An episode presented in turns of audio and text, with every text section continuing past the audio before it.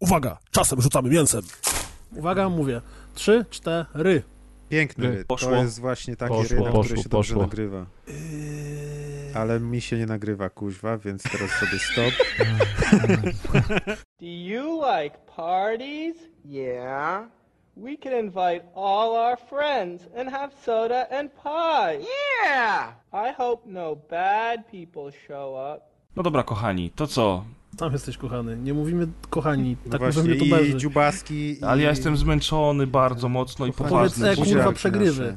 Dobra, kutasiarze. O, O, lepiej. O, brawo. już lepiej. A znacie taką ciekawostkę, że jak macie za dużo testosteronu, to się na estrogen przerabia?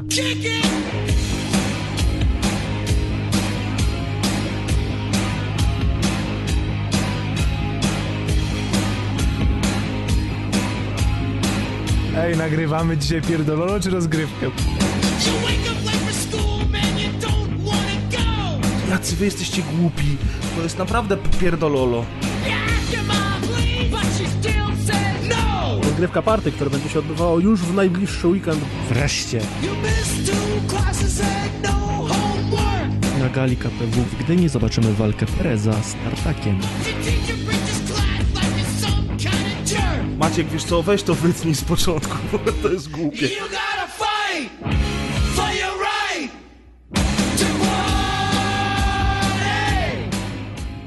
Cześć czołem, tu Piotr Kuldanek, czyli Niekas. Ze mną jest Grzegorz Wojewoda, czyli Niekas. Siema, siema, to nie jakaz. Adrian Trollnaś, czyli Niekas. To też nie ja. Amadeusz Łaszcz, czyli Niekas. A mimo, że nie, to też tu jestem. I Maciek Czepliński, czyli również nie Kas. Cześć, tu Kas. Nie, to nieprawda, tak naprawdę, to też nie Kas. Nie ma z nami dzisiaj Kaza. Już wszyscy fani mogą pójść, wyłączyć ten odcinek, więc bo dzisiaj Kaza nie będzie.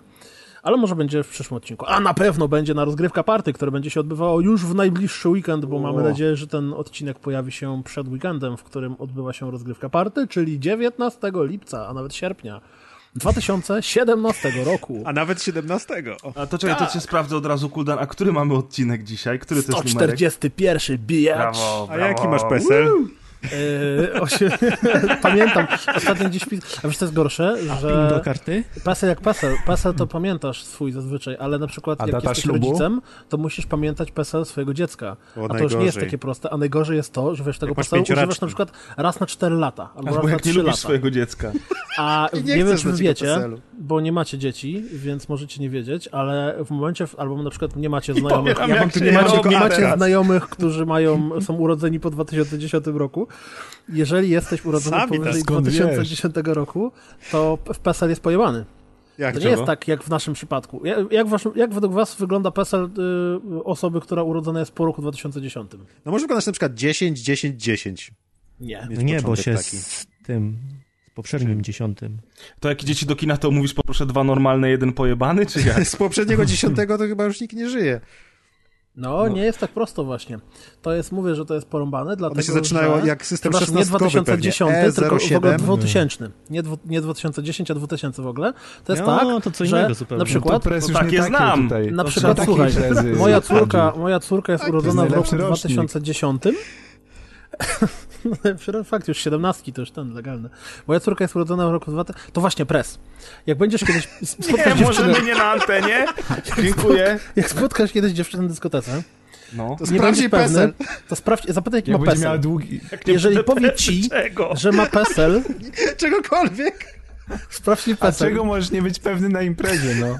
Czy to Jeżeli powie dziewczyna? ci, że pierwsze cyfry jej PESELa Czy ci tabletki gwałtu nie wrzucili, to wiesz? 36, Każdy ma na ciebie ochotę. 36 po to- mieście.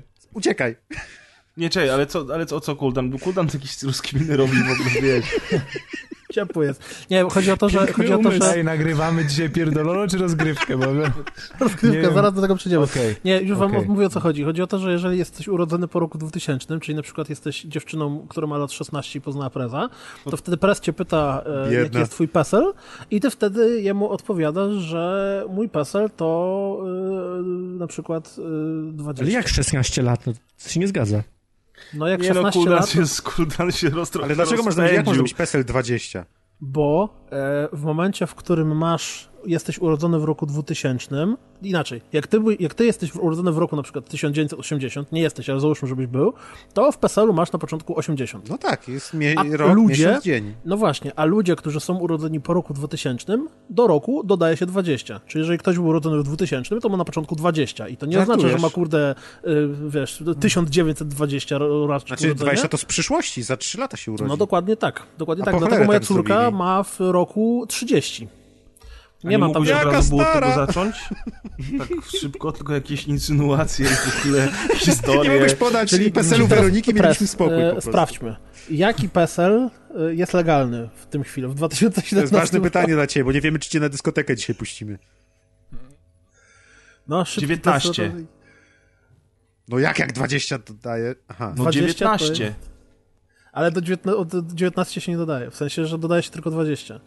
Może być 20 Ja albo pierdzielę. No jeżeli 99. się, jak, jacy wy jesteście głupi. Bo widzisz, bo jest, jest tak, naprawdę 97, pierdololo. 98, 99, 20. Dokładnie tak, dokładnie tak jak Maciek mówi. Ktoś pogubił trochę lat, Bo, e, e, A, dobra, kumam. Nie, no to... a po czterech się resetuje. Dobra, Maciek, wiesz co, weź to wytnij z początku. nie może być najlepsze wejście od początku. Dobra, jedziemy. Dobra, Teraz mamy nieważne, bardzo dobra, ważny no. temat. Najlepsze Bardzo ważny temat w równie z tym stylu. Maciek ktoś znalazł i to jest absolutnie zajebiste, ale Jak moim to? zdaniem nie ma kompletnie żadnego sensu. Ale przecież to nie jest najważniejszy temat. Ten wyżej temat jest jeszcze ważniejszy. Bo to, że ja sobie siedzę w być internecie... na początku newsów? Ja myślałem, Nie, na nie, końcu zróbcie newsów. te newsy sobie, ale tylko nie mówcie o tym, co Maciek znalazł, jak ostatnio sikał i... Nie, chodzi o to, że To Maciek... Ja wam powiem tak, ja, ja o tym nigdy w życiu nie To była słyszałem dwójeczka. i ja bym tego nie o znalazł. czym? O, zaraz się dowiesz. O czym? O zjawisku, które się nazywa Sleeper PC. Które jest?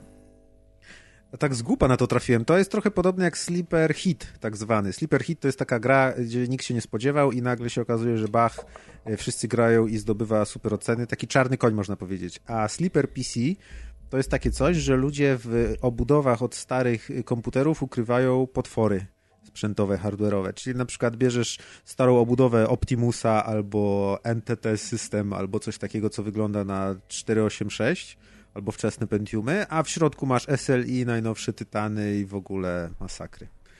No i nic, takie śmieszne, że takie Ale to jest tak absurdalne. To, I dla mnie, autentycznie, dla mnie to jest tak absurdalny pomysł.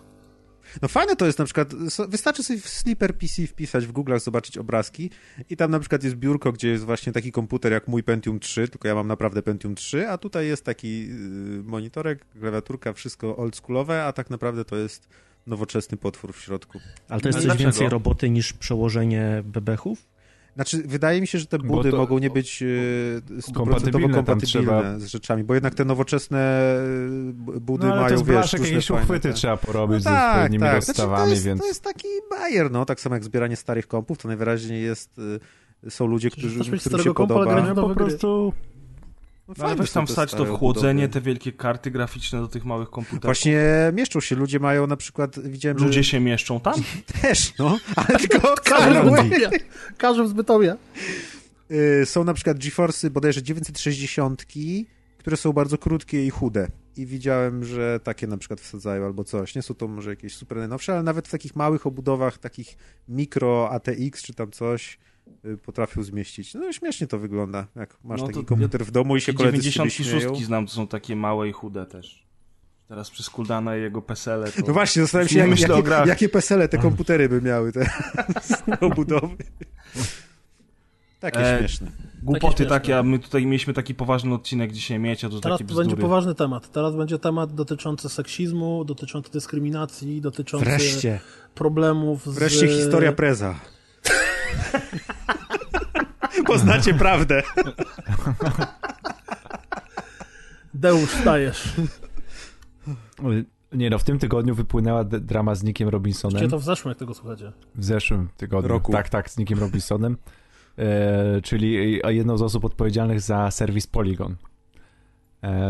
To I ci. wy, wy- wypłynęła taka sprawa, że y, jedna, pe- pewnie Kulda zna y, ten, pochodzenie tej sprawy i, i, i e, korzenie tej sprawy dużo lepiej, jako tutaj naczelny em, Koncydziennik y, tak naczelny codziennik.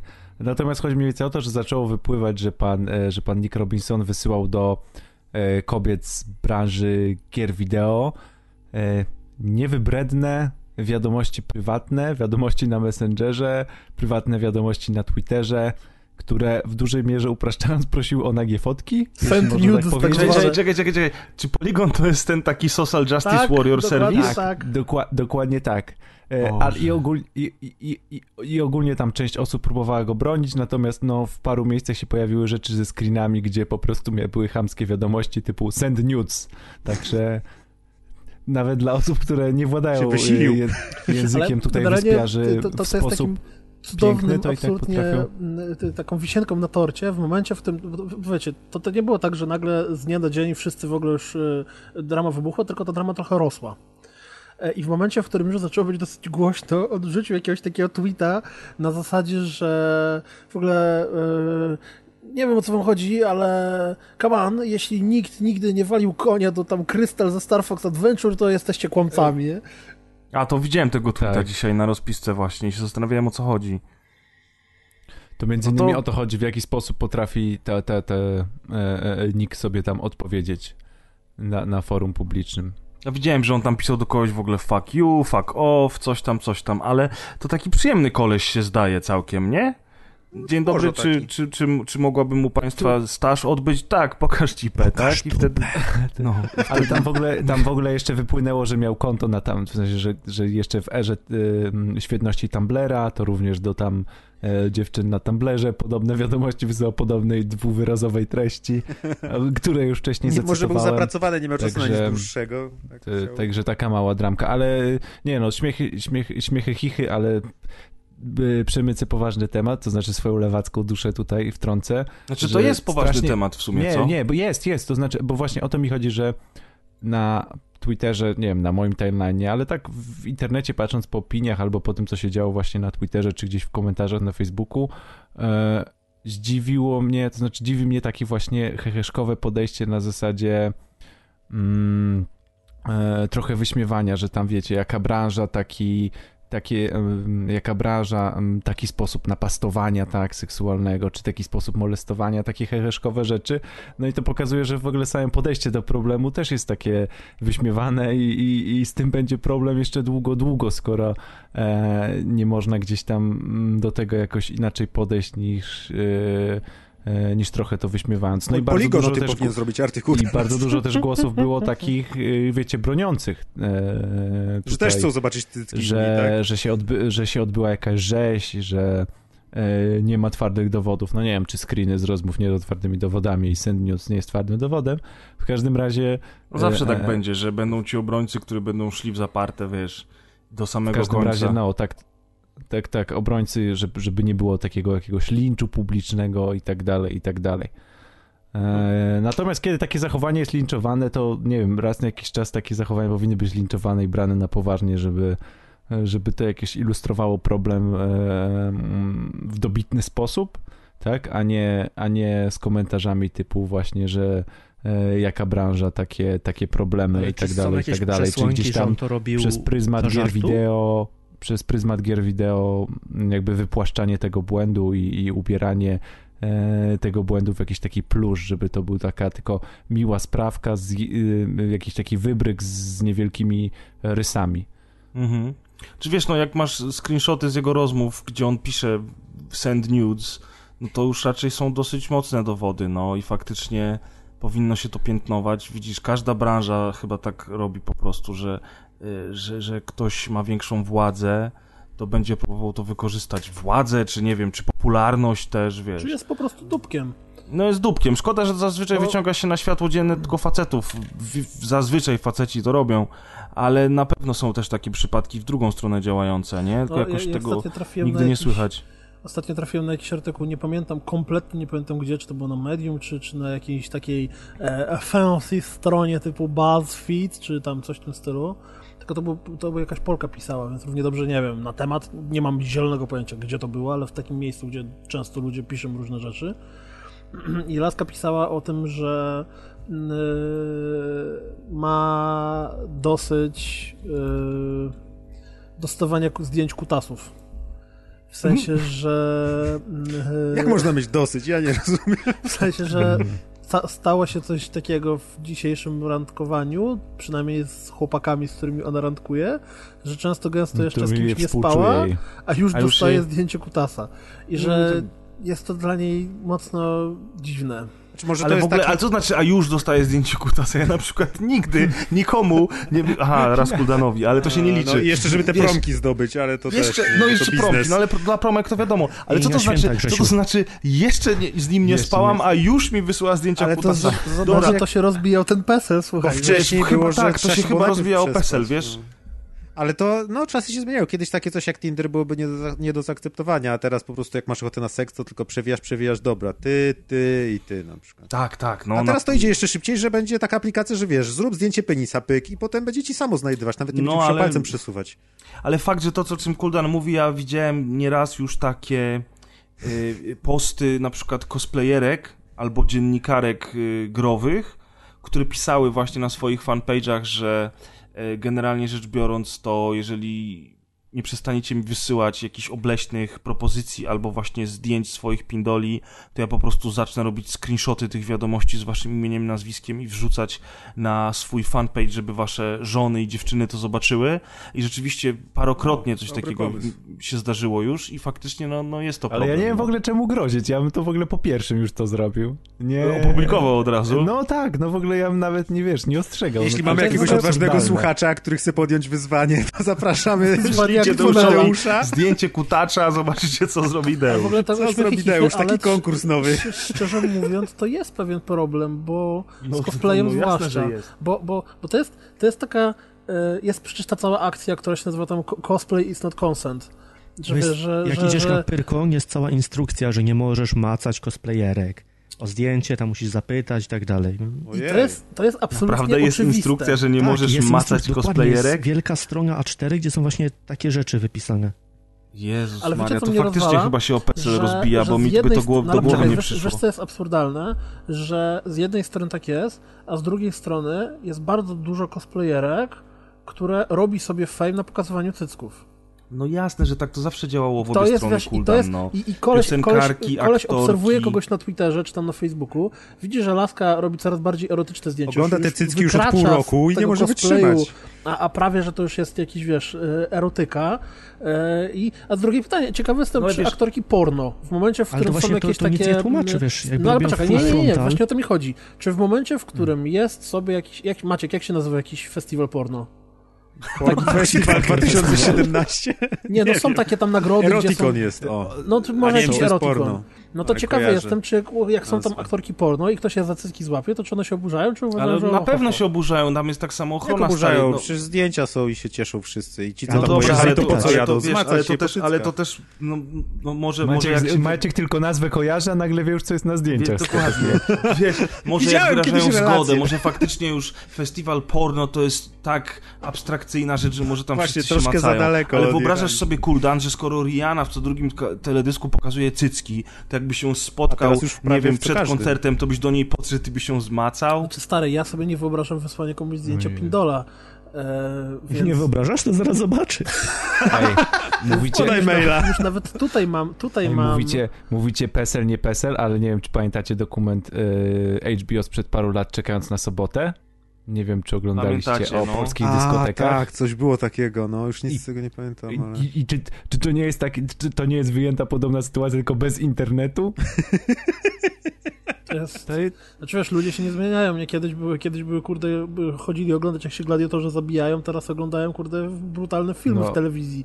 a kiedyś były walki w kisielu potem po, gladi- po gladiatorach, także... No, dokładnie. Natomiast nie zmienia to I- faktu, że bo, bo, bo to wszystko jest powiązane. To właśnie cosplay is not consent, czy koleś, który wysyła wszystkie wiadomości send nudes, czy kolesie, którzy wysyłają swoje dickpiki cosplayerkom, to wszystko to jest yy, spory problem tak naprawdę w tej branży, który wszyscy traktują, przez to, że jednak ogromna ilość dziennikarzy i całej reszty to są mężczyźni, to jest trochę takie patrzenie, może nie tyle z góry, to takie, takie no, no, oj, tam też mi problem, że cię za tyłek ktoś złapał.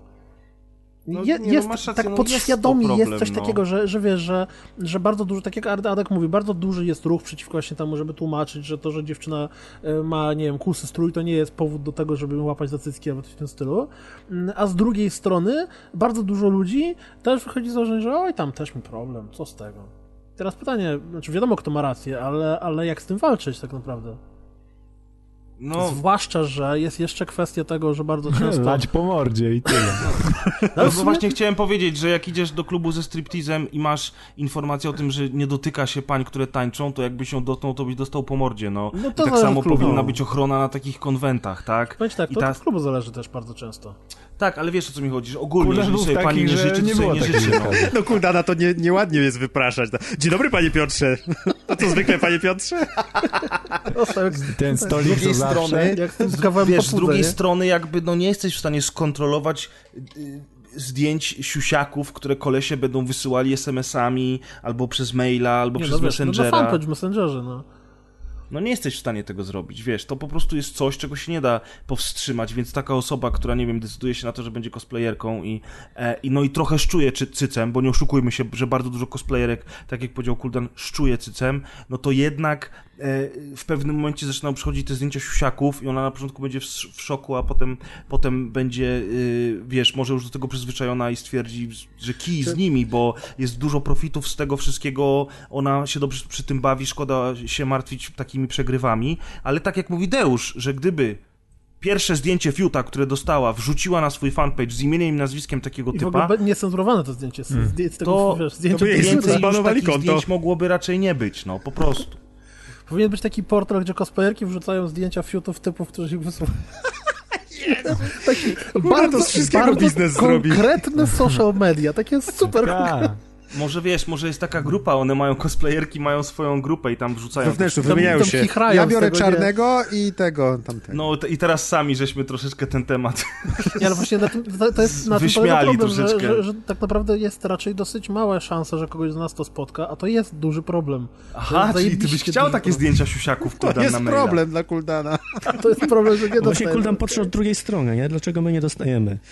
Kuldana jest cały czas smutno, no. Chłopaki, postarajcie się, słuchacze. Właśnie ciekawe, czy gdyby, ciekawe, ciekawe, czy gdyby ten koleś dostawał dick piki, to byłby zadowolony, czy nie?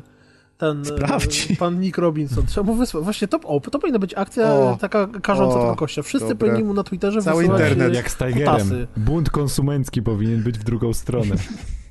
To ciekawe, że a Polygon zrobił z tego dramę? Czy w sensie Polygon opisał tą sprawę, czy nagle A zamiatają on to jest dalej chyba- tam jednym z Chyba, głównodowodzących? nie, chyba napisali, że go zwalniają właśnie tam, z, tam coś tam zdyscypli, dyscyplinarnie, czy te, chyba, chyba wystosowali jakieś tam stanowisko. No, bo nie chciał się dzielić zdjęciami.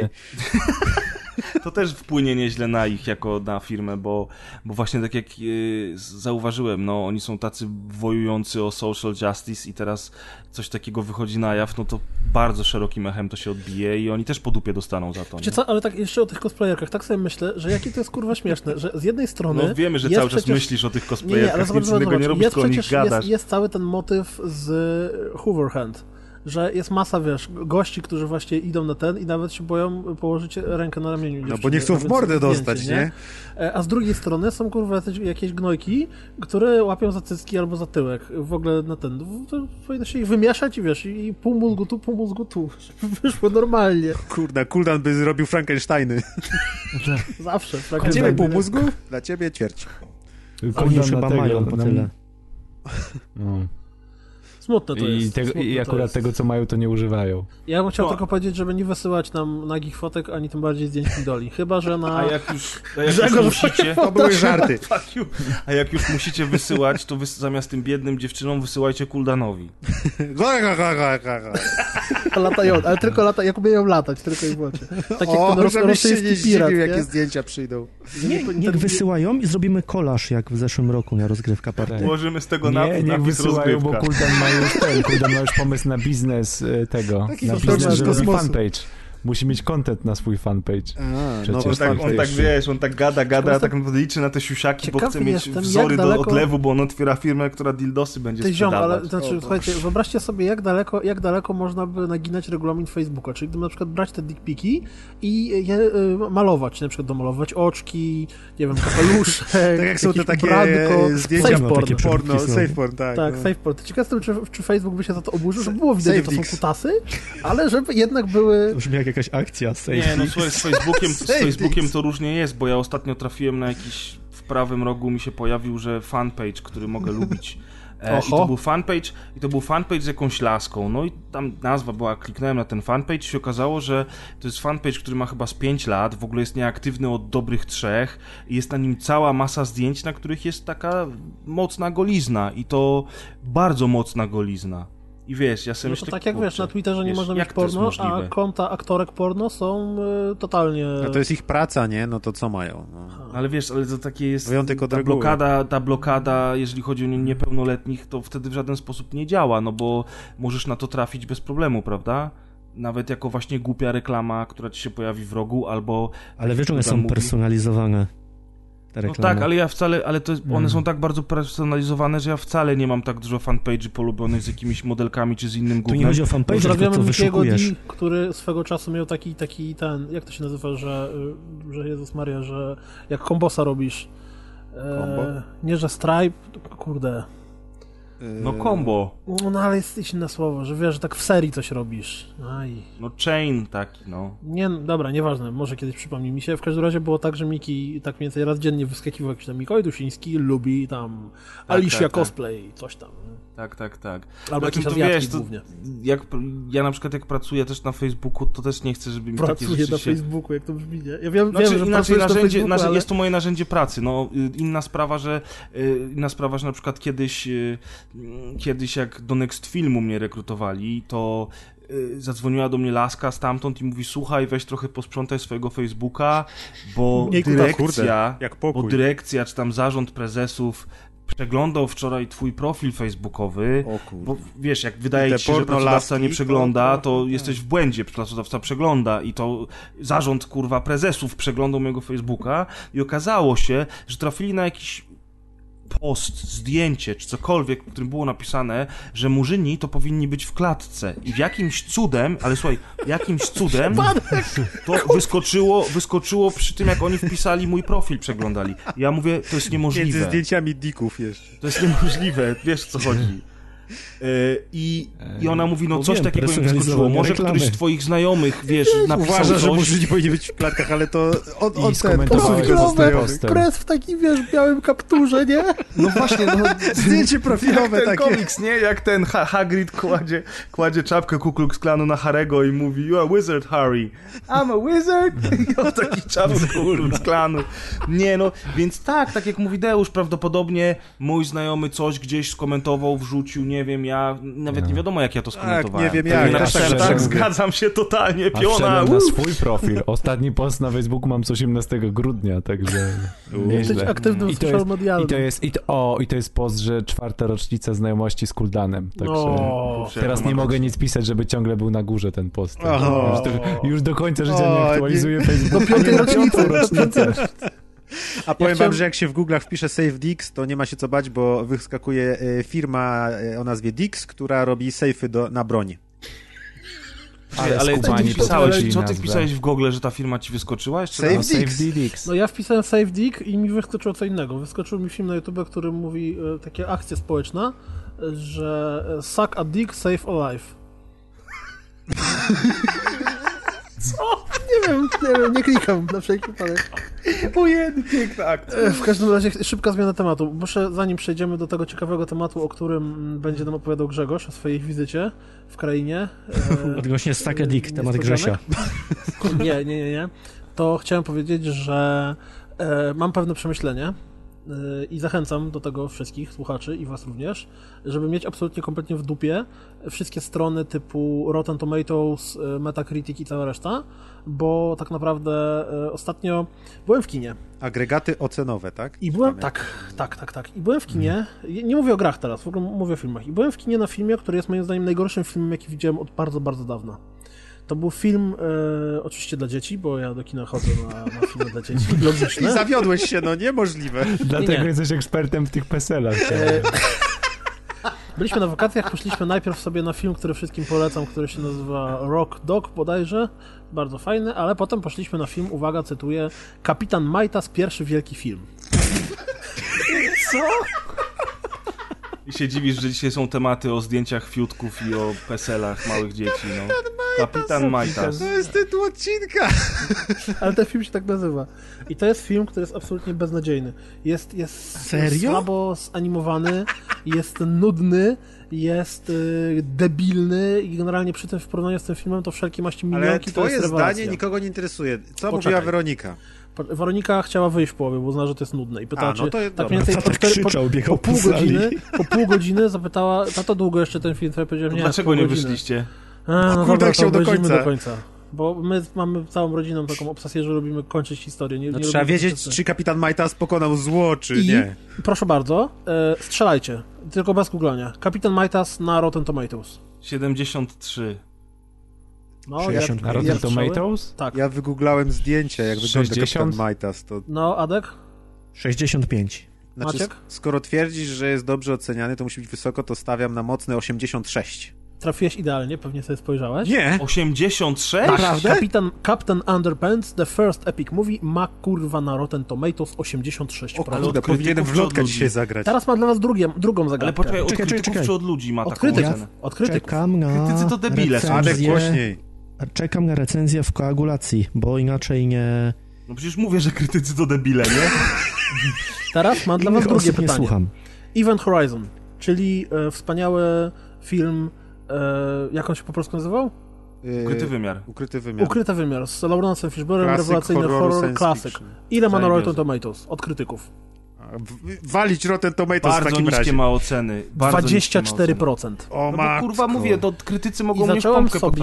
No. robić e, autentycznie Kapitan Majtas to jest najgorszy film dla dzieci. Słuchaj, Jest, jest szczerze, sześć razy lepszy tak, niż Event Horizon. Powiem wam tak, że e, ten filmy z Barbie Barbie zostaje deweloperem gier wideo, czy tam jakkolwiek ten film się nazywa, albo na przykład filmy z calineczką, dzwoneczkiem, przepraszam, to one, Barbie kapitana zostaje Majtasa, deweloperem gier wideo i otrzymuje te zdjęcia penisów od Kena. Takie gładziutkie, puste, jedno wielkie nic. Słuchajcie, e, to te filmy o, o dzwoneczku czy, czy o Barbie, to one kapitana Majtasa biją na kilka długości. I w tym momencie moja jakakolwiek wiara w Ale- istnienie systemu Rotten Tomatoes, które pokazuje recenzje pozytywne i negatywnych, jest agregatem takim czy innym, znikła. Przestała Ale widzisz, w ogóle... znaczy- A czy to- mógłbyś, mógłbyś tak w dwóch zdaniach tylko, bo ciągle nie mogę tutaj opisu dobrego znaleźć, jakby w czym się objawia to, że, to, że jest kapitan Majtas, jakby jak, jaka jest jego supermoc, Wiesz albo... co, film, Majtasy, film no. jest o tym, że jest sobie, jest, sobie dwóch, jest że- sobie dwóch gości, którzy chodzi do podstawówki, chyba do jakiejś drugiej klasy podstawówki i rysują, jeden wymyśla historię, drugi rysuje komiksy do podstawy tych historii. Stworzyli sobie superbohatera, który się nazywa Kapitan Majtas. I Kapitan Majtas jest rip-offem Supermana, pochodzi z planety Majtasia albo coś w tym stylu i jedyne co ma to peleryny i takie wielkie gacie. No i umie latać, ma tam jakieś supermoce typu rzucanie Majtasami, nie wiem, nieważne. Taka pielucha. No i e, e, historia toczy się w ten sposób, że dyrektor tej szkoły jest strasznym bucem i w momencie, w którym chce ich zawiesić, czy tam w ogóle rozdzielić, nie wiem, cokolwiek złego im tam zrobić, to oni przypadkiem go hipnotyzują takim pierścieniem z chipsów e, i e, zamieniają go w kapitana Majtasa. Z chrupków, znaczy z tego, z y, płatków śniadaniowych. Taki plastikowy pierścień z Chin, który dzia- zadziałał niczym hipnotyzer. No i cały film jest o tym, jak to on w rzeczywistym świecie stał się kapitanem Majtasem, a w momencie, w którym się budził z tej hipnozy, to dalej był bucowatym dyrektorem. Ten film jest tragiczny, Brzmi absolutnie super, to DreamWorks zrobiło. naprawdę żenada. I w momencie, w którym e, wszyscy krytycy, przepraszam, wszyscy, 83 krytyków uznało, że jest zajebisty. I nieważne, że ma ocenę 7 na 10 średnią, ale chodzi o sam sens, więc naprawdę e, Rotten Tomatoes, bo to jest tak, zawsze jak jest jakaś duża premiera, to jest klasyka i to u nas na grupie, na, na, na, na wszystko gra, na rozgrywce, regularnie to jest zawsze w internecie. Przychodzi jakaś duża premiera filmowa, już od razu jest wklejony Rotten Tomatoes i uuu, 30%, Jeszcze jak znowu DC premiera, będzie nie? syfem, nie? Jeszcze nikt nie widział. Ludzie, kurde, co to kogo obchodzi? Znajdźcie sobie ludzi, których według was opowiadają o filmach w ten sposób, jak do was trafia, albo recenzentów i walcie w nosie kompletnie, walcie w nosie, brawo ja, O, i walcie te wszystkie agregatory, bo to nie ma sensu. Tak jak Adek na przykład można, czy zresztą ja też bardzo lubię, tylko ja nie chodzę do kina, więc to nie do końca jest dla mnie motywator do, do, do podjęcia decyzji, czy nie. Ja, znowu będzie reklama, koagulacja, show, albo tam... Ale przecież oni się nie znają. eksterminacja. Nie ma znaczenia. Wystarczy, że mają gust taki jak ty i mogą się nie znać tak samo jak ty i już Nie, no, jeżeli- jeżeli, jeżeli się wiesz- znają, ale właśnie widzisz, ale ja na przykład czy się z znają, kolei, czy nie. wiesz, świetne kadry, dobra muzyka, ale co z tego, skoro gówniak zesrałem się, to jest jeden z najbar- najgorzej opowiedzianych filmów z najbardziej debilnym plotem i idiotycznymi, yy, rozumiesz, na Ale przecież podsumowanie z Honest Trials, bo tak w punkt trafiło idealnie. Idealnie, prawda? No ale widzisz, ale kolaugulacja przychodzi i mówi mi nie. Bo to ten widać, twój to, to, gość z tamto, koagulacją owamto. nie jest y, zbieżny. Ja, Bo ja nie lubię, jak się dyskusji. ktoś ze mną nie zgadza i dlatego To nie lubię nikogo. problem. Ty po prostu wiesz, nie jesteś w stanie zdzierżyć, że ktoś może uważać inaczej niż ty. Nie, no tak Jesteś naprawdę to wiesz. internautą. Ty- Jestem typowym internautą i krytykuję krytyków, chociaż sam krytykuję Ten komiks o tym gościu, co tam napierdala w klawisze, bo ktoś się z internecie myli, Tak to jest, jest, tobie. tak jest. To jest cały Nie, ale press. ja uważam Press po Origin prostu Story. Tak samo jak ty, że, że generalnie rzecz biorąc patrzenie na te cyferki to, to, to, to, to nie ma najmniejszego sensu, zresztą nawet dzisiaj wrzucałem na grupę odnośnie y, skali ocen gier na Metacriticu i tego, że 70 na 3, 73 na 100 jest zaznaczone żółtym kolorem, czyli od 40 iluś do 75 jest żółty kolor. I w tym momencie człowiek nie patrzy Nie nawet na ocenę, tylko patrzy na kolor i zamazuje się jakakolwiek skala w tym momencie, bo To od jest fajne, bo 40 właśnie... do 70 Czym się, a według... czym się różni? No.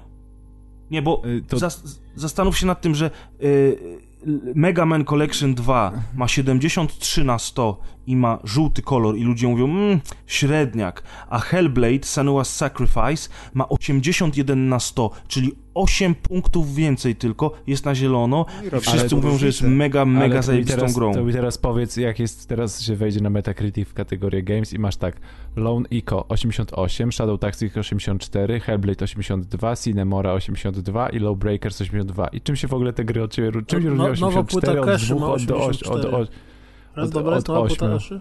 Kaszy? Także, Mnie się tak- pytasz o nową płytę Keszy? No to twoja muzyka, nie? Tak, moja bardzo. To raczej twoja, to ty Singstara tylko znasz, ty. Dlaczego przerywasz koledze Deuszowi? Potem się dziwisz, że nie przychodzi na nagrania. Jeszcze Przepraszam. buczy. Wszedłem Już na... nie przyjdę no, następny raz. A jeszcze do, do, do, do, do, tego, do września, nie? Nie no, sorry Deusz, y, chcesz dokończyć, czy już tak Nie, cię no, wkurzył chciałem Kuldan, do- że już... Nie, chciałem tylko dokończyć, że jakby też nie widzę różnicy między 82, 4 a 6 na przykład. I No tak. No bo, ogóle- no bo tak naprawdę to już są, wiesz, delikatne rzeczy, nie? Y, Ale wiecie, do czego jest 84, idealny 82... Metacritic tak raz, jeśli chodzi o te oceny? Do, y, za przeproszeniem, triggerowania preza, bo Cave Story Plus na Switcha ma 88. Ale mnie to, wiesz, ja już powoli tak naprawdę zaczynam... Nie obchodzi mnie to, może mieć ile chce, nie? To tak jak w sumie tak Adek powiedział słusznie, że jak już chcesz się dowiedzieć czegoś o filmie, to powinieneś e, posłuchać kogoś, kto Obejrzeć. ma podobny gust. E, albo obejrzeć samemu i zdecydować. Z drugiej strony ja się z, z kolaboracji tutaj troszkę nabijałem, ale, ale ja lubię pogadać z Tomkiem czy z Pawłem właśnie, bo bardzo często wbrew pozorom my się zgadzamy co do filmów. Mi się tak strasznie ale- podoba, że, że ale akurat na memem przykład- stało się odmienianie nazwy w najróżniejsze, najróżniejsze A jak tak. ktoś nie zna, to zapraszamy kons- ko- kontestacja net Kontrreformacja RSS. prowadzi Marcin Luther. Się śmiejesz, ale jest kontestacja, która jest e, prowadzona przez Martina zresztą. A jak, się mówi, a jak się mówi na zaparcie? Kont... Jest, Deusz, ty jesteś naukowcem, ty będziesz Jeszcze wiedział. konsternacja, ale to nie jest zaparcie. zaparcie? Też zaparcie mózgu. Konsta. No, na następnym, następnym razem, jak będziemy wspominali kolegów z, z podcastu filmowego, to wymyślimy, to znaczy to wtedy sobie już przypomnimy, jakie to było słowo na zaparcie, na K.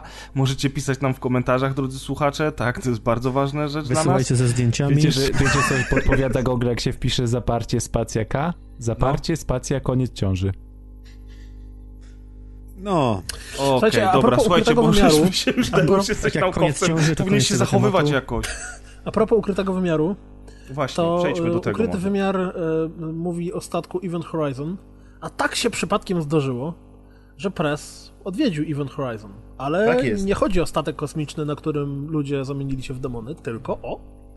Tylko studio deweloperskie, Tam, tam, tam. które tworzy grę Tower of Time, o której mówiłem w zeszłym odcinku. I jak pamiętacie, powiedziałem, że w sumie to można by się do nich wybrać, bo oni są z Gdyni, a ja mieszkam w Gdyni obecnie. I się Szok. wybrałem. Wyobraźcie sobie, wybrałem się dzisiaj rano zresztą, I otworzyli ci. temat. Otworzyli mi, tak. daleko tak, miałeś? Otworzyli mi. Pokazałem im zdjęcie i mi otworzyli. No, zdjęcie wiadomo Po czego. cię poznali po prostu. Tak. W każdym razie otworzyli mnie i spotkałem się z założycielem i z szefem studia, czyli z panem Krzysztofem Mon Monkiewiczem, który, który założył Event Horizon i który w ogóle opowiedział mi bardzo ciekawą historię. Ale Jak zanim- śpią delfiny. Nie, nie. Ciekawą historię na temat tego, jak powstała jego firma i jak zaczął y, pracować y, nad grą. Ale zanim do tego przejdę, to powiem wam w ogóle, jak wygląda samo studio, bo to jest w sumie małe zaskoczenie, ale wiecie, że to jest mała firma. Są tam E, komputery. Są tam komputery, biurka, są Wow. typy, niektórzy mają długie włosy, inni mają krótkie, część ma brody, nie? Dziwnie jacyś. I siedzą takie typy, wyglądają trochę jak Adek albo jak Maciek. E, I ten, i, i sobie siedzą opis. Beznadzieja. sobie programują. I macie zdjęcie, macie zdjęcie na, y, na fanpage'u, dzisiaj wrzuciliśmy. W każdym razie, no młode chłopaki, y, wiecie jak to jest. Jest u nas w Polsce bardzo dużo zdolnych ludzi, którzy, którzy umią w komputery i całe szczęście są tacy ludzie jak pan Krzysztof, którzy tych ludzi zatrudniają. No wiecie, mała firma, dwa pokoje, dużo biurek, dużo komputerów. Mają klimatyzację? E, mają klimatyzację, Szukają programisty? Zapytamy. Pełen socjal, dental, Pan Krzysztof jak nas jest? słucha, to na pewno, to na Kody pewno... Ubera, ping-pong, 15 konsole. zł. będzie w stanie wam odpowiedzieć później. W każdym razie, y, wiecie, to jest biurowiec, w którym jest dużo firm. E, I taka mała firma jak Event Horizon wynajmuje tam jakąś, jakąś powierzchnię biurową, więc śmieszne, bo przeprowadzaliśmy wywiad, czy tak rozmowę tak naprawdę, bo to nie był taki typowy wywiad, w kuchni. A kuchnia jest takim miejscem socjalnym dla całego piętra, więc przychodzili ludzie z różnych firm innych. Więc jak wam się wydaje, że wszyscy pracują w Google i tam mają swoje, wiesz, przestrzenie do swoją siłownię i swoje zdrowe jedzenie i jarmuż i, e, i smoothie ze świeżych, nie wiem, winogron, no to małe firmy stawiają małe kroki i mają małe biura i dzielą kuchnię z innymi firmami. To jest zresztą naturalne. Ty, ale... Ale- w tej kuchni nie okazało się, że rozmawiasz z kimś z innej firmy? Ktoś poszedł powiedział, Tomek, to ty? Przecież zwolnili cię dwa miesiące temu. A ten koleś, wiesz, a, i uciekł. Przez okno uciekł. Z 11 piętra. No. I to koniec historii. Gdyby gra była horrorem, to idealnie pasowałaby ta opowieść, ale, ale gra jest RPG-iem takim e, fantazy, to, to tylko część tego, czym ta gra jest, ale spoilował wam nie będę. Mówiłem już zresztą o samej grze na poprzednim odcinku. Zapowiada się całkiem ciekawie i dlatego chciałem poznać ludzi, którzy nad tym pracują. E, I bardzo ciekawy okazał się sam pan Krzysztof, który generalnie rzecz biorąc wyobraźcie sobie, że tak naprawdę jest bankowcem i przez ostatnie 10 lat pracował e, W banku. branży bankowej w Wiedniu. I kilka lat przed 40 stwierdził, że nie chce mu się dalej tego robić i że generalnie rzecz biorąc wolałby jednak porobić coś, co sprawia mu jakąś radość, e, w związku z czym zrobił duży research i założył swoje studio Event Horizon. E, I generalnie rzecz biorąc, Krzysztof w tej chwili dwa tygodnie spędza w Polsce i dwa tygodnie w Austrii, bo pracuje nadal w zawodzie, ale przyjeżdża tutaj co dwa tygodnie i siedzi z chłopakami tutaj w biurze, nadzoruje, nadzoruje powstawanie gry, więc to jest mega... Mój brat się nabija, przepraszam was, ale tutaj mi za pleców pokazuje jakieś dziwne znaki. Piki wysyła. Ojej. Tak, dick piki Goły tam wysyła. chodzi. Bo Piluj pleców, piluj siedzi, pleców. Mój brat siedzi Ust. dzisiaj u mnie i słucha opowieści, ale też chyba się nudzi, że tam zaczął jakieś dziwne rzeczy robić. Potem ci podam adres Kuldana, to mu wyślesz zdjęcie. W każdym razie, słuchajcie, wracając do, wracając do Krzysztofa i do, do jego firmy, Skrzyżowane. to powiem wam, że to jest tak, jak rozmawialiśmy o tym i na Pierdololo, i na grubych rozmowach, że generalnie rzecz biorąc jest jakiś, że jak chce coś się zrobić, to trzeba dużo wysiłków w to wsadzić i trzeba mieć ambicje i się czegoś podjąć. I on to zrobił. E, I w tej chwili ma niecałe 10 osób na stałe w biurze, plus kilka osób takich freelancerskich, które z nim współpracują To sporo e, już. z różnych Ale to krajów. jest też Sporo. inwestycja tak naprawdę, nie? 10 osób to jest, kurde, miesięczny wydatek. No i Duży. już ja oczywiście się tam o pieniążki nie, nie, nie, nie dopytywałem, ale jakby dopytałem się o to, jak ta gra powstaje, bo, bo Krzysztof sam napisał e, scenariusz gry e, i bardzo mocno go dopieścił i czuwa nad nim cały czas, żeby ta fabuła była spójna. E, Natomiast sama gra powstaje w ten sposób, że 60% całości to są rzeczy, które wykonała jego ekipa plus freelancerzy zatrudniani okazjonalnie, a 40% asetów to są rzeczy wykupione. E, A ponieważ zależy im na tym, żeby, żeby jakby ta wieża, pamiętacie, o której mówiłem, ta wieża czasu się zmienia i z postępem kolejnych leveli e, jest, e, że tak powiem, dużo zmian fabularnych i, i, i, i, też w otoczeniu tego świata, więc oni bardzo chcieli, żeby, żeby to otoczenie było różne, żeby nie było tego, co tak Kaz bardzo lubi, czyli żeby nie było proceduralnych y, dungeonów, tylko żeby one były przemyślane i opowiadały pewną historię i to wszystko tam faktycznie jest i chłopaki cisną i to cisną całkiem nieźle, bo pracują y, nad grą od roku czasu mniej więcej, troszkę dłużej, a jeszcze w tym roku gra zostanie wydana, nie? E, I powiem wam szczerze, że fajnie było tak zerknąć na, na to wszystko z boku. Fajna jest historia Krzysztofa, który zresztą zgodził się wystąpić na grubych rozmowach, więc ja też nie będę za dużo tutaj szczegółów wam zdradzał dotyczących jego życia, bo on chętnie sam o tym opowie, Ale jak się spotkamy z nim. A, ale co, musi przytyć najpierw? Tak. No, Krzysztof jest szczupły, więc będę go karmił. Będę go karmił, bo okazuje się, krzesła. okazuje się, że ich firma jest... Karton batoników, karton batoników musli. Musli, dokładnie. Okazuje się, że ich firma jest w ogóle na tej samej ulicy, w której jest bi- biuro mojej firmy, w której pracuję, więc blisko.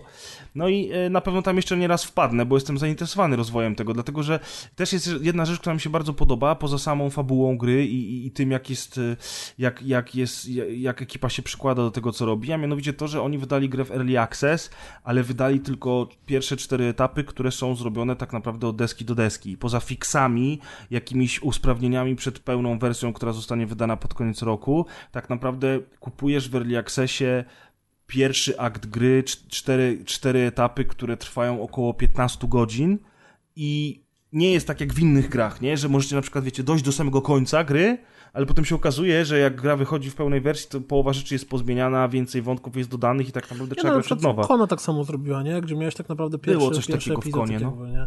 Czy No. tam pierwszą część. To ja, ja uważam, że to jest dużo fajniejszy pomysł na Early Access niż, zwłaszcza, że tu mówisz o 15 godzinach, Właśnie, niż nie? To jest kurde 15 Early godzin. Access w stylu We Happy Few, czyli Absolutnie. e, rzucimy wam trochę mechaniki gry i walcie się na ryja właściwie, nie?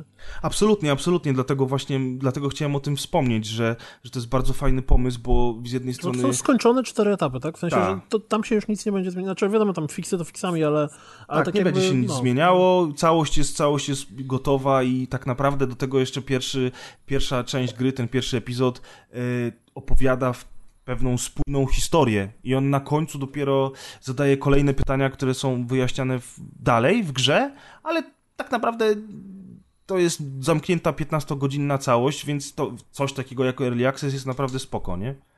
Także słuchajcie, no myślę, że jeszcze na pewno jest kilka rzeczy, o których zapomniałem, bo żeśmy dzisiaj dosyć długo rozmawiali i na pewno chciałbym wam więcej powiedzieć, ale myślę, że Krzysztof to zrobi lepiej, jak spotkamy się na grubych rozmowach gdzieś w okolicach września. A tymczasem y, tylko chciałem powiedzieć, że to ciekawe doświadczenie, tak zobaczyć, jak, jak wiecie, no bo to y, myślę, że dla nas tutaj w redakcji to nie jest żadne zaskoczenie, nie? Że praca nad grą wygląda tak samo jak każda inna praca w jakimś biurze, zwłaszcza jeżeli firma jest mała, stawia pierwsze kroki. W redakcji dla nas? Tak, my jesteśmy redakcją, Adek. Ty jesteś jeszcze stażystą, ale kiedyś będziesz... To, że nie wiesz jeszcze, gdzie jest Eee. redakcja, to, to nie znaczy. Się kiedyś dowiesz, to może Sorry Grzesiu, przyjdziesz z ale ka- w którym odcinku zaczynałeś? Nie będziemy, nie będziemy Ja ten, wo- tej 33. wojenki prowadzić dalej, ale skoro, ale skoro nie wiesz, że jesteśmy redakcją, to po prostu chcecie uświadomić, że jesteśmy redakcją. A jaki mamy adres? No, śmieszki, śmieszki. A, są, A jaki są mamy KRS? dwaj. Słucham? Jaki mam Shake. PESEL? PESEL? 30 na początku. I teraz, się, i teraz wyszło szydło z worka, że tak naprawdę to nie ten Krzysztof był podstawiony, tylko ja byłem świrem. A, mamy, tutaj jestem, dzień dobry, jestem Naprawdę- dziennikarzem, tak naprawdę pan to Grzegorz. nie ma, nie Grzegorz sam ze sobą Tak. nagrywa podcast i, I, i różne pełen głosy profesjonalizm na nagraniu. Jaka redakcja? Ja tylko w gry gram. Jestem z redakcji. Jestem z redakcji bloga. www.zamknijmordę.pl Mi się podoba, kropka Mi się podoba. Także y, tak, fajna, fajne doświadczenie, fajna ekipa. Jakbyście chcieli kiedyś zacząć t- tworzyć gry, to też taki wniosek mały Tylko gry jest, nie. Nie że... piszcie na grupach deweloperskich, cześć, mam Tak. pomysł na grę, co Dokładnie. mogę zrobić, żeby ją sprzedać. Kto mi, zrobi, kto mi zrobi tutorial z Unity i napisze go w Ostatnio- Wordzie? Ostatnio trafiłem na jednej z tych grup na, na wątek, który e, mnie rozbawił srogo, czyli e, ktoś pisał o tym, że on mu się przyśniła gra i on ma pomysł i komu może go sprzedać. Na co ktoś mu od razu chyba w pierwszym czy w drugim komentarzu podlinkował y, tekst no, z jakiegoś, kurde, e, game devu albo coś w tym stylu, w sensie z, z tej strony, mm, o tym, że e, nie ma pojęcia idea guy jako pracy w game devie w ogóle. No tak, ja wiem przecież ten, ale mi to, to jest to zupełnie, to jest bardzo Tak, fajny tak. pomysł, ja bym chciał się to, to co tam ktoś, dobra, to słuchaj, to, to musisz ten, musisz ogarnąć jakiś biznes, żeby zarobić kilka milionów i jak je będziesz miał, to wtedy będziesz mógł Wtedy zacząć robić grę ludzi. i szukać wydawcy, bo na tego sandboxa, którego chcesz, to te kilka milionów ci nie starczy. A właśnie, ale a propos jeszcze tego, co mówisz, to dobrze, dobrze bo akurat przypomniałeś mi jeszcze jedną ważną rzecz. E, a pro, i w temacie tego, że przyśniła mi się gra i chciałbym ją zrobić, kto mi pomoże, że Krzysztof jeszcze jedną rzecz, bo on y, poza tym, że nadzoruje pracę i oczy, oczywiście napisał cały scenariusz e, i, i wymyślił fabułę gry, to on też zajmuje się PR-em, marketingiem, czyli ulubioną działalnością Maćka. A mianowicie nie dość, że on y, o wszystko od strony marketingowej załatwia, to jeszcze też robi ten PR taki y, typowy z wyjściem do ludzi, odpisywanie na komentarze, moderowanie grup na Steamie wokół gry i tak dalej, i tak dalej. Czyli jak widzicie, e, to nie jest tak, że okej, chcę zmienić teraz y, zawód, teraz będę robił gry, mam trochę pieniędzy, więc, więc mam jak zacząć i róbcie grę, nie? Tylko facet tak naprawdę spędza większość czasu przy tym i jak z nim rozmawiałem, to on mówi, że tak mniej, więcej praca nad całością to zajmuje mu 16 godzin dziennie, codziennie, nie? 7 dni w tygodniu. Także no to jakby ktoś się jeszcze zastanawiał, jak powstają gry, no to właśnie tak powstają. W bólach. W bólach. I potem miesiąc od e, powstania Directa, tysiąc gier na Steamie. No właśnie, to jest niesamowite, nie?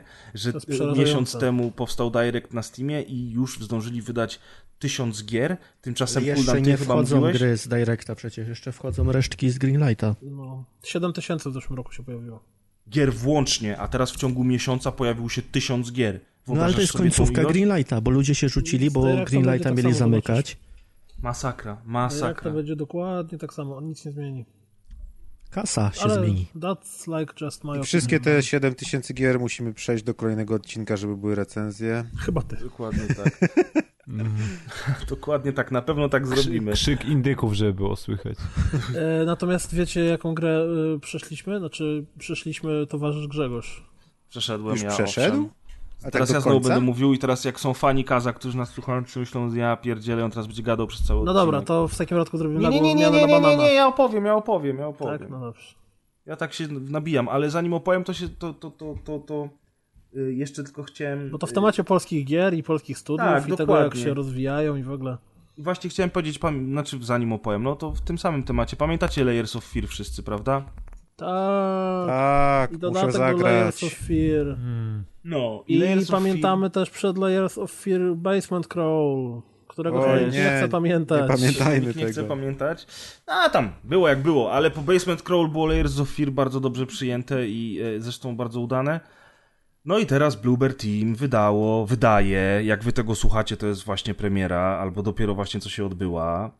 E, wydali, wydają Obserwera, o którym wszyscy słyszeli poza mną, bo ja się grą w ogóle nie interesowałem. E, I to jest bardzo ciekawe. Brawo ty. I dostał Dziękuję, dziękuję. Bardzo dziękuję, tak.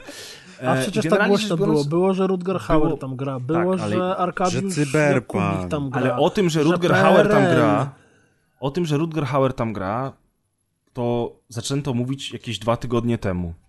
No, I dopiero, tak. dopiero jak Nie ja usłyszałem Rutger Hauer, to mówię, okej, I want to play that shit. No i odezwałem się do, do, do ludzi, do ludziów.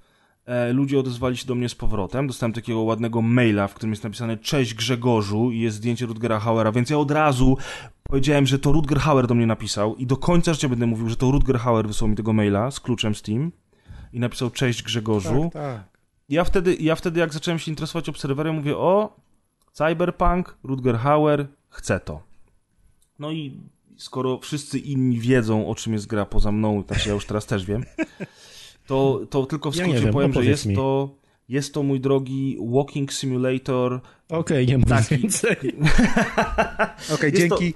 Jest to walking simulator, e, thriller science fiction, osadzony, w- ja to nazywam takim neo-PRL-em, zaraz wam wyjaśnię dlaczego, ale, ale jakby nie, nie, nie ma co tutaj się oszukiwać, to jest, to jest walking sim. E, Gra się bardzo, dzieje w Krakowie. Tak, ważne. gra się dzieje w Krakowie, zaraz wszystko opowiem. To jest walking simulator wymieszany lekko z przygodówką, lekko leciuchno z survival horrorem, bo chłopaki z ekipy, chłopaki i dziewczyny z ekipy Bluebird Team pozostają w swoich schizowatych i straszących klimatach i gra na początku zapowiada się na przygodówkę z pierwszej osoby. Nawet, nawet sam początek lekko przypomina Deus Exa. Mamy jakieś dialogi do wyboru i e, liczyłem na taką policyjną przygodówkę, na takie śledztwo, bo wcielamy się w urzędnika policji, e, takiego, który podłącza się do mózgów ludzi, którzy nie chcą wyjawić tajemnicy, ludzi, którzy są na tyle ranni, że nie mogą już mówić albo wręcz umarli e, i prowadzi śledztwo jakby odkrywając ich wspomnienia. Więc to jest bardzo Chciałem ciekawe, trochę... Pytanko mam do ciebie, bo ja e, w przeciwieństwie do ciebie słyszałem dużo o tej grze i nawet dużo zwiastunów oglądałem e, i jakieś fragmenty gameplayu i miałem takie intensywne wrażenie, że e, co jest chyba przed każdą grą, to w przypadku Obserwira powinno być chyba, czy to Obserwera z podwójnie, czyli ostrzeżenie epilepsji.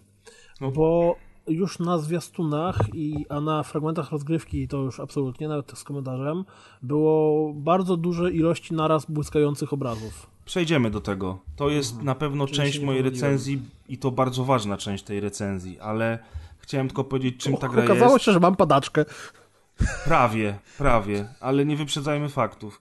Nie, no generalnie rzecz biorąc, jest to, jest to, jest to walking simulator, w którym odkrywamy pewną historię, przeprowadzamy pewne śledztwo, bo mamy takie skanery i jesteśmy w stanie skanować otoczenie pod względem y, przedmiotów technologicznych, typu komputery, chipsety i tak dalej, ale też mamy drugi skaner, który pozwala skanować otoczenie pod względem biologicznych płynów, typu krew, szukania y, ran na ciele ofiary i tak dalej, i tak dalej. I jakby prowadzenie tych policyjnych śledztw to jest jedna z kilku części, na którą składają się, składa się gra. Druga bardzo ważna część tej gry to jest właśnie ten taki typowy walking sim, schizowato straszący, który dzieje się podczas kiedy my się wpinamy do mózgów tych ludzi, których przesłuchujemy, do tych ich chipsetów, które oni mają w głowach. E, I to jest fatalna część tej gry, Dlatego, że, to, że tutaj Bluebird Team robi podobnie jak robił w Layers of Fear, z tym, że tam to był główny element gry i to było świetne, bo ten op opętany dom cię straszył, te szafki się otwierały, wchodziłeś w kółko do tego samego korytarza, etc. Natomiast tutaj w bardzo podobny sposób przedstawia się mózg tej ofiary, który sprawdzamy, żeby dowiedzieć co się wydarzyło. To trochę takie chaotyczne, schizowate wizje bardziej. zajebiście chaotyczne, schizowate wizje. One mają pomysł na siebie i tam jest dużo rzeczy przedstawione w ciekawy sposób, ale ogólnie rzecz biorąc, niestety to straszliwie męczy, bo jest właśnie to, o czym ty, Kuldan, powiedziałeś, czyli, czyli e, te lasery walące po oczach. Tam jest taka ilość efektów, załamań, krzywizn, błyskających świateł, zmieniającego się obrazu, że autentycznie w trakcie grania bolały mnie oczy, a w końcu też głowa i musiałem robić przerwy, bo było to po prostu nieprzyjemne. I uważam, że to jest ogromny minus tej gry i to nie jest tak, że ja nie jestem przyzwyczajony do takich rzeczy, bo i virtual e, reality u Maćka i nie u Maćka było testowane i ograłem Layers of Fear i Somę i parę innych tego typu e, gier, które bawiły się podobnymi rzeczami, natomiast uważam, I że masz tutaj mocny żołądek.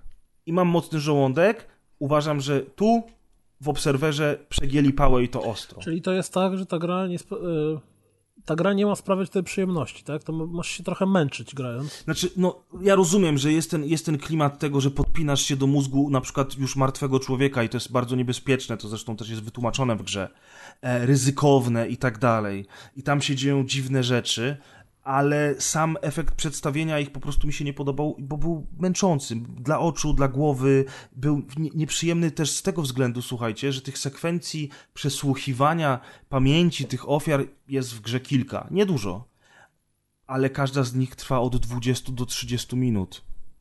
To wiecie, ile to jest czasu, nie? Jak ci błyska coś po oczach, napierdala, jakieś dźwięki się dzieją, To trzeba w grać w tych okularach przeciwsłonecznych. No chyba tak.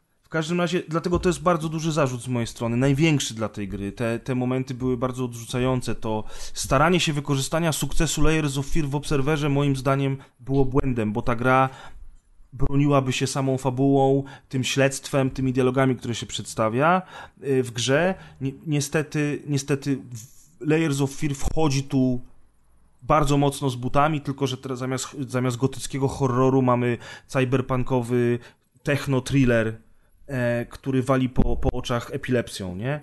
Ale dobra, nieważne, to jest mój zarzut, może nie wszystkim będzie przeszkadzał. Dlaczego ja w ogóle do, doszedłem do końca tej gry, skoro przeszkadzały mi te sekwencje? Doszedłem do samego końca tej gry, dlatego że zainteresowała mnie fabuła.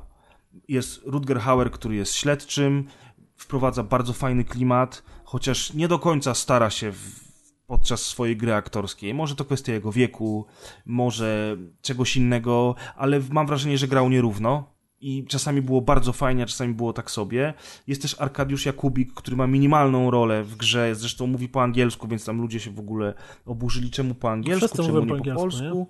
Tak, ta gra jest od początku do końca po angielsku, ale uważam, że to dobrze, no bo wiecie, przy takiej grze y, takiego studia niezależnego, no ciężko byłoby nagrać wszystkie dialogi naraz i ja rozumiem, że to jest polska gra i teraz Polacy mogą powiedzieć, to dlaczego ona nie ma polskich dialogów? No nie ma, no sorry, coś za coś. Oni chcą ją sprzedać na całym świecie, a widać, że włożyli bardzo dużo energii i pracy w grę, więc wcale im się nie dziwię, że chcieliby to dobrze sprzedać. Zresztą zasługują na to, żeby to dobrze sprzedać, bo ilość pracy wsadzonej w grę jest super, design całego tego świata jest świetny.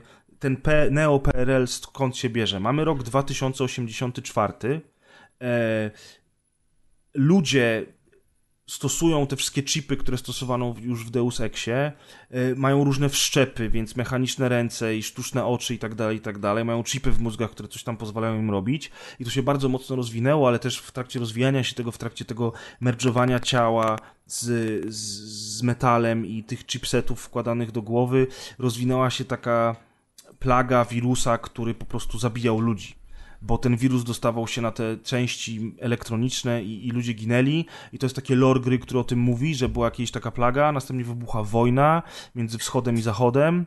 Była jedna wielka rozpierducha i na, na, na gruzach tej rozpierduchy korporacja Hyron y, zbudowała piątą Republikę Rzeczpospolitą. I akcja dzieje się w Polsce, w Krakowie. E, mamy wielkie, wspaniałe drapacze chmur i te laski na reklamach rodem z Blade Runnera, ale wszystko to widzimy gdzieś w tle, bo my e, pod, udajemy się do najgorszej dzielnicy w Krakowie, najbiedniejszej, gdzie mieszkają najbiedniejsi ludzie, właśnie uciemiężeni przez ten system oprawczy tych, tego, tej korporacji.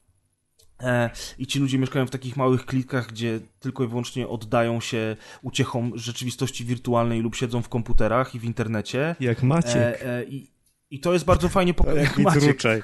Ruczaj przyszłości, jest- tak czeka To jest gra o los. Maćku. Maciek też jest z Krakowa. Ja tam To gdzieś siedzę ogóle, pewnie. Jak się ten, jak się ogląda obrazki, filmiki, czy tam ten, to ta gra sprawia wrażenie takiego strasznego syfu, w sensie tam jest brudno, jest wszystko Tak. rozpieprzone, jest takie wrażenie, wiecie co mi to przypomina? E, Condemned z, z No, czasów tak, Xboxa trochę pierwszego. tak. Może tak, troszeczkę. No, tam jest też brudno. Znaczy, w ogóle ja mam problem z tą grą taki, że to jest znowu, to jest znowu yy, rezydencja z Layers of Fear. Tam jest ciasno, wąsko, małe pokoiki, małe korytarze. Dużą część gry spędza się w piwnicy, w takiej polskiej piwnicy z tymi drewnianymi drzwiami do piwnic. Są kiszone ogórki w słoikach na półkach. Kiszonych ogórków nie ma, ale są pierogi. W każdym razie e, problemem Piwnicy, moim drugim jest to, pierogi? że to nadal jest walking simulator, w związku z czym w związku z czym na przykład przesłuchujesz mieszkańców tej kamienicy, ale poza dozorcą, który jest wymodelowany, chodzi, rozmawia z tobą, wszyscy inni rozmawiają z tobą przez drzwi, każdy ma wideokomunikator w drzwiach zamiast zwykłego Judasza, więc obserwujesz kawałek ust albo oko tego kogoś, kto z tobą gada i wszystkie postacie tak naprawdę są głosami. Ja liczyłem jednak na coś bardziej przygotówkowego. Dostałem taki typowy walking sim, gdzie większość fabuły odgrywa się sama, te dialogi są, bo są, ale one są dosyć takie, no. Hermetyczne. Dla mnie to jest hermetyczne. Ani jedne drzwi się nie otworzyły, żeby nie, nie pojawiła się ani jedna twarz, żeby porozmawiać z policjantem, który cały czas świeci odznaką przed wszystkimi i mówi: Słuchajcie, prowadzę śledztwo, proszę ze mną porozmawiać. Więc jakby tutaj, tutaj y, uważam, że powinno było się pójść o krok, da- o krok dalej. No ale niestety taka, a nie inna forma y, rozgrywki została zaimplementowana, więc, więc tego nie mamy. Natomiast świat jest świetny. plakaty z nowym polonezem przyszłości, takim wiecie, futurystycznym, Commodore i Atari w domach jako komputery, e, stare, stare wagi, ceraty, słuchajcie, obrusy, firanki z lat 80. To jest 2084 rok i wygląda jakbyście wymie wy wymieszali 84 rok z cyberpunkiem. I to jest świetne.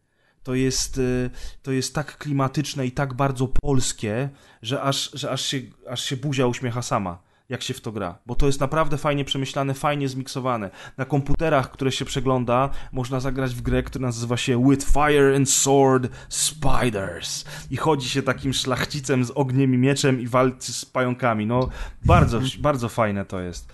I dużo jest smaczków, które warto samemu odkryć, dlatego ja wam wszystkim nie będę odpowiadał. Dużo jest nawiązań bardzo ciekawych i to wszystko ma taki, ma taki nietypowy klimat, a wszystko jest do tego podlane y, sosem orwellowskim, bo autorzy zresztą się nie ukrywają z tym, że, że, że, że jakby mocno inspirują się tymi klimatami. Nawet w jednej z pierwszych pomieszczeń znajdujemy książkę Orwella 1984. Więc te, tam jest taki bardzo fajny klimat właśnie totalitaryzmu. Z... Ale bo, bo ja cały czas nie... Czego ta fabuła dokładnie dotyczy? Oprócz tego, że jesteś policjantem, który tam co znajduje Jesteś policjantem, który, mózgach, którego zadaniem tam jest jest historia, właśnie... która idzie przez, przez, nie wiem, jakiś, jakiś tajemniczy morderca, który to trupy Tam jest zostawia, historia, czy... która idzie przez całą grę i e, dostajesz, dostajesz, siedzisz w swoim polonezie policyjnym, też świetna, scena otwierająca jest genialna. Od razu myślisz Blade Runner, tylko siedzisz w polonezie. To jest piękne. E, I dostajesz informację o jakimś zdarzeniu, nagle przerywa ci połączenie i z komputera mówi do ciebie głos twojego syna, którego nie widziałeś od lat. I on coś do ciebie mówi, kończy się połączenie, ty namierzasz przez komputer sygnał, sk- sk- skąd to połączenie doszło i lądujesz właśnie w ten sposób w tej najgorszej dzielnicy y, Krakowa i tam zaczynasz tego swojego syna szukać i jak tylko przychodzisz, to na- następuje blokada budynku i taki typowy krakowski budynek, wiecie, z tym podwórkiem między budynkami, z tą, wiecie, z takimi balkonami, no bardzo fajnie to jest zrobione. Następuje blokada, bo w momencie, w którym jest podejrzenie, że ta choroba, ta nanofaza znowu gdzieś wybuchła, epidemia znowu wybucha, to każdy budynek ma system ochronny, że zamykają się okna, bramy, drzwi wyjścia i mieszkańcy tego budynku zostają odizolowani od świata. Jak tylko tam się pojawiasz, to właśnie ta izolacja następuje i okazuje się, że na terenie tego budynku grasuje morderca, który zaczyna zabijać ludzi i ty tropem tego mordercy podążasz w tym zamkniętym, zablokowanym budynku, który jest całkiem spory. To, I fajne. to jest jakby główny wątek, y, główny wątek fabularny i jednocześnie oczywiście próbujesz odnaleźć swojego syna i dowiedzieć się, co on porabiał przez te wszystkie lata. I to jest bardzo fajne, naprawdę. E, I to prowadzi do, do, do finału ciekawego, który może nie jest super oryginalny i to już było w science fiction, ale nikt nie oczekuje od gry, żeby ona wymyśliła koło na nowo, a jednocześnie takie umiejętne wykorzystanie pomysłów z książek czy filmów bardzo fajnie tutaj się sprawdza. Także ogólnie rzecz biorąc, ja sobie bardzo chwalę Obserwera, ale niestety Walking Simulator w tej formie, w jakiej jest dzisiaj, powinien wreszcie zdechnąć. Masz już powoli dosyć Walking Simulator. Mam już dosyć, tak. Ale jeszcze tylko dodam, że jednym się może to spodoba, innym nie, bo oni tak troszeczkę jakby tak troszeczkę jakby chcieli wymiksować dużo rzeczy, więc jest, są te rozmowy i one są na początku, wiesz, sugerują, że to będzie zupełnie inna gra, potem są te schizy, e, potem w końcu zaczyna się robić unikanie potworów, jest go mało, ale jest w tej grze. Tak, masz, masz, masz, masz potwora wziętego żywcem z Somy. On wygląda jakby mógłby się znaleźć w Somie i masz dokładnie takie jak w Somie i w Pantaruku unikanie potwora. I to już tak myślę sobie, no dobra, fajnie, że, że Jakiś, nie ekipa... wiem, taki spoiler, czy coś, co miało być ukryte? przed- Nie, nie, nie, nie, nie, nie, ale generalnie to jest taki, zresztą to jest bardzo mały element gameplayu, jego jest mało w tej grze, ale jest. E, I w połączeniu z tymi schizowatymi sekwencjami, kiedy przedostaje się przez pamięć przesłuchiwanych osób, to, to, to jednak za dużo tam tego Walking Sima w Walking Simie. A szkoda, bo na przykład powiem wam jedną rzecz, to, y, to nie będzie spoiler, ale na samym początku próbujemy znaleźć y, kombinację do, do, do, do keypada, żeby coś tam otworzyć, jakiś schowek, czy safe, czy inne coś. I znajdujemy zdjęcie. I na tym zdjęciu jest data zrobienia tego zdjęcia. I pierwsze co zrobiłem, to do tego keypada i wklepałem tę datę. Na co Rutger Hauer mówi faktycznie, no ten kod nie działa, ty nigdy nie byłeś osobą sentymentalną. Ja mówię, wow, ale zajebiście. Pro, y, y, autorzy gry wyprzedzili moje myślenie. I oni wiedzieli, że ja to zrobię, że pierwsza rzecz, która przyjdzie mi do głowy, to jest data z tego zdjęcia i że ja będę próbował wklepać to do kipada. I w tym momencie Rutger Hauer to skomentował. Rutger pierdolony Hauer. I ja mówię, ale ta gra jest zajebista. Niestety, im dalej w las, tej zajebistości jest coraz mniej, a coraz więcej jest schizowatego walking sima. I gdyby nie to całkiem ciekawe zakończenie, to chyba troszeczkę bym jednak tę grę zhejtował. Ale przy ilości pracy, którą oni tam włożyli i przy tym wciągającym scenariuszu, jednak muszę ją wam wszystkim polecić. I nie chcę już na, przez najbliższe pół roku ogrywać walking simów, okej? Symulat. Oj, nie wiem, czy wytrzymasz. To patrząc, jak branża się rozwija, to nie będziesz co ty będziesz to grać w ogóle? No. Może książki wreszcie zacznę nadrabiać. Oby nie. Filmy z Metacritic 30 na 100. Będziesz, fil będziesz filtrował te wszystkie zdjęcia, które dostaniemy po tym O, odcinku. zajmiesz się tym właśnie w piwnicy naszej redakcji. Będę mógł kolaż ułożyć? Będziesz sobie układać, co zechcesz. Co tylko Dziękuję. zechcesz właśnie. E, A jakiś czas temu, i to dosyć dawno temu, y, omawialiśmy, nie pamiętam czy omawialiśmy ją na, na rozgrywce, czy na jakiejś dobranocce, czy coś, ale mówiliśmy o grze, która się nazywa Jotun, która była prześlicznie rysowaną ręcznie grą o walce z bogami. Załóżmy. Z jotunami, nie z bogami, z jotunami, to była walka, hello. Okej, no to Jotuna to nie są bogowie? Nie, nie, to jest coś takiego na kształt olbrzymów, ale nieważne, to nie o Okej, tym dzisiaj mówimy. whatever. Ja po prostu, wiesz, muszę się przyczepić czasem. No i studio, olbrzymi to bogowie. które się nazywa Thunder Lotus Games, y, stworzyło swoją kolejną grę, która się nazywa Sundered. Sundered, przy czym nie wiem, co to znaczy po polsku. Wy też To nie wiecie, to To słyszę. jest ze słońcem pewnie. O ile Natomiast to znaczy. gra e, jest... e, W grę graliśmy w większej ekipie, to znaczy grałem ja, grał Adek, grał Press i grał nawet Deusz. Sander to znaczy odsłonięty, sam nie wiedziałem. A widzisz. No i mm, to, co absolutnie rzuca się na pierwszy rzut oka, to, że ta gra jest prześliczna. Jest też, nie wiem, wydaje mi się, jest- że też ona jest jest rysowana. ręcznie. Jest Jest rysowana, rysowana, tak, na sprawdziłem. 100%. Widać i jest naprawdę, robi ogromne wrażenie. Zarówno tło, animacje, bossowie, którzy tam się pojawiają, to wszystko jest naprawdę cholernie, cholernie ładne. Gra jest dla odmiany z gatunku, znaczy dla odmiany w porównaniu z Jotunem, z tak zwanego gatunku Metroidvanii. Teraz mam do was pytanie, do tych, którzy grali w Sundered. W jaką ostatnią Metroidvanię graliście? Ja nie grywam w Metroidvanie i jestem w szoku, że Sander mnie wciągnęło właśnie, wbrew pozorom, także chyba w żadną nigdy nie grałem. Ja albo w Salt and Sanctuary, albo w którąś Castlevanię na DS-ie. Nie jestem pewny, co było ostatnio. W met z Metroidvanii to wydaje mi się, że w Guacamole chyba dopiero ostatnio. Nie, pamiętamy. Twoje ulubione Guacamole. No, u mnie to wydaje mi się, że to byłoby Ori. Tak mi się wydaje. Jeżeli nie wiecie, nasi słuchacze przypadkiem, czym jest Metroidvania, Metroidvania to jest taka gra, która mm, prezentuje nam w jakiś tam sposób otwarty świat, zazwyczaj w, w wersji 2D, gdzie przymierzamy go, walczymy z potworkami y, i raz na jakiś czas dostajemy nowe umiejętności, dzięki którym możemy pokonać inne części tego świata. Czyli załóżmy, mamy sobie zielone drzwi, które można rozwalić tylko i wyłącznie z, waląc z bańki. Nie mówię w Sander, tylko taki przykład. I w momencie, w którym zdobywamy umiejętność walenia z bańki, to wtedy możemy cofnąć się na początek gry, gdzie były zielone drzwi i pójść w lewo i zobaczyć, co jest za nimi. Ale to dokładnie tak też- jest. Trafiłeś też idealnie. Trochę, no, standard też trochę tak jest, czyli zdobywamy nowe umiejętności, czy to jakieś tam double jumpa, jakieś tam e, nowe umiejętności, które też się przydają w czasie walki. I ja ogólnie lubię Metroidvanie, ale mam z Standard ogromny problem, bo gra jest prześliczna, gra się w nią całkiem nieźle, ale jest ona dla mnie bez sensu. To znaczy, mm, porównuję to z Ori, w które grałem w miarę niedawno, nie wiem, pewnie z roku albo coś w tym stylu. E, W Standard nie istnieje system walki. W Standard walka polega na tym, że napieprzamy w jeden guzik. I to tyle. Cała finezja systemu walki, Znaczy, a w momencie, No w nie, którym no jest poczekaj, to... no robi się uniki, jest No, ta no, tarcza, no, którą trzeba która pilnować, się są jakieś schodzi- specjalne. Tak, fajnie, ciosy specjalne, tarcze, uniki, jasne, ale suma summarum walka polega na tym, że robisz atak, atak, atak, atak, atak. znaczy wiesz to jest tak samo jak w tak. klasycznej Castlevanii, no tak zawsze było. W klasycznej Tutaj- Castlevanii miałeś jakieś tam, wiesz, mogłeś różne Miałeś rodzaje drugi przycisk robić, do miałeś drugi specjalnego przycisk, tam się coś tam ciosu. zmieniało, ale Tutaj problemem jest co jest innego. jeszcze coś, czego nie było w klasycznej Castlevanii, to znaczy przeciwnicy tutaj nie pojawiają się tam, gdzie powinni się pojawić, Tak.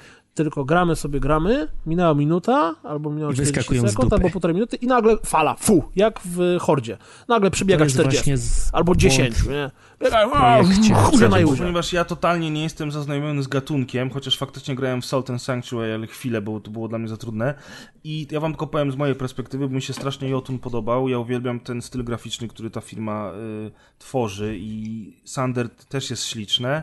Y, ale ja nie lubię takich gier, w których właśnie muszę odkrywać te korytarze, one są losowe, potem jak zginę, to muszę się cofnąć do początku i to odkrywać. I w sumie tam fabuły Jakie jest tyle, co losowe, kot napłakał generowane proceduralnie. generowany proceduralnie, przepraszam, i fabuły jest tyle, co kot napłakał i tak naprawdę ja chodzę, odkrywam te pomieszczenia, odkrywam kolejne drzwi, żeby je otworzyć i, No, tu jest dużo walczę. backtrackingu. i faktycznie ta gra na tym polega, a je, i nie jest jakoś wybitna, jeżeli chodzi o klimat. Ja się spodziewałem innego klimatu, tego klimatu, Ja którego byłem ja się zaskoczony. nie ma. Jest klimat. SF trochę, nie? Ale tak, tam to jest chyba bardziej SF niż to, czego ja się spodziewałem, ale generalnie chodzi mi o to, że ja, jako osoba, która nie grywa w takie gry, pograłem trochę, mówię, no pogram trochę, no wypadałoby, będziemy o tym rozmawiać i nawet się wciągnąłem i ten system walki taki prosty mi się spodobał i te chory, hordy przeciwników mi nie przeszkadzały, wręcz jarałem się tym, jak była taka walka i tam trzeba było dużo przeciwników y, zabić, bo trzeba było się trochę napocić przy tym, przynajmniej dla mnie, a nie wiem jak dla was. Ale I może y, przez to, że ona jest trochę taka casual friendly, może dlatego ona, mi się spodobała. nie jest casual friendly.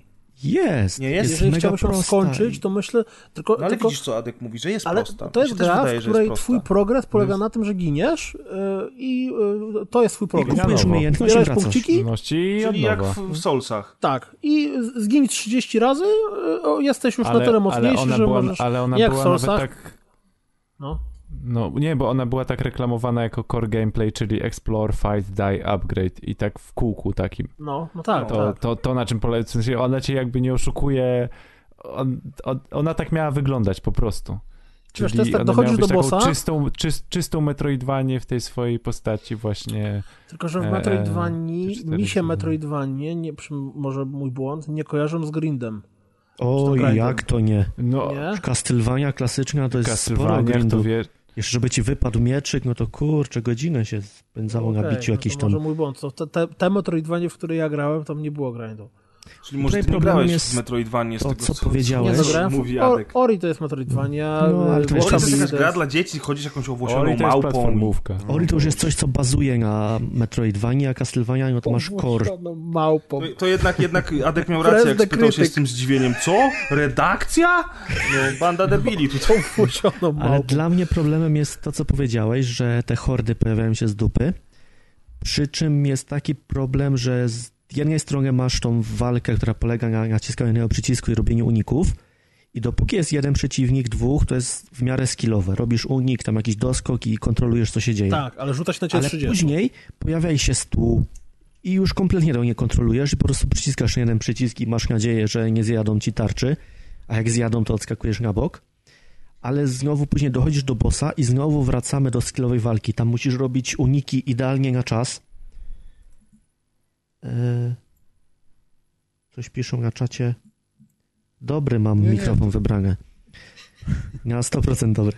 To z Wracasz tego, z, do- z, z, jak to się nazywa, z tego pomieszczenia, gdzie dyrektor dźwięku siedzi, przyszła informacja. Adek, Z realizatorki. Mikrofon. Tak. Realizatorka właśnie, no. w tej redakcji. profeska, walka rozgrywka podcast.pl. jest, że jest mega skillowa. Tam musisz zrobić unik co do sekundy, żeby cię nie tak, złapało, tylko że żebyś mógł uderzyć. bossem masz ile? 3, 4 w sumie? Ja ja jestem teraz przy drugim bossie, dużym, a mini bossów po drodze było kilku. I każdorazowo dojście do dużego bossa to są ciary, bo taki klimat tam się robi, odpowiednia muzyka. Ci bossowie są też dużo więksi niż nasz bohater, więc jest od razu respekt Bohaterka. do nich. Bohaterka, No, tak, no tak, tak, tak. bo tam jest jak, jakby jak, jak, jak tam się bijesz, po, unik unikiem, ale jak tam się bijesz z dużą ilością wrogów, to czasami przy niektórych animacjach to ja nie wiem, gdzie jest moja postać. Znaczy tam Hmm. jest błysk, flash, błysk, flash, błysk, flash. Umiejętności, nie wiem ile grałeś. Są umiejętności, Chwilę, że, ale- że, że zabijasz całą grupę jednocześnie, znaczy no tam w jednym momencie, więc od razu sobie to rozwalasz, tych przeciwników. Ale wracając, ta gra ma więcej problemów, bo ma problem z designem poziomów. Bardzo często Bo są takie generowane miejsca... Bo są generowane losowo i No, dlatego ale w się sensie, że- z jednej strony jest napisane, jak zginie, że eksploracja zawsze będzie nagradzana. No to fajnie, to sobie eksploruję, gdzieś tam idę, gdzie prowadzą te ścieżki i mega trudna ścieżka, ona prowadzi do ściany i nie da się dalej przejść, a po drodze nic nie było. No to po co takie przejścia? Takiego czegoś w Castlevanii nigdy nie było. Ale to nie było tak, gdzieś- że Castlevania była e, zawsze przygotowana od ręki każda mapka, a nie losowa? Tak, tak, tak, tak, tak było. No dlatego to jest ta No. różnica między tymi grami, nie? Ta gra Jak- troszkę zepsuła ten cały klimat właśnie Metroidvanii. Nie wiem czemu, ale w ogóle przypomina mi Ale to- Kuldan tą ale to ja grę się od Artifexów o strzelaniu z łuku. Mhm. Mhm. Nie wiem, czy też miałeś takie, takie uczucie. Ale w ogóle... To, bo ja nawet nie wiem, o jakiej grze ty e, mówisz. Piotrek Kuldan. Infection chyba się nazywała? Infection, ale ta gra będzie miała inną nazwę. No ja wiem, wiem, bardziej wiem, z ale... Infection zapamiętałem to, że... Wiesz co? Nie, nie miałem takiego, bo tam to była bardziej skillowa, a dla mnie tu jest po prostu napieprzanie w guzik. Okej, walki z bossem masz rację, ale te walki zwyczajne to było na zasadzie e, naciskaj guzik odpowiedzialny za atak i to miej jest- nadzieję, że zabijesz ich zanim oni to jest tylko, ciebie. żeby dojść do, do bossa. Tak naprawdę. No tak, ale tylko że jeszcze spędzasz dużo jest- więcej czasu na eksploracji i na walce z przeciwnikami niż na walce z bossem. nie? No nie wiem, ja tam przebiegam szybko, byle skrót odblokować, a później jestem przy bossie i już biegam tylko do bossa. Ale ta gra jest reklamowana klimatem z Lovecrafta. Nie wiem, czy wyłapaliście Właśnie na coś się dałem złapać. Głównym nie? bossem teoretycznie ma być zestowiem ze zwiastunu, bo ja tam nie doszedłem, Narlantotep. I te w sumie te takie śmuty niektóre, które biegają, to trochę są Lovecraftowe. No odrobinkę, ale tam nie ma jakiegoś mocnego klimatu szaleństwa. Lovecrafta. Jest szaleństwo, bo jak się odblokowuje fabułę, to są takie kryształki, które trzeba uderzyć i wtedy głos z zaświatów nam tłumaczy całą fabułę, co tam się stało, jak zginęła ich cywilizacja. No I właśnie, bo, bo to Sander, tak- to które spytał Kuldan na początku, to, No. co, co oznacza odsłonięte, no to y, teraz jak już wiemy, co oznacza to słowo, no to chodzi o tą lokację, którą odnajdujemy i którą eksplorujemy, nie? Ona jest pod ziemią i my na nią trafiamy, ona zostaje odkryta przed nami, nie? I tam są właśnie Mhm. te dziwne rzeczy z przeszłości, dlatego ja też liczyłem mocno na Lovecrafta, ale no niestety. No, potworusy są Lovecraftowe, ale bardziej, właśnie mówię, jak odblokowujesz fabułę, to cały ekran się tak trzęsie, rozjeżdża, słyszysz jakieś szepty i tam troszkę tego klimatu jest, ale żeby to nazwać od razu Lovecraftem, dużo No. bardziej Lovecraftowy jest trailer tej gry. Nie wiem, czy widzieliście, trailer w ogóle pokazuje, jakby to No. była mega schizowa gra. No, dlatego ja się zainteresowałem tą grą właśnie przez trailer, a tutaj się okazało, że troszeczkę jest inaczej. Aczkolwiek ja mówię, ja jako totalny amator w kwestii tego typu y, gier y, bawię się nieźle. Znaczy, ja y, też się bawię nieźle, pomijając troszkę. te błędy, ale- to Dobry, dobry jest feeling jak na platformówkę. Tak. To znaczy, często w tych nowych platformówkach jest tak, że ta fizyka jest jakoś tak śmiesznie rozwiązana, że nie czujesz, gdzie twoja postać doleci, e, jaką ma masę, jak się ją kontroluje, a tutaj bardzo wszystko precyzyjnie można Mm, tak, wymierzyć. tak, to znaczy, to chodzi. intuicyjne Fajne, tak. jest kontrolowanie postaci i to jest istotne, bo na to, na to warto też zwrócić uwagę, że to jest bardzo istotne, bo dużo jest platformówek, które tego nie mają na odpowiednim poziomie zrobionego. Może też dlatego mi ta gra przypada do gustu, bo ja też nie jestem wielkim fanem platformówek i szybko się zniechęcam, a tutaj jest dokładnie tak jak mówi kolega. o- ona nie jest platformowa, nie? Tutaj nie ma jakichś tam wymagań zręcznościowych odnośnie środowiska. No tak, ale jednak eksploracja świata polega na skakaniu po platformach większość czasu, nie? No wiesz, no, ale to jest tak jakbyś każdą, nie, każdego FPS-a nazwał platformówką, bo się skacze po... No wie, ale Po chodzi, wiesz, fajnie jest jak grasz i że czujesz, co twoja Tak, postać to robi, zdecydowanie, to, to... W, w pewni czujesz kontrolę jakby nad nią. A to jest nie, przy na- bossach nie, nie, walcz, nie, nie, nie walczysz jakby z, z, ze sterowaniem albo z fizyką gry. Mhm. No mówią, przy bossach to jest mega Tylko potrzebne, bo czasem trzeba mocno wymierzyć. Szczególnie jak ta kamera się oddali, żeby pokazać całego bossa, to my wtedy jesteśmy mikroskopijni. Więc tam już trzeba, trzeba wiedzieć, co się dzieje. Jeszcze jakie mam zarzuty co do tej gry, to jak Kuldan powiedział, że walka nie ma znaczenia jako takiego, to wydaje mi się, że drzewko umiejętności jest kompletnie bez sensu, bo tam odblokowujemy trzy umiejętności na krzyż, plus specjalne, które są na końcu drzewka. Czyli albo upgrade'ujemy HP, albo obrażenia, albo tarczę. I No ale że wiesz, jest- drzewko umiejętności się musi wszędzie pojawić. Ja To wiem, i wiesz, masz teraz- całe takie rozgałęzienie, nie? Tutaj sobie idziesz w górę, w lewo, myślisz, jak tu przejść, a tak naprawdę trzy skille do rozwinięcia. Troszkę to jest No słabe. tak, tak jest. Na początku patrzysz na to drzewko, mówisz, god damn! Wiesz, ale to, to może też ma zachęcać do tej eksploracji właśnie, do tego, że jak Możliwe, no. To będziesz powtarzał, i, i, ale dzięki temu będziesz expił, a dzięki expieniu to drzewko będziesz coraz bardziej rozwijał i sam będziesz coraz mocarniejszy, nie? Ta twoja la, Mhm. laseczka, którą kierujesz, będzie sobie lepiej radzić. To na pewno też jest zachęta dla, dla ludzi, którzy sobie gorzej w tego typu grach radzą. No, ja mówię, ja jako casual y, ohydny, wstrętny, bawię się całkiem nieźle i na pewno będę w to jeszcze chciał trochę pograć. Ja też, tylko że gra przestała mi się odpalać. Co jest w ogóle O dziwne. Po 8 godzinach mi się zacina na ekranie startowym i nie wiem, czy, czy to się da jakoś naprawić. Reinstall. W ogóle mam takiego hejta na PC przy tej grze, bo dawno nie grałem na PC No, i Grzesiu dał mi Famshera. Chcę sobie odpalić, podpinam pada. Pierwszy pad, okazuje się, że ta gra z nim nie współpracuje. To był pad od PS4. Mimo, że jest całe mapowanie przycisków, no to nie działa z tym padem. Drugi pad, jakiś tam z tanich marketowych, oczywiście też nie działa, bo kto by sobie zaprzątał głowę takimi padami. I dopiero trzeba mieć coś, co mapuje przyciski jako te od Xboxa 360, bo inaczej na padzie nie da się grać. A ta gra jest, wymaga pada. Bardzo napada tak naprawdę. je- jedyny, jedyny prawilny pad, więc wiesz. Więc No niestety, ja mnie właśnie to mówiłem to. Atkowi, jak, jak mi o tym pisał, że no ja mam pada od 360 podpiętego do kompa i po prostu myk i wszystko działa, nie? Ale faktycznie tak jest, że deweloperzy od jakiegoś czasu zaczęli ignorować jakąkolwiek alternatywę dla pada od 360. No tak, to a jest ja jedyny prawilny pad na PC No, i tylko PS4 pod niego się no, gry robi. jak PS4 dwa tygodnie temu- można podpiąć chyba bez problemu. No możesz tak, ale podpiąć, PS4 ale nie nie ze wszystkim będzie dobrze działał, nie? A ten Xbox tego działa, ale z grom już nie. Tak, Tak, mogę tak, sobie w no. Big Picture sobie wejść i odpalić grę, ale już w grze nie działa. A nie dalej jak Ja dwa chciałem- A tygodnie nie ma temu. jakichś super takich Uber zewnętrznych programów, No które pewnie, oszukują? pewnie są. są. Jest cały taki Ale program, tutaj Adek ma rację, że no, klawiaturstwo jest Nie, ja też, ja też zgadzam, tylko że tak ciekawostkowo pytałem. Jest, jest, jest taki program, Możesz który mapuje od ci PS3 podłączyć. pada od z- PS3 jako Xboxowego, czy od PS4 Ja tak samo. chciałem tylko dodać, że y, absolutnie niezmiennie jestem pod gigantycznym wrażeniem artystów, którzy pracują w Thunder Lotus, bo mm, i to w przypadku Jotuna, i to w przypadku y, Sandert, to co oni tam odwalili, to jest kawał niesamowitej dobrej roboty. A czy kojarzy wa- nie, bossów. nie, nie, nie, nie kojarzy wam się Sander trochę ze stylem Disneya? Trochę tak, ja właśnie Trochę jak tak, oglądałem czasem jest starego taka- Disneya? Tak, jak starego. animowane Stary- stary bajki Disney? jakiegoś Alladyna albo coś, czy gry, czy, czy w ogóle jak Odrobinkę, no. Nie wiem, nie wiem, trochę, nie wiem, nie wiem w czym to się objawia, ale patrzę na to i animacji, sobie myślę wiesz? stary Disney właśnie, czy, czy Wiesz nie co, wiem, to jest takie animacji, jakby troszkę, takie nie do końca wyraźne zawsze. Styl, styl animacji ruchu, rysu, rysowania w sensie. Tak, ale, Ale Jotun, też jak, Jotun też tak wyglądał, nie? kontrast między tym. tymi kolorami Tak, i tak tak. dalej.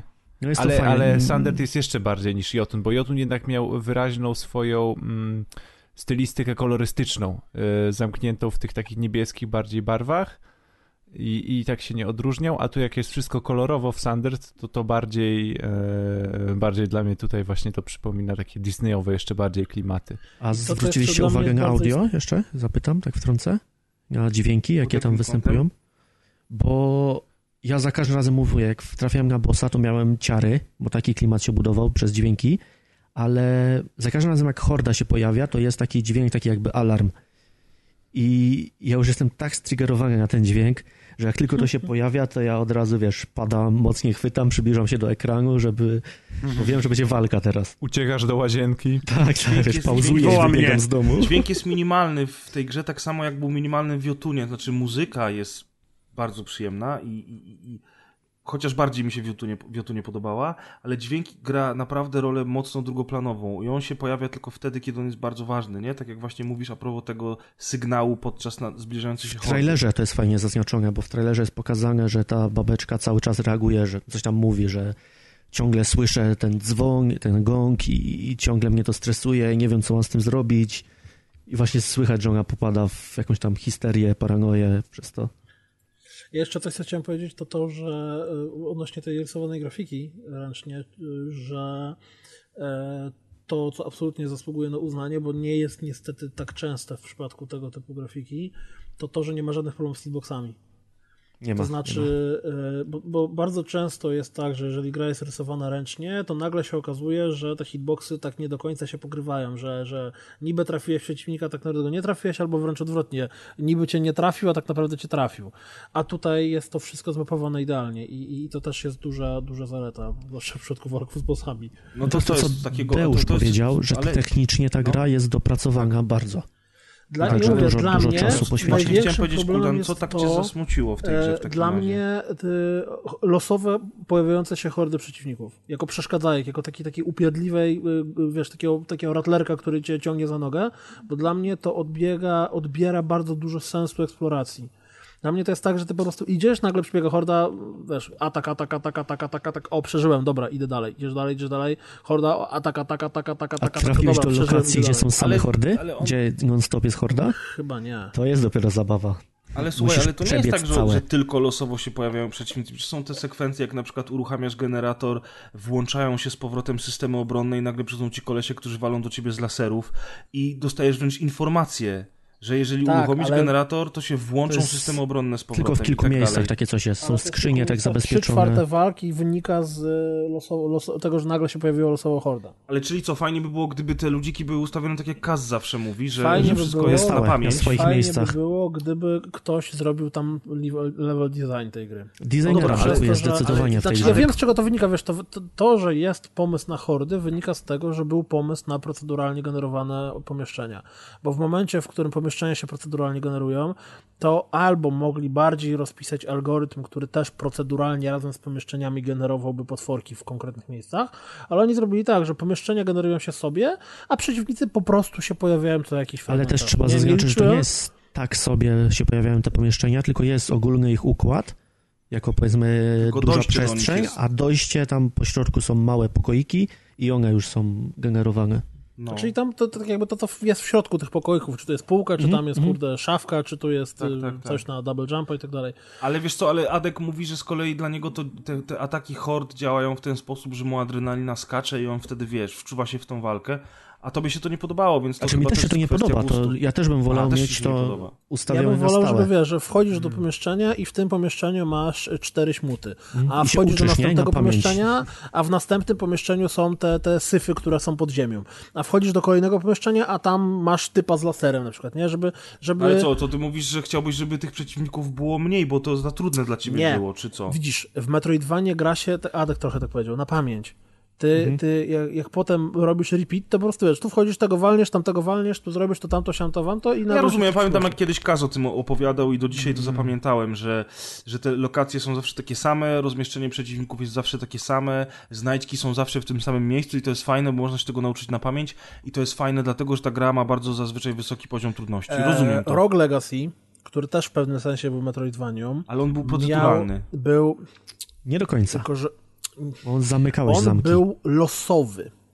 Natomiast ta losowość nie przeszkadzała tak bardzo, dlatego że tam każdy run, który robiłeś, był e, zupełnie inny, przez to, że twoja postać się kompletnie zmieniała. A tutaj ty grasz, zginiesz, trochę się, zrobisz trochę upgrade i dalej grasz, zginiesz, znowu trochę upgrade zrobisz. Tutaj tak jakby w tobie się prawie nic nie zmienia. W Rogue Legacy było tak, że za każdym razem jak wchodziłeś do zamku, to miałeś inny układ pomieszczeń, ale też miałeś inną postać w pewnym sensie, a w momencie, w którym jeżeli ktokolwiek chciał przejść Rogue Legacy, to prędzej czy później musiał zamknąć zamek, żeby pomieszczenie przestało być losowe. To była, znaczy nie wiem, może oczywiście byli jacyś kozacy, które to robili bez zamykania zamków, ale ja, ja zablokowałem zamek. Bo w Rogue Legacy też mogłeś się nauczyć na pamięć tych małych pomieszczeń. Tych, z których składał się cały level.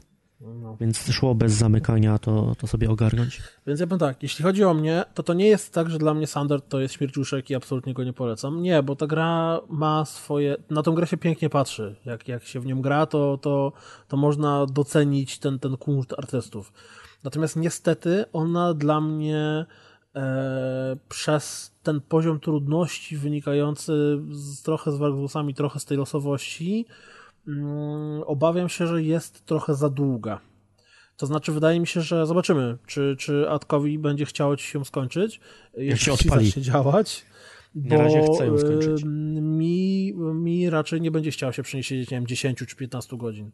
No Ja jestem już na ósmej godzinie, więc No. trochę. No, ja generalnie polecam. Też mi się nie podobają te małe niedogodności, ale wkręciłem się w tę grę. Co dużo gadać. Fabuła mnie strasznie interesuje. Chociaż już czytałem, że trzeba przejść grę trzy razy, żeby odkryć wszystko. Coś, co lubisz. nara. Super. No bo są różne, są różne zakończenia, prawda? No, No bo tam jest ta kwestia wyboru, też. nie? Czy się opierasz, czy tam... Tak. no właśnie. A czy to jest fajne? To jest fajnie zrobione. To jest coś, co mnie mega interesuje, ale pewnie raz przejdę i sobie doczytam co było dalej. I ja bym polecił tę grę. Takie mocne 7 na 10. No to nieźle. No, no, bo znaczy, to jest co, jeżeli- dobra gra, jest dobrze Powiem tak, technicznie jeżeli zrobiona, mamy, jest- jeżeli mamy schodzić do ocenek, to faktycznie ja też bym powiedział, że to jest 7 na 10. Mimo tego, że tak bardzo mnie wkurza, to, to mm, y, cała zabawa z, y, z losowością przeciwników.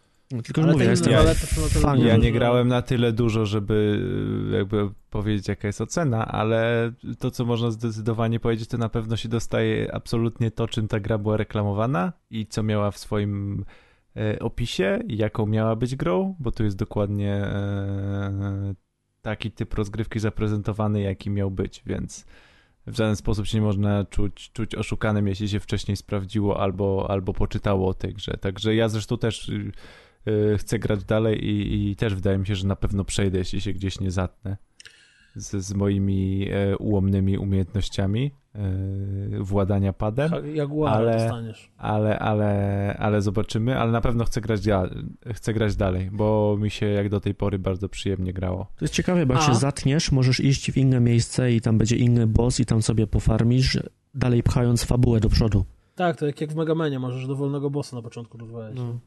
Dowolnej kolejności. Z zupełnie innej beczki teraz. Czy mm, Blitzkrieg 3 jest dokładnie tym, czym był reklamowany? I tutaj taka ciekawostka. Ja nie jestem fanem tej serii i nie grałem w poprzedniej części. No nie żartuj. E, bardzo lubię, bardzo lubię strategię. Ręka do góry, czy jest wśród nami, z nami fan Blitzkriega? Fan, który No, ograł słuchaj. wszystkie poprzednie. Ja mówiąc szczerze, o tej grze Blitzkrieg. nigdy nie słyszałem wcześniej. No słuchajcie, no Blitzkrieg to jest, to jest seria zasłużona, wieloletnia. Dwie pierwsze części przecież były hitami swego czasu i teraz po wielu, wielu latach ta sama firma, która stworzyła jedynkę i dwójkę, wraca z trzecią częścią i oni przez bardzo długi czas trzymali grę w Early Accessie i bardzo mocno nad nią pracowali. Do tego stopnia, że bardzo dużo współpracowali ze społecznością, co zresztą pojawia się na ekranie startowym, że dziękujemy społeczności, która kupiła grę w Early Accessie i testowała ją razem z nami za wszystkie porady i Dzięki informacje. wam mieliśmy na pizzę. Nie, słuchaj, w, w tym informacje historyczne, że ci ludzie, na przykład historycy, czy tacy, wiesz, ludzie, którzy się interesują historią, sprzedawali info, informacje na temat sprzętu, który w grze się pojawia i co powinni zmienić, jak on powinien wyglądać, co mają złego w opisie tego karabinu czy tamtego. Więc y, to jest gra, która była dopieszczana bardzo długo i ona teraz wreszcie wyszła w pełnej wersji. I ja się nią zainteresowałem, bo ja generalnie lubię strategie y, drugowojenne. Y, aczkolwiek, no nie miałem okazji grać w Blitzkriegi, no nie da się ograć wszystkiego, nie miałem okazji, grałem w Sudden Strike'i, w Company of Heroes, we wszystkie Men of War'y, a Blitzkrieg przeszedł mi koło nosa, w związku z czym powiedziałem, o, trójeczka, fajnie wygląda, chętnie pogram. No i rzeczywiście za- zacznę od wyglądu, dlatego że wygląda fenomenalnie ta gra. I plansze, na których dzieją się potyczki, są cholernie szczegółowe, cholernie rozbudowane, bardzo zróżnicowane. Fizyka jest niezła, wszystko się psuje, drzewa się wywracają, domy się kruszą. Naprawdę bardzo elegancko to wygląda. Nie widziałem chyba jeszcze tak ładnej strategii drugowojennej nigdy, jeżeli chodzi o otoczenie i o mapki, bo już na przykład jak przybliżycie na jednostki, to te jednostki wyglądają jakby były wycieszane z drewna. Naprawdę. Wyglądają fatalnie. Ale Wspomniałem nie bez przyczyny Company of Heroes. Company of Heroes jednak polegało na takim mikrozarządzaniu, nie? Tam No, jest bardzo taktyce taktycznie. Tak, tam jest bardzo bardziej. taktycznie, dokładnie. I fabularnie się- było przede wszystkim. To jest coś, co mnie interesuje i tak Co czekam. było? Co było? Fabularnie było w Company of Heroes. Zaraz do tego dojdziemy, ale jakby, wiesz, chodzi o, o samo sterowanie, że jakby, jak myślisz strategia, to myślisz cooldown i te 8-bit armies, albo Red Command Alert Conquer, Red Alert, nie? I czyli, czyli stawiasz y, jednostki dużo, czy tam StarCraft nawet. Nie, nie, nie, tutaj przede wszystkim nie ma budowania bazy, dzięki, dzięki Bogu, ale chodzi mi o to, że właśnie w takim Company of Heroes mieliśmy jednak taktyczne zarządzanie małymi, małymi jednostkami, dwa, trzy oddziały, dwa czołgi, coś tam, coś tam, starcia bardziej kameralne, chociaż zdarzały się takie duże też, y, ale to głównie w singlu, nie w multi. Natomiast tutaj tych jednostek jest jakby więcej i tutaj już nie ma tego przejmowania się jednym oddziałem, bo ten oddział bardzo często ginie i budujesz kolejny za punkty, które zbierasz i jakby już nie jesteś, nie jesteś w mikro, tylko jesteś bardziej w makro. Jest mniej tej taktyki, chociaż oczywiście ona w teorii tutaj istnieje i te, te bitwy, ta skala tych bitew jest nieco większa. E, ale to jest bardzo dobrze, mi się to podoba, no bo po co kolejne Campaign of Heroes albo Men of War? Men of War to już w ogóle było taktyczne do, do tego stopnia, że tam można było każdym ludzikiem z osobna sterować, nawet można było się wcielić w tego ludzika i tam granatem zniszczyć e, gąsienicę czołgu, nie? No tutaj tak nie ma. No to jest taka strategia, która na pewno spodoba się Kuldanowi. Y, Zresztą słusznie, bo jest niezła, ale jest nie, nieco mniej taktyczna, bardziej strategiczna i teraz y, jakby zapętlam się, więc przechodzę do fabuły, o której powiedział Kuldan. Fabuła tu jest, mamy podział na trzy kampanie. Jest kampania sowiecka, jest kampania amerykańska i kampania niemiecka. Co ciekawe, w każdej z tych kampanii jest język armii, która y, jest bohaterem tej y, kampanii, czyli na przykład jak sterujemy Sowietami, to oni będą mówić po rosyjsku.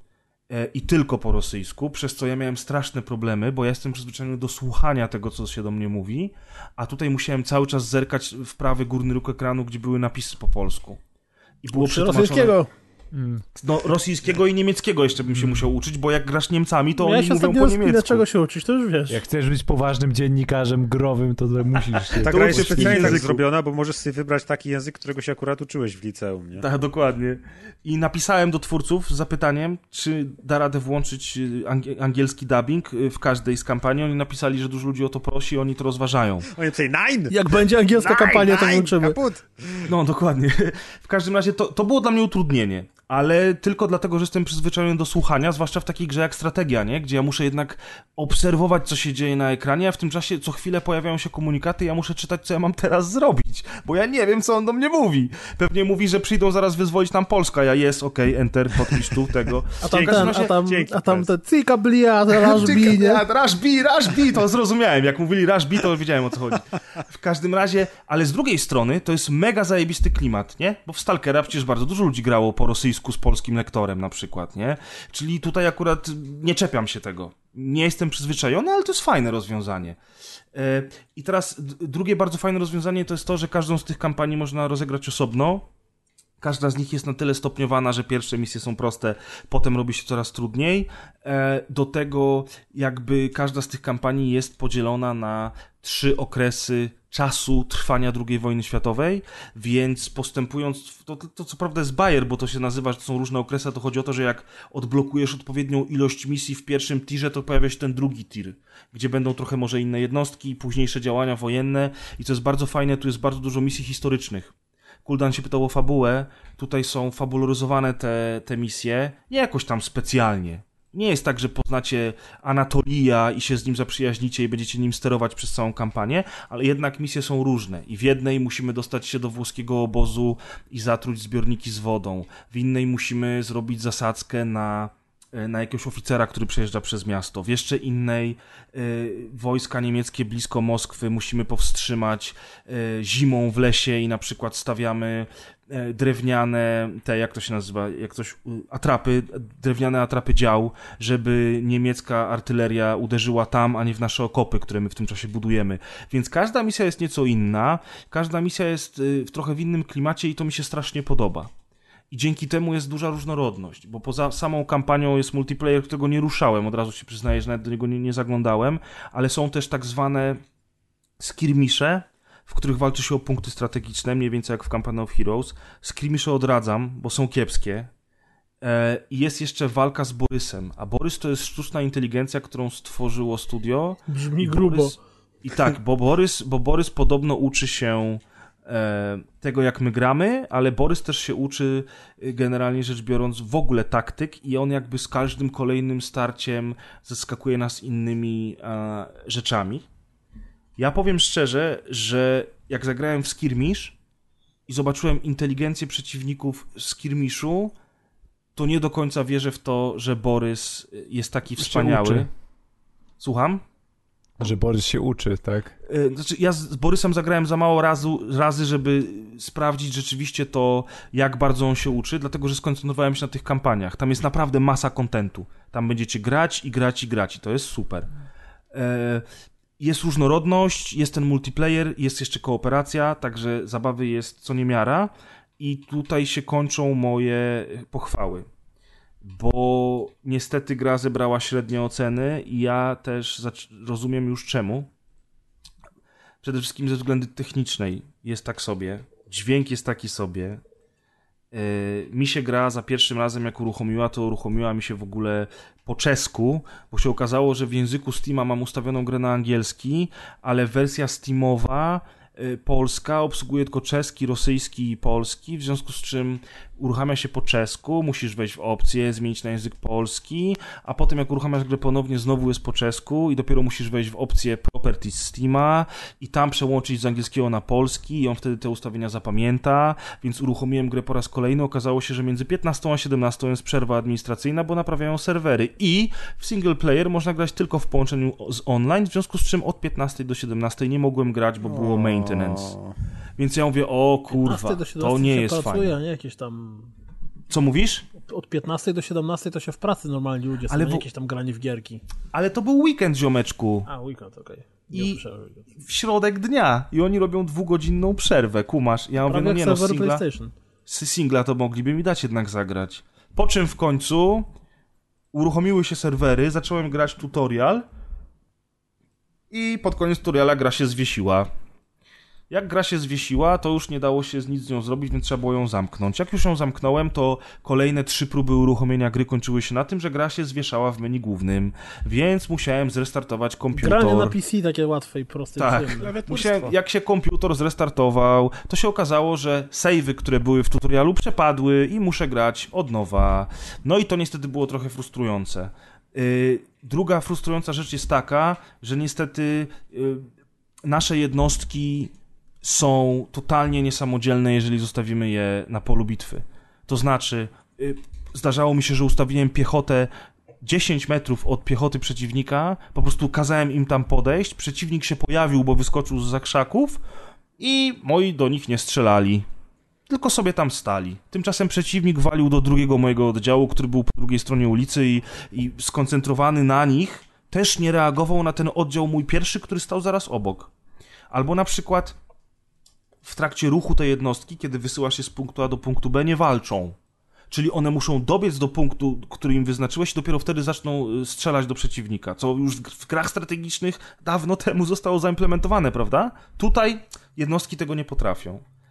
Czy takie myki, jak to, że jednostki przeciwpancerne mają granaty przeciwpancerne, ale ty nie możesz wybrać tego granata z ich opcji i kazać im go rzucić, tylko musisz po prostu zaznaczyć czołg i wiesz, że oni użyją tych granatów w trakcie ataku.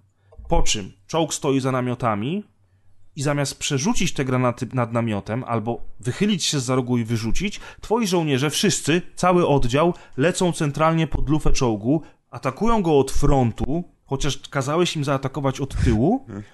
I wszyscy walą tymi granatami, oczywiście ginąc hurtowo, wszystkich, wszystkich ośmiu chłopak ginie, ostatni dorzuca jeszcze granat i zostajesz z jednym ludzikiem w całej swojej jednostce, co totalnie nie było twoim planem, bo szkoda ośmiu chłopa na jeden czołg, prawda? I to są takie błędy, które są mocno irytujące, takie rozwiązania, które powinny być bardziej dopracowane. Czy na przykład fakt, że masz e, zwykłą radziecką piechotę, oni nie są jakoś szczególnie e, przydatni, ale jednak są liczebni i jak obsadzisz jedno działo, które obsługuje trzech żołnierzy, to pozostałych siedmiu żołnierzy zostają z nimi na tym dziale. Nie możesz ich odczepić i wysłać ich na następny punkt. Nie, Może jedno chcą działo pomagać kolegom. bardzo, tak, to widać, że chcą, no bo zostają z nimi. Także jest dużo takich rzeczy, które już dawno temu inne strategie zrobiły i na przykład y, Company of Heroes czy Men of War wyprzedzają jednak Blitzkrieg o, o, o bardzo, bardzo duży krok do przodu. A mimo wszystko w Blitzkrieg grało mi się fajnie. Może przez to, że, że, że długo nie grałem w tego typu strategie, może przez to, że te mapy są prześliczne i każda jest inna i tu jest jakaś rzeka, tu jest miasteczko, tu jest pustynia. Nie wiem. Y, może przez ten klimat, tego, że tu po radziecku, tu po niemiecku, tu to, tu tamto, każda misja jest inna, ale wydaje mi się, Kuldan, że na pewno będziesz się dobrze bawił i polecam wszystkim wam, żebyście sprawdzili Blitzkrieg, bo, bo, no bo jednak mimo wszystko warto. No i to tyle. A ja grałem w grę dla odmiany, która się nazywa All Wall Must Fall. Czy tam All Walls Must Fall. W sumie jakby All Wall byłoby bardziej... mm, e, Fajnie. Ba- bardziej Skąd ją wy- wyczarowałeś? Elmowało ją. Skąd ją wyczarowałem? Wyczarowałem ją z Kickstartera. Wyczarowałem ją od studia, które się nazywa In Between Games, czyli e, dawnych panów, którzy pracowali w Jager Entertainment, chyba, czyli ludzi, którzy pracowali przy wspaniałym, Ops. niesamowitym Spec Ops The Line. No i e, jakby na to spojrzeć, to miałem bardzo duże oczekiwania. Dlatego, że wiecie, Spec Ops The Line, e, ta gra o mamutach, której zawsze zapominam, jak ona się nazywała, też zrobiła na mnie duże wrażenie. Interesujący pomysł, dlatego, że zimna wojna się nigdy nie skończyła. Mamy rok tam 2000, kurde, 89. Berlin jest podzielony dalej murem. To ma być wszystko takie i to trochę cyberpunkowe i klimaty noir. Było obietnic w mojej Ale to głowie. jest taki tech cyber. Tak, taki trochę Taki tech cyberpunk. Było w mojej głowie bardzo dużo nadziei. No i odpaliłem grę i powiem wam, że zdębiałem. Bo jest to jeden... Znaczy w ogóle gra jest teraz w Early Accessie, więc bardzo możliwe, że kiedy będzie full release, to się dużo rzeczy, które teraz nie do końca podeszły, się zmieni. A więc gra ma Myślisz, że zmienią grafikę, która jest brzydka? Mm, Znaczy graf- grafika jest bardzo dziwna. Ja wiem, że to jest, y, jak to się ładnie mówi, Ona decyzja dziwna, designerska. Wiesz, co jest brzydkie? Brzydkie jest to, że postacie interaktywne, czyli zarówno główny bohater, jak i wszystkie, z którymi możemy wchodzić w interakcję, zachowują się jak w planszówce taki pi- pionek, y, czyli one są po prostu bitmapą, która się przesuwa na zasadzie takie szur, szur, szur, szur. Co jest o tyle dziwne, że NPC, z którym nie możemy wchodzić w żadne interakcje, nazwijmy to tłum gdzieś tam w tle, jest normalnie animowany w 3D i się rusza tak płynnie. Więc nie wiem skąd taki pomysł, no ale taki pomysł. Gra jest bardzo, ale to bardzo dziwna i ma na tą chwilę jeden z najbardziej nieczytelnych interfejsów, z jakimi, albo nie wiem, brak sensownego tutoriala, z jakim miałem do czynienia, bowiem w grze jesteśmy, gra się zaczyna od tego, że widzimy eksplozję, do której dochodzi, która rozwala całe miasto e, i później dowiadujemy się, że cofamy się tydzień w przeszłość. I w założeniach mamy nie doprowadzić do tej eksplozji.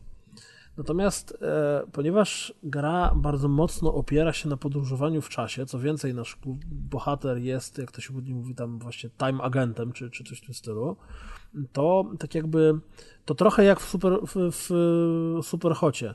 Kiedy my się nie poruszamy, świat się nie porusza. E, Tak jakby. Czyli jednym z surowców w ogóle, którym musimy operować w trakcie gry, jest właśnie czas. Kiedy nam się ten czas skończy, to wtedy wszystko dzieje się w czasie rzeczywistym i jest generalnie dupa. Bo walka jest y, taka taktyczna, czyli musimy sobie wymyśleć, czy teraz się schowamy, czy będziemy strzelać, czy co tam się dzieje. Mm, oprócz tego, w momencie, w którym nie walczymy, tylko chcemy z kimś porozmawiać, to, to też nas przytłacza, dlatego że za każdym razem, jak z kimś rozmawiamy, pojawia się jakieś sześć współczynników. Czy ta osoba mm, jest przestraszona, czy jest zła, czy jest na przykład zniesmaczona naszym zachowaniem, czy chce flirtować. Mm, W ogóle coś, co jest jeszcze bardziej szalone, to pierwsza misja polega na tym, że musimy zabić jakiegoś pana tam, nie wiem, Alexa, czy, czy jakokolwiek on się nazywa.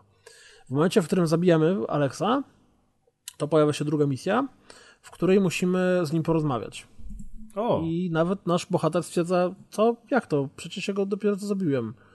A co, takie coś było w Get Even, ale tam to nie było zaplanowane. na co tu się dowiadujemy, co ty tu gadasz za bzdury, przecież jesteś agentem czasu, to w ogóle to dla ciebie nie ma żadnego znaczenia, że przed chwilą go zabiłeś, teraz będziesz z nim rozmawiał wcześniej, zanim go zabiłeś. I takie, what the fuck? I ta historia, która tam się dzieje jakoś w tle, jest bardzo w takim klimacie i nie za bardzo zachęca do tego, żeby chcieć się w nim ugrywać. Zwłaszcza, że ja mam wrażenie, że ta gra jest taka, mm, jakby to powiedzieć, ostra na krawędziach. To znaczy, granie w nią nie wchodzisz płynnie w ten świat. Nie masz takiego wrażenia, że ach, tu wszystko ogarniasz, radzisz sobie, tu są możliwości, fajny system walki, czy, czy podział czasu, jakieś skille, to tamto, nie tamto. Tylko ty grasz i właściwie zastanawiasz się, co ja kurwa robię. Czy ja teraz. Co ja robię ze swoim życiem? Czy ja teraz robię dobrze, czy robię źle? Czemu ten czas ciągle ucieka? Czy powinienem cofnąć tą turę, czy nie? Czy, czy, czy co, czy, bo, bo cały ten klimat z tym, że ten czas jest tak jakby w zawieszeniu, jest non-stop wykorzystywany. Czyli na przykład w momencie, w którym musimy mm, przekonać kogoś do siebie, mm, to najlepszą metodą na przekonanie go jest y, y, zatańczenie z nim w odpowiedni sposób. Ale kiedy tańczymy z nim, to możemy tańczyć na różne sposoby i jeżeli zatańczymy z nim w zły sposób, to może się na przykład dla nas obrazić. Ale co to znaczy zatańczenie? Dosłownie tańczysz z tą Dosłownie. osobą? Może jak tańczysz, gadasz braciowy z parkiet typem. śliski. Gadasz z typem i typ mówi, że chodźmy zatańczyć i idziesz z nim na parkiet. I kiedy poszedłeś z nim na parkiet, to wtedy wybierasz y, jaki rodzaj tańca. Czy masz tańczyć flirtownie, czy masz tańczyć agresywnie, czy masz tańczyć y, obcesowo. I musisz tak tańczyć i widzisz jego współczynniki, jak w zależności od tego, jak tańczysz, co się dzieje. Czy na przykład jak podchodzimy do, do y, tego bramkarza w klubie, No. to możemy tak mu poczarować, żeby nas wpuścił, a możemy po prostu mu strzelić w łeb. Mm, A możemy pogadać i on nam strzeli fangę w ryj, bo, bo uzna, że y, nie podoba mu się nasze zachowanie. No i no i nie. Generalnie rzecz biorąc, niestety, nie, nie, nie, nie jest to gra, która na tym etapie zachęciła mnie do grania. Ja widzę tam jakieś pomysły, które mają się rozwinąć, ale szczerze mówiąc, A co cię zachęciło do spróbowania? Wiesz w co, ogóle- zachęciło mnie, twórcy mnie zachęcili do spróbowania i ten pomysł na klimat, no bo wiesz, kurde, tu yy, zimna wojna, komunizm, tu kurde Berlin Zachodni, Berlin Wschodni, jakiś taki klimat właśnie. Berlin Zachodni, Berlin Zachodni.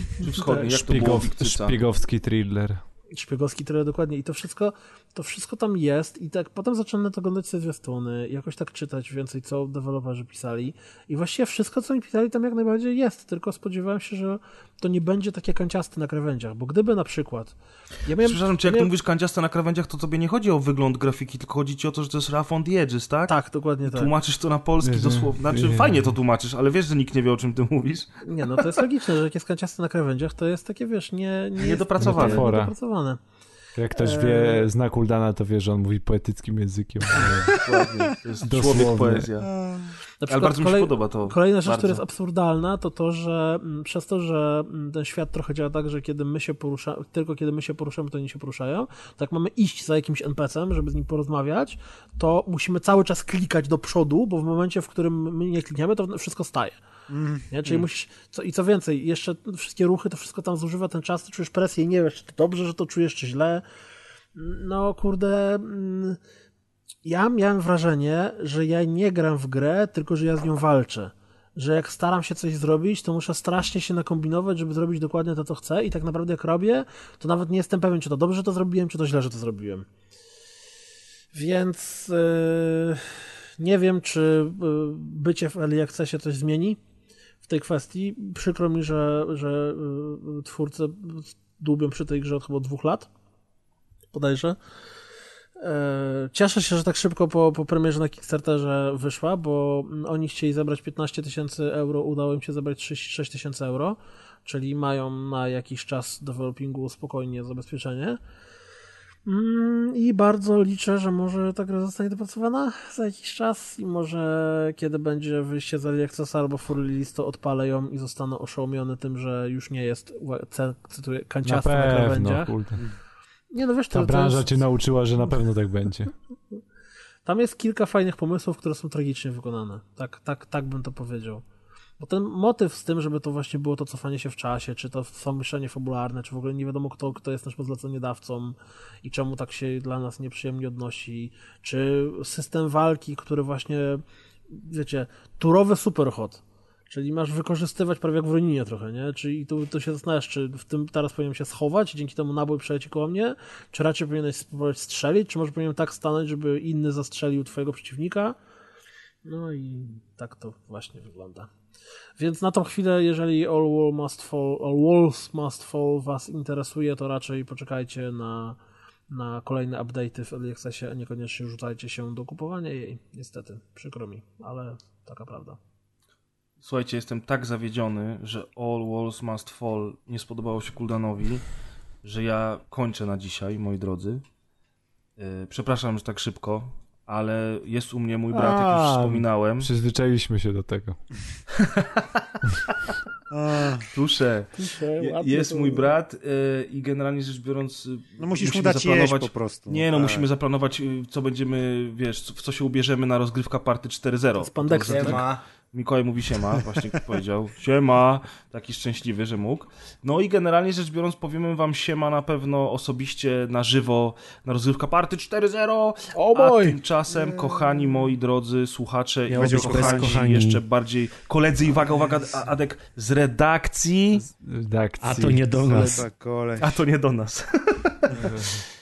Ja się, ja się, że tak powiem, zwijam, przepraszam, pozdrawiam, całuję Zadzwonimy mocno. do ciebie, jak dojdziemy do pozdrowień, żebyście poczytali nam pozdrowienia. No, No, postaram się. Pewnie nie.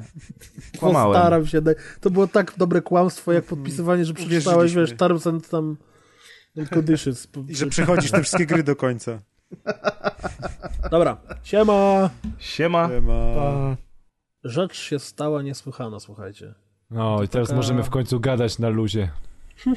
Rzecz się stała niesłychana, stało się niesłychanie to, że Deusz jakąś grę grał. I to grał w nią tak bardzo, że chciał zrobić w niej wszystko. Chciał zrobić dobranockę, chciał ją postreamować.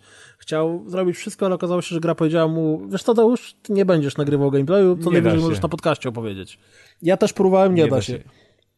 I to jest, i, i to jest mała pierdołowata gra, mianowicie chodzi o grę Brut. I, i, i, i gra, em, gra Brut jest określana takim ducho, nie, może nie duchowym spadkobiercą, ale taką wersją, e, wersją starej takiej platformówki gry N, tylko ze stateczkiem. Nie wiem, czy widzieliście kiedyś grę N, gdzie się sterowało takim małym Ninjasem. ludzi, tak, ninjasem, e, latało po ścianach, zbierało klejnociki i była to bardzo trudna gra, w której stopień N trudności plus chyba dość... był. Tak, tak, której stopień, y, stopień trudności dość szybko rósł z taką bardzo prostą grafiką. I mamy grę Brut, która e, również ma e, bardzo prostą e, grafikę, składającą się tak naprawdę z planż złożonych z kilku prostokątów. I na, na taką planszę widzianą z góry rzucany jest nasz, nasz stateczek kosmiczny i musimy po prostu mm, tą planszę tak najzwyczajniej w świecie przejść. I gra opiera się na bardzo prostej mechanice, trochę jak w Arkanoidzie, tak? e, Asteroids to było. Asteroids, tak, tak, tak. Trochę jak w Asteroids, czyli nasz statek ma nasz statek ma bezwładność. E, sterujemy w całej grze, sterujemy myszką, co ważne, i lewym przyciskiem myszy strzelamy, natomiast prawym przyciskiem myszy e, odpalamy silniki, po prostu załączamy silniki. I statek oczywiście się cechuje bardzo dużą bezwładnością, czyli w odpowiednie miejsce, na, w odpowiednim kierunku musimy wycelować myszkę i klikać silniki, żeby nasz statek przyspieszał, zakręcał, e, odpowiednio hamował, bo oczywiście jak tylko zaczniemy przyspieszać, to ma bezwładność i, i, i porusza się już bez przyspieszania. E, no i całym e, musimy dotrzeć od początku do końca planszy, ale żeby nie było tak łatwo. Czyli bardzo fajnie jest ta mechanika latania statku ograniczona tym, że nie możemy sobie e, delikatnie manewrować to w lewo, to w prawo, to w górę, to w, to w dół naszego statku, czyli wykorzystywać tego, nie możemy marnować paliwa, tak? Bo po prostu na planszy e, mamy miejsca, w których odnawiamy to paliwo i one są mniej więcej tak rozłożone, żeby żeby tego paliwa za dużo nie marnować i bardzo często starcza e, tego nam paliwa na styk. E, I oczywiście jak to w takich grach, e, pierwsze, jak już się zapoznamy z mechaniką całej gry, wejdzie nam w myszkę to, jak, e, jak sterujemy tym statkiem i już myślimy, że jesteśmy tacy super i fajni i, i to jest bardzo miła i przyjemna gra, to po kilku poziomach zaczyna rosnąć poziom trudności i na planszy oprócz przelecenia bardzo wąskiego e, odcinka mm, jakiegoś labiryntu okazuje się, że mamy lasery, samonaprowadzające się bomby, e, drzwi, które musimy otwierać przyciskiem, który jest na drugim końcu mapy i po wciśnięciu przycisku e, drzwi są otwarte tylko przez 5 sekund i musimy w jakiś cudowny sposób zapieprzać przez pół planszy, e, walcząc z bezwładnością naszego statku. I ja szczerze jestem bardzo słaby w takich grach, ale em, płynność i szybkość, w jaki sposób ta gra, e, ta gra działa, to znaczy e, klikając na ikonę tej gry, już po trzech sekundach w nią gramy. To znaczy ona się po prostu odpala, wybieramy level i praktycznie bez żadnego loadingu już gramy. Jak wychodzimy z gry, to po prostu klikamy, e, klikamy escape i już jesteśmy w Windowsie. To jest taka gra wręcz, wręcz się czuje człowiek jakby, jak w grach na komórki. Czyli no naprawdę tą grę można włączyć dosłownie na 3 minuty i spróbować przejść jakiś level. Eee, I grając w nią ma się taki syndrom, mm, e, że człowiek się swoimi porażkami męczy, męczy, męczy, w końcu grę wyłącza, bo jest zirytowany, myśli sobie, że już jej nigdy nie włączy i jak wraca z herbatą z kuchni, to coś go pcha do tego, żeby ostatni raz spróbować i włącza ją ponownie na kilka minut. Także, także to jest ten typ gier. No i gra kosztuje jakieś. Mm, nie wiem ile w tej chwili na Steamie kosztuje. Ja kupiłem jakiś kodzik. E, za Pewnie jakieś na grosze. G2. E, za jakieś grosze. Nie, chyba na bazarze Na łowców Steamie gier. jest 7 euro. Także. O, no, nie, to, to zdecydowanie za dużo. Chyba, że ktoś jest naprawdę koneserem takich gier. Natomiast ja wyhaczyłem e, e, kodzik e, e, dużo taniej i naprawdę bardzo fajna gra, jak ktoś na przykład, nie wiem, robi jakiś projekt, robi coś na komputerze i zamiast wejść na YouTube'a i głupie rzeczy oglądać, to naprawdę odpalić to na 5-10 minut można e, i się wkręcić. Gra ma takie bardzo jarzyniaste, pastelowe kolory i żeby się nie nudziła, to e, te kolory się nawet na jednej planszy zmieniają. To znaczy odpalamy daną planszę i tło planszy to jest na przykład kolor, nie wiem, czarny, natomiast y, przeszko- y, część przeszkód jest czerwona, część przeszkód jest zielona. Zginiemy na tej planszy, od razu się odradzamy i już tło planszy jest czarne, a przeszkody są na przykład fioletowe i różowe. Czyli, y, y, czyli stałą częścią są tylko jakby obrysy tych, można powiedzieć, obrysy, kształty tych przeszkód, natomiast cały czas klimat y, kolorów, kontrasty między tymi kolorami się zmieniają. No, troszeczkę przypomina Super Hexagona, w sensie, że jest zrobiona z Tak, takich właśnie tak. prostych kształtów i plam kolorów powierzchni. Tak, Ja chciałem tak, tylko do, powiedzieć, do, dokładnie. słówko, Ma taką ja psychodeliczną muzyczkę. I e, to, że Deusz mówi, że poziom trudności rośnie bardzo szybko, to to jest e, mało powiedziane. Ten poziom trudności jest mniej więcej tak, że przy jakimś piątym czy szóstym etapie już jest bardzo trudno. To piąty czy szósty etap to nie, to nie jest nawet 10% trudności tej gry, powiem ci. Tak, pi- piąty, szósty etap to jest jeszcze tutorial, można powiedzieć. To już, już w tutorialu się robi chamsko trudno, zwłaszcza, że e, jest ograniczona ilość paliwa. Tak, ograniczona ilość paliwa i, i w ogóle, no to- to jest tak absurdalnie, bo to po prostu myszką trzeba celować tak, no to jest sterowanie bezwładnością stateczku. Nie ma nic... Mm, człowiek, ja z analitycznym swoim umysłem się po prostu irytuję, grając w nią, bo po prostu sobie myślę, no jak mnie gra pokonuje? Przecież można to do tego podejść naukowo, czyli na przykład w tej sekundzie kliknąć pod kątem 30 stopni dwa razy, a w następnej sekundzie pod kątem 15 i to się musi udać. W końcu ktoś przeszedł ten level, tak? I próbuje sobie racjonalnie tłumaczyć swoje porażki i, i, i, i próbować dalej przechodzić kolejne, e, kolejne levele. Ale naprawdę, popierdółka indie, a, a no pozytywnie mnie zaskoczyła i, i strasznie mnie wciągnęła, także warto to mieć na uwadze przy, nie wiem, jakichś paczkach Humble Monthly, e, oby, to, oby to trafiło, bo, e, bo naprawdę jest super, żeby się każdy przekonał, jak to tam... Czy przypadkiem E, dostaniecie klucz, to po prostu odpalcie, bo będziecie pozytywnie zaskoczeni.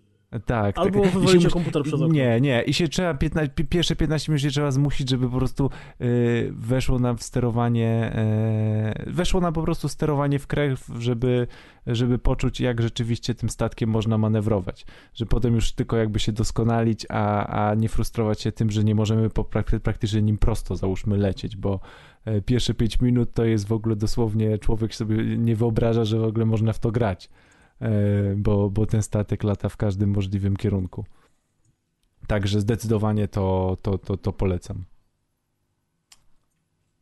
I to tyle. No, ładnie, ładnie, ładnie.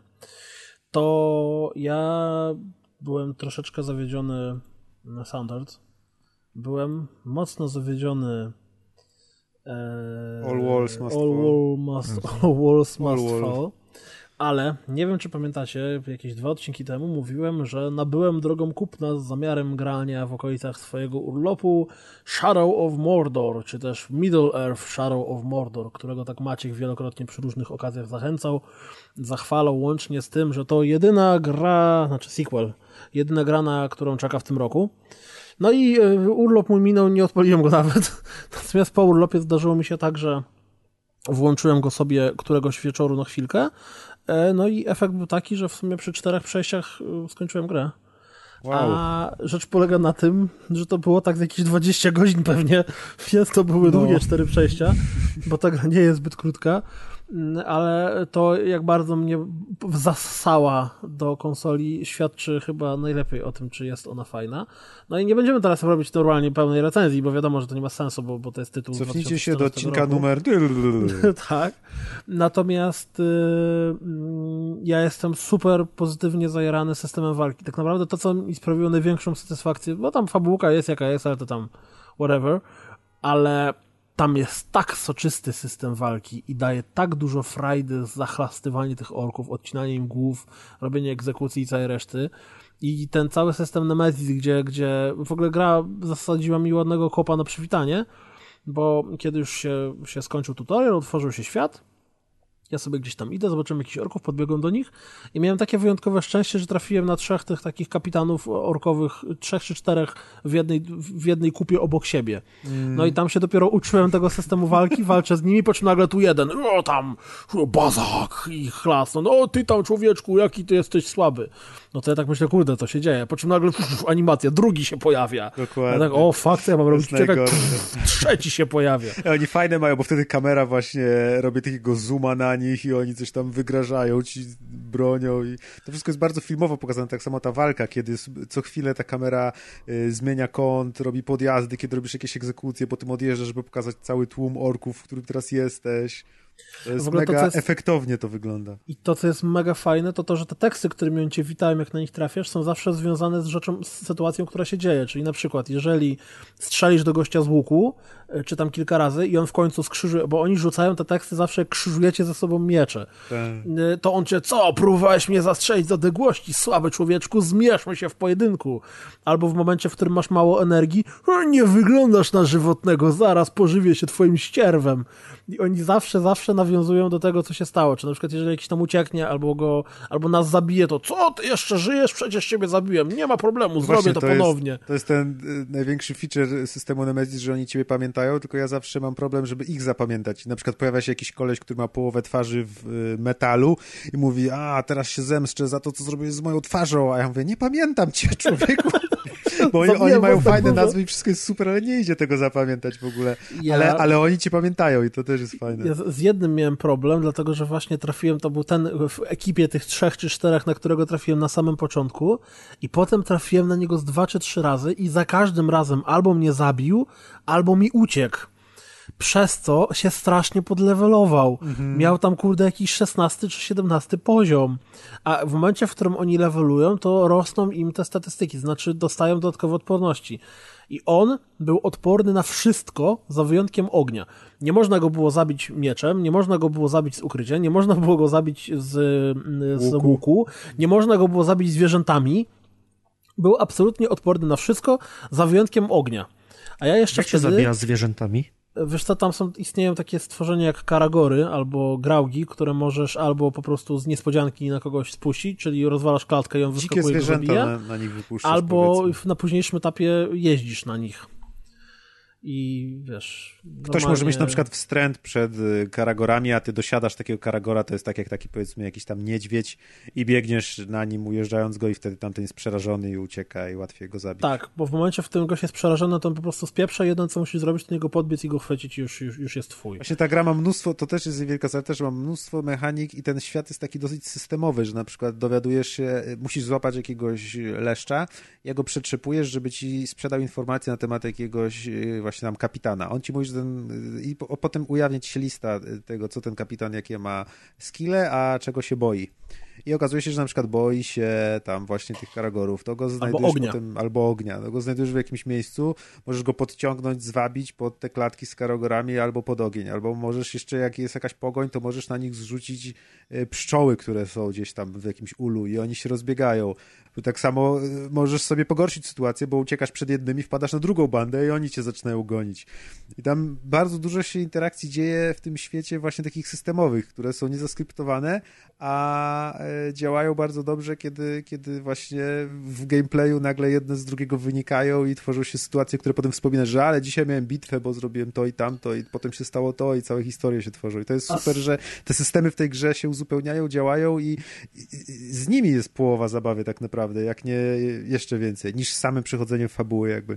I jeszcze z tą filmowością, o której ty mówiłeś, to jest bardzo wyraźne, jak jest na przykład e, polowanie na wodza, czyli na tych, tych najwyższym rangą, którzy Tak. najpierw trzeba zrobić jakąś misję, żeby ich wywabić i w momencie, w którym oni zostaną wybawieni, to jest scena, jak on idzie z tymi swoimi przybocznymi, jeżeli wcześniej nie zabiłeś, idzie jak taki po prostu, jak, jak kurde ten To jest jak z Armagedonu ta scena, co oni tak idą. Tak, dokładnie, w zwolnionym tempie, albo jakiś właśnie wrestler tam, wiesz, John Cena, tu, tu, tu. I on tak idzie, taki, który tu mi tu będzie tam bruździł.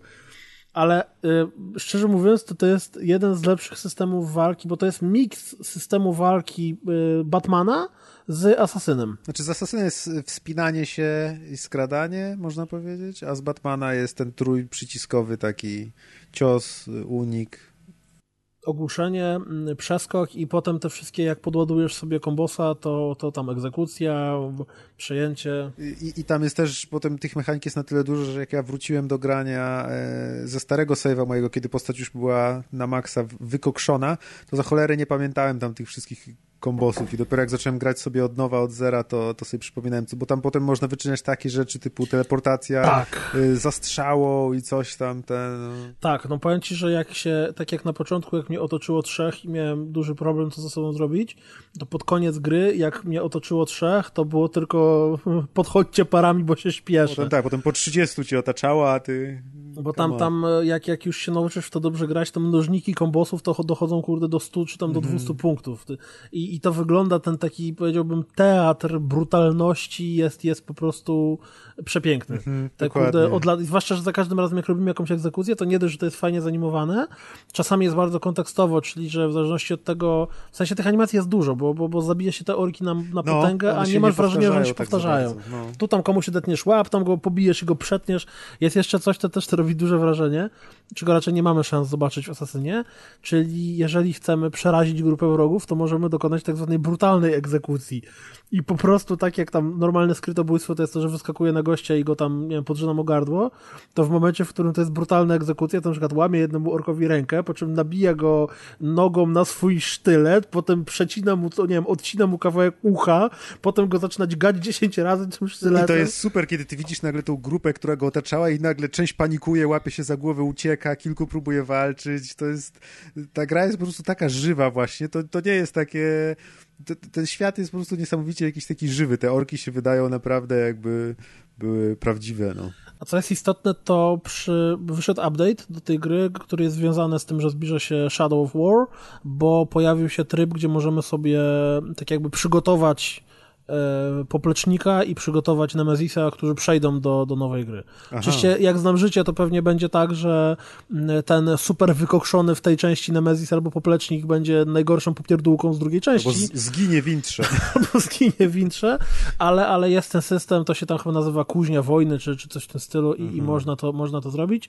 Natomiast pomijając to, to jest zachęta dla ludzi, którzy w tą grę grali i chcieliby do niej wrócić i myślą o, o, o sequelu, a dla ludzi, którzy nie grali, absolutnie, koniecznie sprawdźcie Shadow of Mordor, bo jest naprawdę, to, to nie jest jakaś tam wybitna gra 10 na 10, ale jest tak cholernie satysfakcjonująca, że naprawdę warto sprawdzić sobie chociażby dla tego systemu walki i kurde, kurde, odcinania głów orkom. No i oczywiście systemu Nemesis, bo on też jest, jest czymś wyjątkowym. No dlatego teraz sobie możesz wyobrazić dwójkę, co się będzie działo w dwójce, kiedy tam masz własną armię i przeprowadzasz szturmy na zamki na przykład i jest No, wojny armii są. Oczywiście ja ze swoim y, y, lubieniem zapełniania sobie tych, y, nazwijmy to, pozycji w tabelkach, doprowadziłem do tego, że na tej drugiej mapie przejąłem wszystkich orków.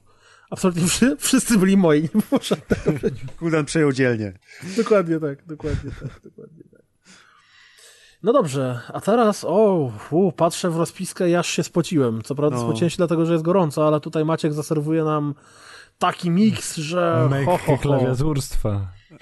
no, to przez Preza tak naprawdę wszystko, bo to Prez odgrzebał Diablo 1 i zaczął grać. Ja już też od jakiegoś czasu miałem ochotę na Diablo 1, a on teraz jak już tam zaczął opowiadać, że tam ma problemy z Leorykiem i walczy i w ogóle, to stwierdziłem, dobra, trudno, odpalam mojego Pentium 3, odpaliłem pierwsze Problemy Diablo, z pograłem. Leorykiem to brzmi jak jakaś choroba na starość. No, on taki kościsty dosyć. Yy, I pograłem w pierwsze Diablo. Pierwsze Diablo jest wspaniała gra. Po prostu ja tak kocham ten klimat. Jak głównie y, to Diablo uwielbiam za ten klimat, który jest powtarzalny i właśnie z jego powodu do tej gry wracam.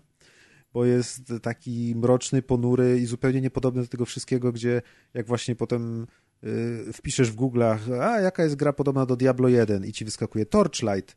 No i jak ja patrzę na Torchlighta, no to nie po to, To nie jest akurat grałem do Diablo 1. znaczy ona jest mega podobna do Diablo 1 w sensie gameplayowym, ale wizualnie absolutnie, a, a właśnie mnie do Diablo ciągnęły wizualia. No i tutaj pograłem, pograłem, było bardzo fajnie, ale tam po, nie wiem, dwóch, trzech godzinach już jednak zaczęły denerwować rzeczy typu, że nie można w ogóle biegać y, i, i, i, i że tam te ludziki w mieście nie reagują i, no i ubogość taka, mimo wszystko jaki by nie był klimat, to, to pierwsze Diablo to taka dosyć bieda trochę.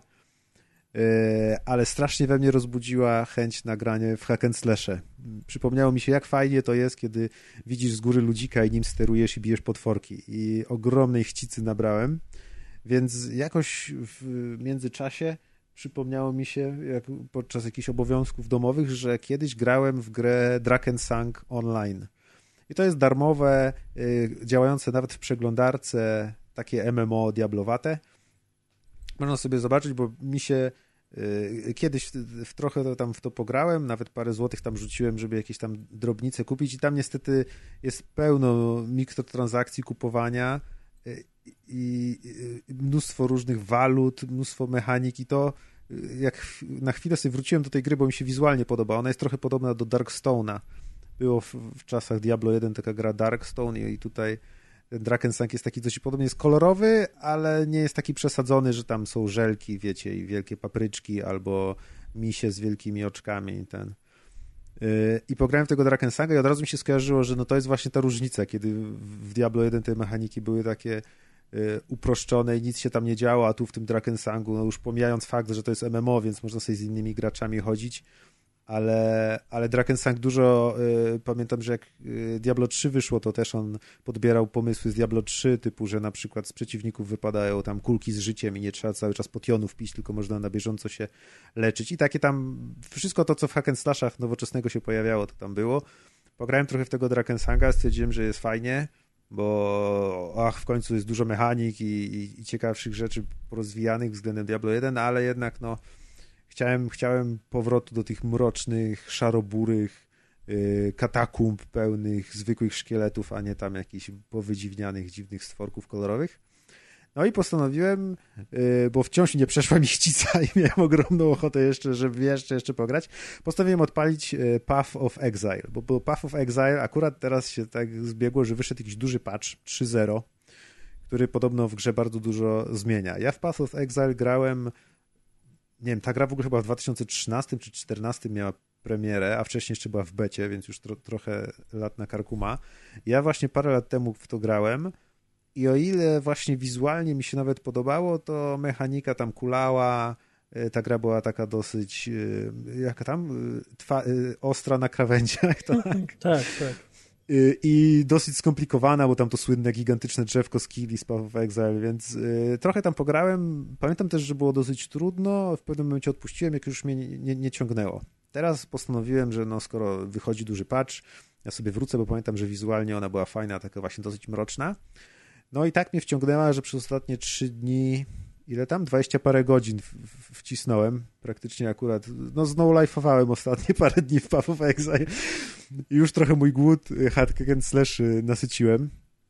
Y, I najlepsze było to, że parę razy grając i patrząc, już słońce wschodzi i mi przeszkadza, bo mi wpada do pracowni przez okno i, i świeci na monitor. Już powinienem pójść spać, bo już szósta rano, a wcale nie chcę się oderwać. E, to parę razy się zastanowiłem, że aż dziwne, że ta gra jest za darmo. I e, że grając w nią, gdyby mi ją ktoś pokazał, to jak wygląda wizualnie, jaki tam jest design e, i ile tam jest w środku mechanik, to w życiu bym nie powiedział, że można za to grać, nie płacąc za to złamanego grosza. Tam jedyne płatności, jakie są, to są rzeczy typu właśnie czapki, skrzydełka, inne takie ciuchy świecące, aury, nie wiadomo co tam jeszcze, plus nawet się nie zagłębiałem w ten ich sklepik. Wiem, że można kupić na przykład większe miejsce w inwentory, w, skrzyni, którą mamy, ale i tak tam jest miejsca dosyć dużo, więc o ile ktoś nie jest maniakiem, to mu to nie będzie potrzebne, a, a jak już mu się gra na tyle spodoba, to i tak powinien chcieć ją wesprzeć i rzucić trochę grosza. Yy, no i co? No, Path of Exile jest. To jest też w nim fajne. Trochę może przerażać to, że właśnie to, co Adek po powiedział, jak, jak, zobaczył, że w to grałem, że tak, będziesz grać 30 godzin, potem się okaże, że źle skille rozłożyłeś, masz beznadziejną postać, będziesz musiał zaczynać od nowa. I trochę tak jest na początku, że rzeczywiście ciężko jest ogarnąć to gigantyczne drzewko, ale wystarczyło mi obejrzeć jakiś tam jeden tutorial tłumaczący to w parę minut na YouTubie, jak to mniej więcej działa i wystarczyło popatrzeć po tym gigantycznym drzewku, w które strony warto się rozwijać, które skille chce się tam zdobyć. I wcale to nie jest tak, że trzeba konkretnie minmaksować tą postać i znać się i wcześniej sprawdzić wszystkie buildy możliwe i potem podążać y, konkretnie jakimś, jakąś wybraną ścieżką, tylko można sobie spokojnie, eksperymentalnie grać, ja tak robię. I Ciekawe, co powiesz za 20 godzin. Czy dalej tak będzie? No właśnie, y, ta gra jest na tyle nie fajna, wytrwa tylu godzin. że nie no, przecież za kolejne 20 godzin. Nie, myślę, że spokojnie tak. jeszcze kolejne, spokojnie wbije. Yy, Path of Exile jest o tyle fajne, że pozwala na bardzo wiele eksperymentów i zabawy ze swoją postacią. Ja na przykład miałem y, motyw, gdzie się bardzo zaciąłem w jednym miejscu i strasznie mnie tłukli, nie mogłem przejść, więc z rzeczy, które już dotychczas sobie uzbierałem, na tyle pozmieniałem moją postać, że tam przyszedłem przez nich jak przez masło, bo y, w of Exile jest tak, że y, jakby skille które mamy, nie są przypisane do postaci, tylko są w takich kryształach. Jak, jak dropnie nam kryształ, to on ma jakiegoś tam w sobie skilla i tego, ten kryształ wsadzamy sobie w slot e, gdzieś w zbroi albo w broni i z niego korzystamy. E, kryształy są trzech kolorów, e, zależnie czy tam są od postaci takich, które operują siłą, inteligencją czy zręcznością i można je wsadzić w odpowiedniego koloru slot w broniach, więc potem jak szukasz broni, to szukasz też, żeby miała odpowiednie sloty. Sloty w broni mogą się jeszcze łączyć, dzięki czemu na przykład można łączyć skille, czyli powiedzmy, że ja mam łucznika, łuczniczkę, e, to w jeden slot wsadziłem sobie e, umiejętność, która sprawia, że strzelam pięcioma strzałami na raz, a do tego slotu jest podłączony drugi slot, do którego mogłem wsadzić skilla, który modyfikuje e, tak skilla, że na przykład dodaje obrażenia do ognia dzięki czemu zrobiłem sobie taki shotgun ognisty, z którego strzelałem.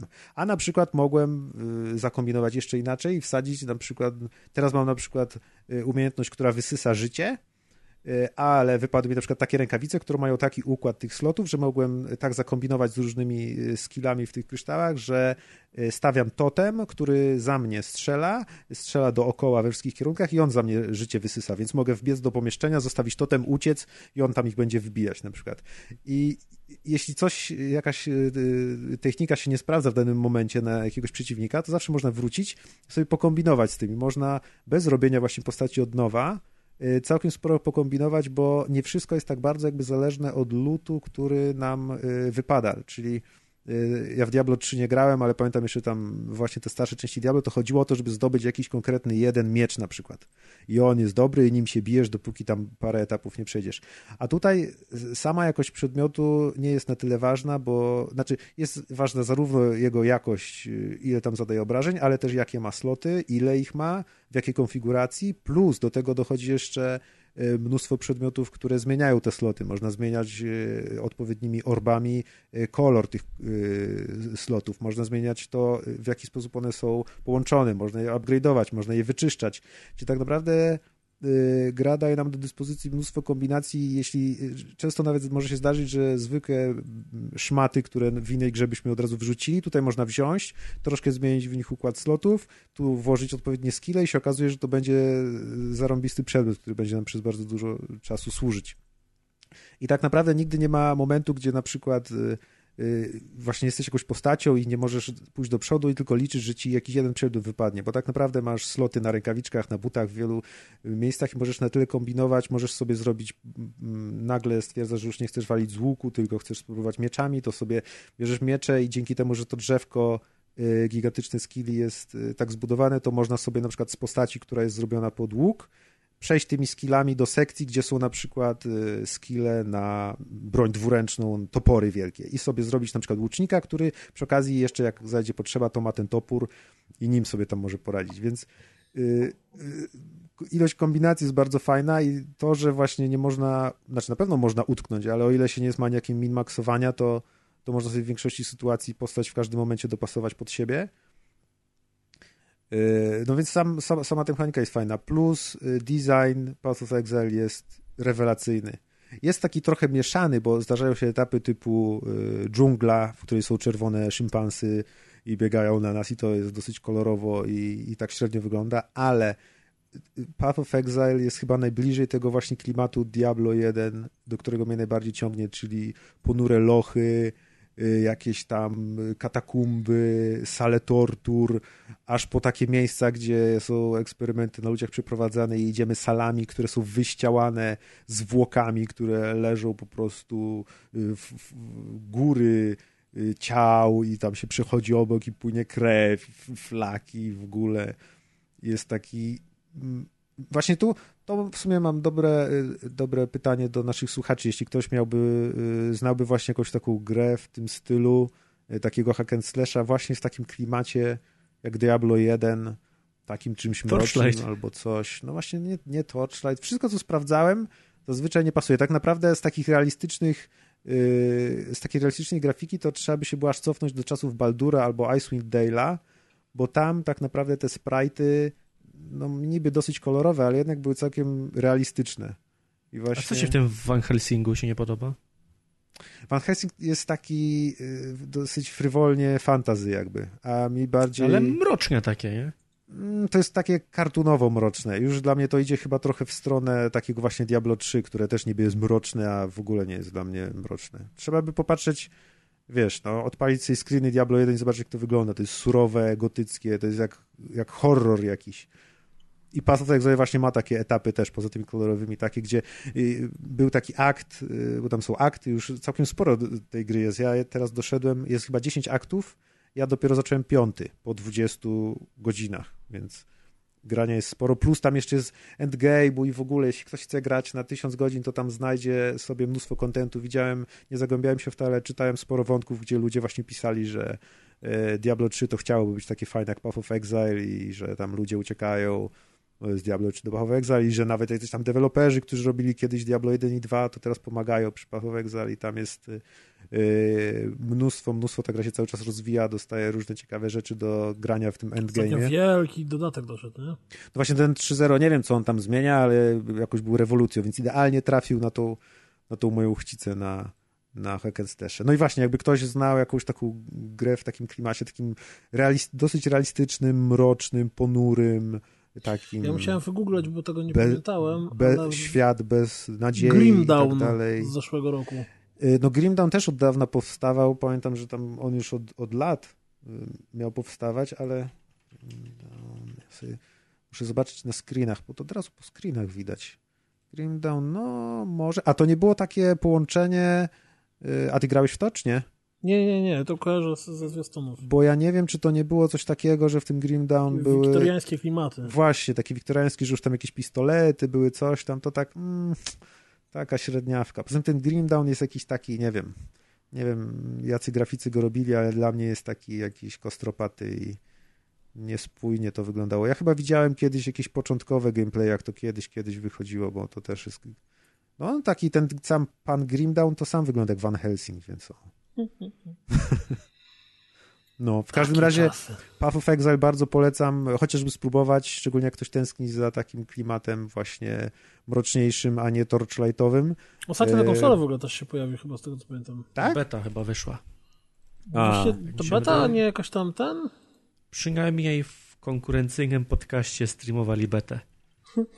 Nie ma A. konkurencji wśród podcastów. No ja wiem. No rzeczywiście, na Xbox One. tym roku. Tak, i właśnie w tym podcaście. w podcaście Xbox One. Exclusive, world premiere. No to podcast Rozgrywka też w takim razie poleca. E, Za darmożkę to, e, wiecie, nic nie stracicie, jak sprawdzicie. I ocet a... słodki. Dokładnie, a potrafi wciągnąć i ja bym nawet dał y, ten pie, pieczęć, pieczęć polecenia. zatwierdzenia. no i tyle. To Koniec. kontynuujemy epicki odcinek, w którym dzieją się rzeczy niesamowite, bo nie dość, że Maciek grał w grę i to tak mocno y, no life you, I to w świeżynkę można powiedzieć, to bo w to... świeżynkę właściwie, bo non-stop świeżynka, wiesz, taki free to play non-stop są świeżynkami. To jeszcze Deusz grał i przeszedł tytuł i to nie jakąś małą mobilkę, kurde, tylko porządną rzecz.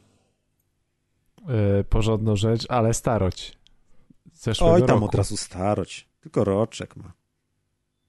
Ale gra, która przeszła w sumie bez echa, no bo, bo, bo nie była jakimś takim wielkim, dużym tytułem. Mianowicie chodzi o Sherlocka Holmesa e, The Devil's Daughter, czyli Sherlock Holmes i córka diabła. E, można tak to przetłumaczyć. E, czyli to jest kolejna gra studia Frog, Frogwares z serii o Sherlocku Holmesie. E, I tak ogólnie na początku można powiedzieć, że to jest taka przygodówka, now, nowoczesna przygodówka, czyli to jest takie, takie połączenie gier od Telltale i przygodówek symulatorów chodzenia, tylko taka, która ma w sobie gameplay. Oprócz, oprócz tego wszystkiego, co mają gry Telltale symulatory chodzenia, to ta jeszcze ma gameplay. E, także jest to klasycznie, e, po, e, sterujemy naszym Sherlockiem Holmesem, gra się składa z e, jakby konstrukcja całej gry polega na tym, że e, rozwiązujemy sprawy, które w jakiś tam sposób łączą się oczywiście w całą większą fabułę i w trakcie całej gry rozwiązujemy e, chyba cztery takie duże cztery duże sprawy. To nam gdzieś zajmie gdzieś ze 12-14 godzin. E, wbrew pozorom, jeśli, jeśli chcemy odnaleźć wszystkie dowody. I w grze sterujemy, sterujemy oczywiście Sherlockiem Holmesem. Gra się z trzeciej osoby, aczkolwiek można sobie przerzucać kamerę z pierwszej osoby i, i, i mieć tak jak w klasycznym symulatorze chodzenia. E, Jak się można domyśleć, gra polega na rozwiązywaniu tych spraw. I dokonujemy tego e, na bardzo wiele fajnych elementów. To znaczy, sam gameplay polega, polega na tym, że mm, oczywiście przesłuchujemy świadków, tak? I w trakcie przesłuchań wybieramy dialogi, e, dowiadujemy się szczegółów, ale jednocześnie w trakcie przesłuchań mamy taką mechanikę, że możemy jakby nacisnąć do, przycisk na padzie, wtedy czas zwalnia, mamy takie zbliżenie na postać, którą przesłuchujemy i tak jeśli ktoś czytał Sherlocka Holmesa Conana Doyle'a, e, to wie, że Sherlock Holmes jakby zwraca uwagę, y, potrafił wydedukować pewne rzeczy z, z różnych drobnych szczegółów i my robimy dokładnie to samo, to znaczy budujemy sobie profil psychologiczny postaci na podstawie drobnych szczegółów, czyli jakby skanujemy tą postać i tak ma na przykład, nie wiem, oczywiście teraz strzelam i, i wymyślam, bo takich rzeczy może nie być w grze, tylko to, co mi przychodzi do głowy. Czyli na przykład skanujemy, patrzymy, że ma ziemię pod paznokciami. Aha, ziemia pod paznokciami, czyli możliwe, że jest albo ogrodnikiem, albo grabarzem. E, potem e, patrzymy dalej, e, wystaje kwitek z z kieszeni, z jakiegoś tam potwierdzenie parkowania przy cmentarzu. Aha, czyli nie jest ogrodnikiem, tylko jest bardziej już grabarzem, bo jest ten kwitek z parkowania. Ma obrączkę, czyli jest, czyli ma żonę. I od kilku do kilku, od, od dwóch, trzech do nawet, nie wiem, tam dziewięciu, dziesięciu takich szczegółów opisujących każdą postać.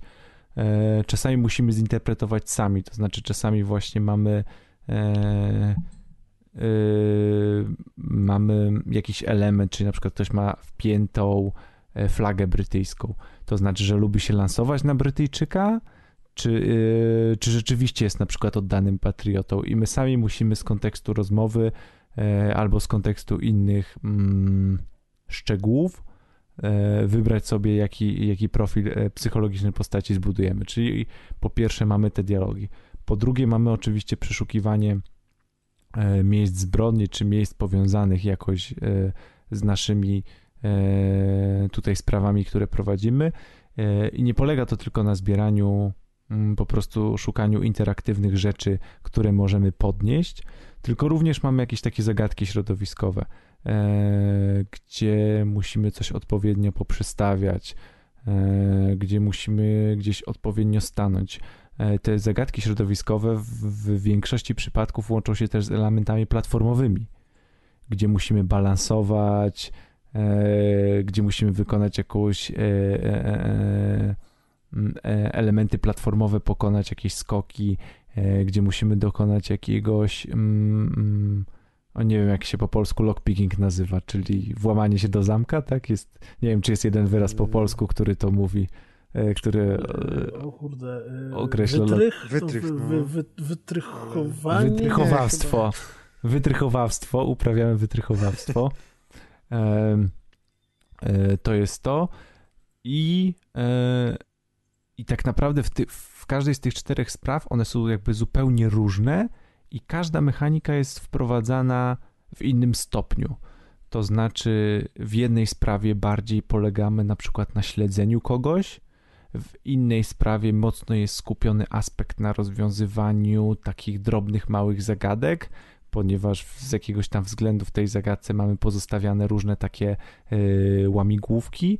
Y, w innej zagadce bardziej postawiony nacisk na dialogi y, i mm, odtwarzanie wydarzeń, bo mamy też etapy odtwarzania wydarzeń, tak jak w Itanie Carterze było.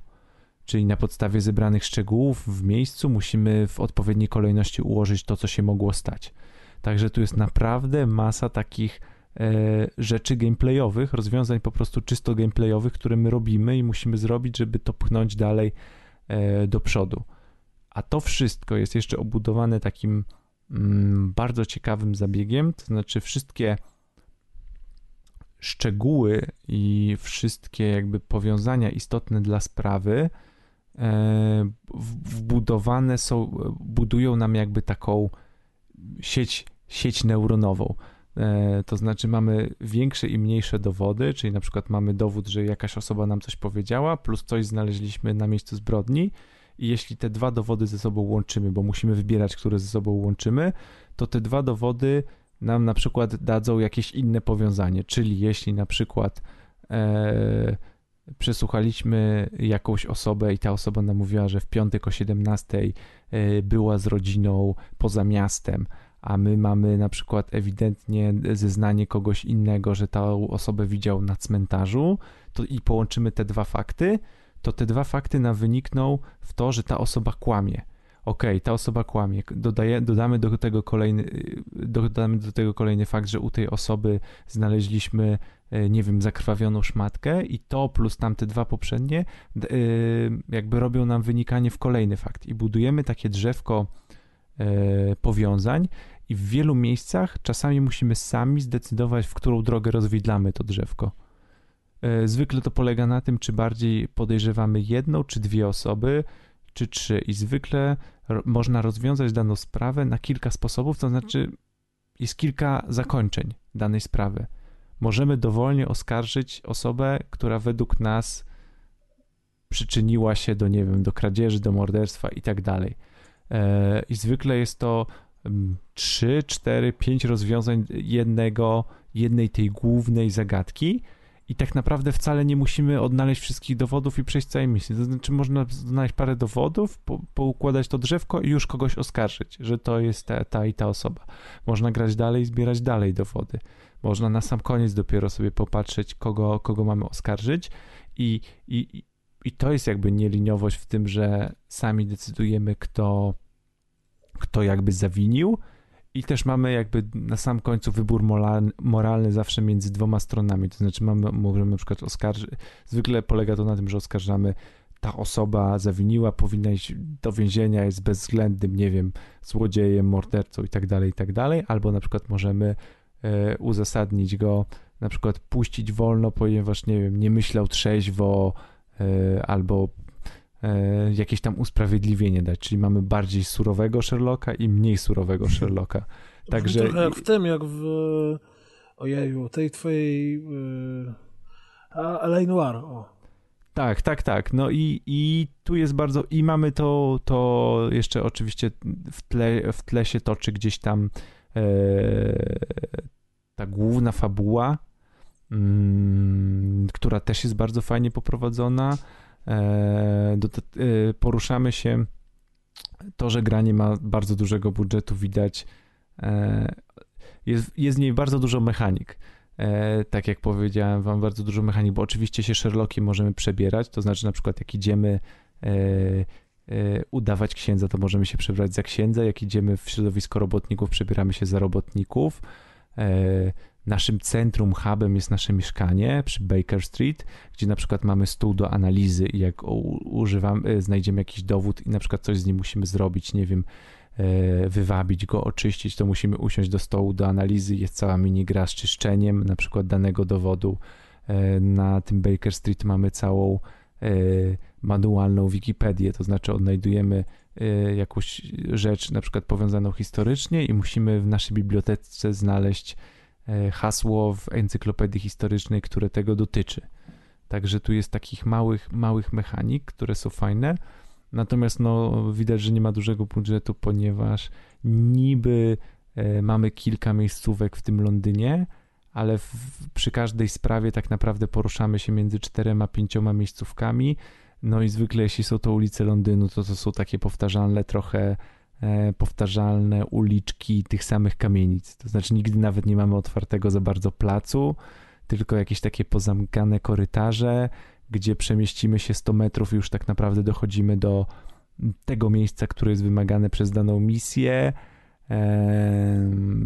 Dodatkowo animacja postaci e, mocno kuleje w wielu miejscach i, i widać. I, to nie, jest, to nie jest zrobione w taki sposób tani, że jest śmieszne e, albo, albo irytujące, ale zdecydowanie brak w tym wszystkim rozmachu jeśli chodzi o wielkość, jeśli chodzi o nie wiem, wielkość świata, albo ilość takiego rozbudowania właśnie graficznego, albo rozbudowania tych miejscówek. Widać, że dużo pary poszło na to, żeby wymyślić fajne e, tutaj fajne pomysły gameplayowe, bo na przykład mamy gry, jeśli e, o czym mogę wspomnieć, jeśli idziemy na przykład na e, turniej bully, E, to normalnie mamy minigrę, gdzie w te bóle gramy. Także normalnie rozgrywamy trzy rundy, gdzie musimy grać w bóle i, i, i, wygrać z naszym przeciwnikiem, także tu jest bardzo dużo takich, takich rozwiązań gameplayowych, no ale widać, że gdzieś tam to jest wszystko ograniczone przez taką rzemieślniczą pracę, czyli na przykład zrobienia większych lokacji, bardziej rozbudowanych, e, wielopoziomowych, dopracowania e, ilości e, na przykład dialogów, e, trochę udźwiękowienie gdzieś tam mm, gdzieś tam też e, siada w wielu miejscach e, ta animacja, tak jak wspomniałem. Natomiast wszystko się skleja e, naprawdę w fajną opowieść i e, ja się dziwię, że tak szybko mi, mi, mi zeszło e, granie w to i to w sumie jak potem sprawdziłem, to jest mój pierwszy, pierwszy calak na Steamie. Więc nie wiem, czy wow. zlizałem, nie wiem, czy zlizałem, nie wiem, czy jest taki prosty, czy zlizałem wszystkie ściany i odnalazłem wszystko, co, co e, było do odnalezienia, ale, mm, ale tak, to mój pierwszy calek na, na, na, na Steamie i naprawdę się bardzo dobrze bawiłem e, przy, tej, e, przy tej grze. Jak się ma za sobą właśnie tam gry od Telltale albo jakieś tam symulatory chodzenia i tak dalej, i tak dalej i nagle się dostaje grę, która ma też postawiony jest nacisk na fabułę, ale przy okazji robi się strasznie dużo rzeczy mm -hmm. i jest bardzo wiele takich mechanik, no i gdzieś, gdzieś Właśnie ja tu nie, oglądam nie gameplaye, gameplaye z tego, już przewinąłem tak byłem... za 3 godziny i widać, że co chwilę robisz tu jakąś nową rzecz, a to jakiś mało, małego puzzla rozwiązujesz, a to coś tam. Tak, tak, tak, dokładnie, no mówię, to jest takie zaskoczenie, tak jak z tym turniejem bully, mówię, i trzeba iść na turniej bully i wygrać, no to podchodzę do tej postaci, okej, okay, i ta postać mówi, dobrze, zacznijmy. No i ja w tym momencie odłożyłem pada na biurko, bo sobie myślałem, zobaczę animację, wiecie, 15 minut, sekund filmiku, jak grają w bóle, jak wygrywam i w ogóle nie byłem, przy... a tu nagle jest ten i mam cały tutorial, jak w ogóle rzucać tymi kulami do środka. I Zasady że, tak, tak, w ogóle tak, tak, tak, tak już te, te, inne gry cię rozpieściły w tym, że tak naprawdę wszystko jest na cutscenkach, a ty mhm. tylko podchodzisz między tymi cutscenkami, że jesteś w ogóle nieprzygotowany na to. E, to tylko, o, jeszcze jeden taki zarzut mi się przypomniał a propos tych elementów takich zagadek środowiskowych, gdzie na przykład zwiedzamy jakieś miejsce, dajmy na to fabrykę i musimy gdzieś się dostać. E, oczywiście nie mamy kluczy, więc musimy tam jakimś górą, dołem, rurami i tak dalej się podostawać. To często jest tak, że według mnie przynajmniej w e, grach logicznych powinno być tak, że jeśli już wpadniesz na pomysł rozwiązania zagadki, to powinieneś mieć bardzo łatwą drogę do wykonania tego pomysłu. To znaczy, najwięcej czasu powinno ci zająć wymyślenie pomysłu. A tu jest często tak, że wymyślę jakiś pomysł, wiem już jak to zrobić, ale strasznie dużo czasu zajmuje wykonanie tego. To znaczy, na przykład, nie wiem, gdzieś musimy coś przestawić, e, a potem musimy to przestawić w inne miejsce i na przykład przestawianie trwa bardzo długo. E, mhm. Stosunkowo, na przykład kilka, kilkanaście sekund. I to jest takie wybijające z rytmu, i ja jakby wiem, że że wiem, że wiem, że swoją postacią powinienem to tam przestawić. To nie że, gra mi to wymyśliłeś jakby, tak, a teraz musisz czekać, Wymyśliłem a, i, i, i, i gra mi powinna umożliwić to, to w 3 sekundy, bo ja wykonałem tą naj, najcięższą rzecz, teraz tylko jakby naciskam kilka przycisków na padzie, żeby, żeby to wykonać, ale ta, on, ta umysłowa część powinna zajmować najwięcej czasu, a potem gra powinna umożliwiać e, szybkie wykonanie tego. Natomiast, no mówię, e, patrząc, że, że, że to nie jest e, tytuł A, A, A 8 razy A, to, to naprawdę warto, e, war, warto, warto się tym zainteresować, bo naprawdę, e, naprawdę jest to fajnie i często, powiem wam, często jest tak, że jak już zbierzemy wszystkie dowody w tych, oczywiście jest pierwsza sprawa, oskarżamy kogoś i ja oczywiście oskarżyłem, że tak powiem, źle, odpaliła się odpowiednia scena, potem przemyślałem wszystkie swoje dowody i sobie pomyślałem, aha, dobra, czyli w tej grze nie będą takie oczywiste sprawy. Sobie pomyślałem, że, że, że wiem, że sobie już pomyślałem, dobra, nie będzie ze mną gra pogrywała, już wiem o co chodzi i tak dalej. Nastąpiła druga sprawa, pomyślałem, że zliżę wszystkie ściany, już teraz się nie dam nabrać i kończy się sprawę, i tak naprawdę masz mętlik w głowie, to znaczy wiesz, że gdzieś jest ten element gry, który ci powinien zasugerować w tych twoich dowodach, masz całe drzewko ułożone, ale naprawdę czytasz wszystko trzy razy, przypominasz sobie każdy aspekt, bo nie wiesz jakby w którą stronę pchnąć to drzewo, czyli jakby kogo, kogo, kogo wskazać za winowajcę.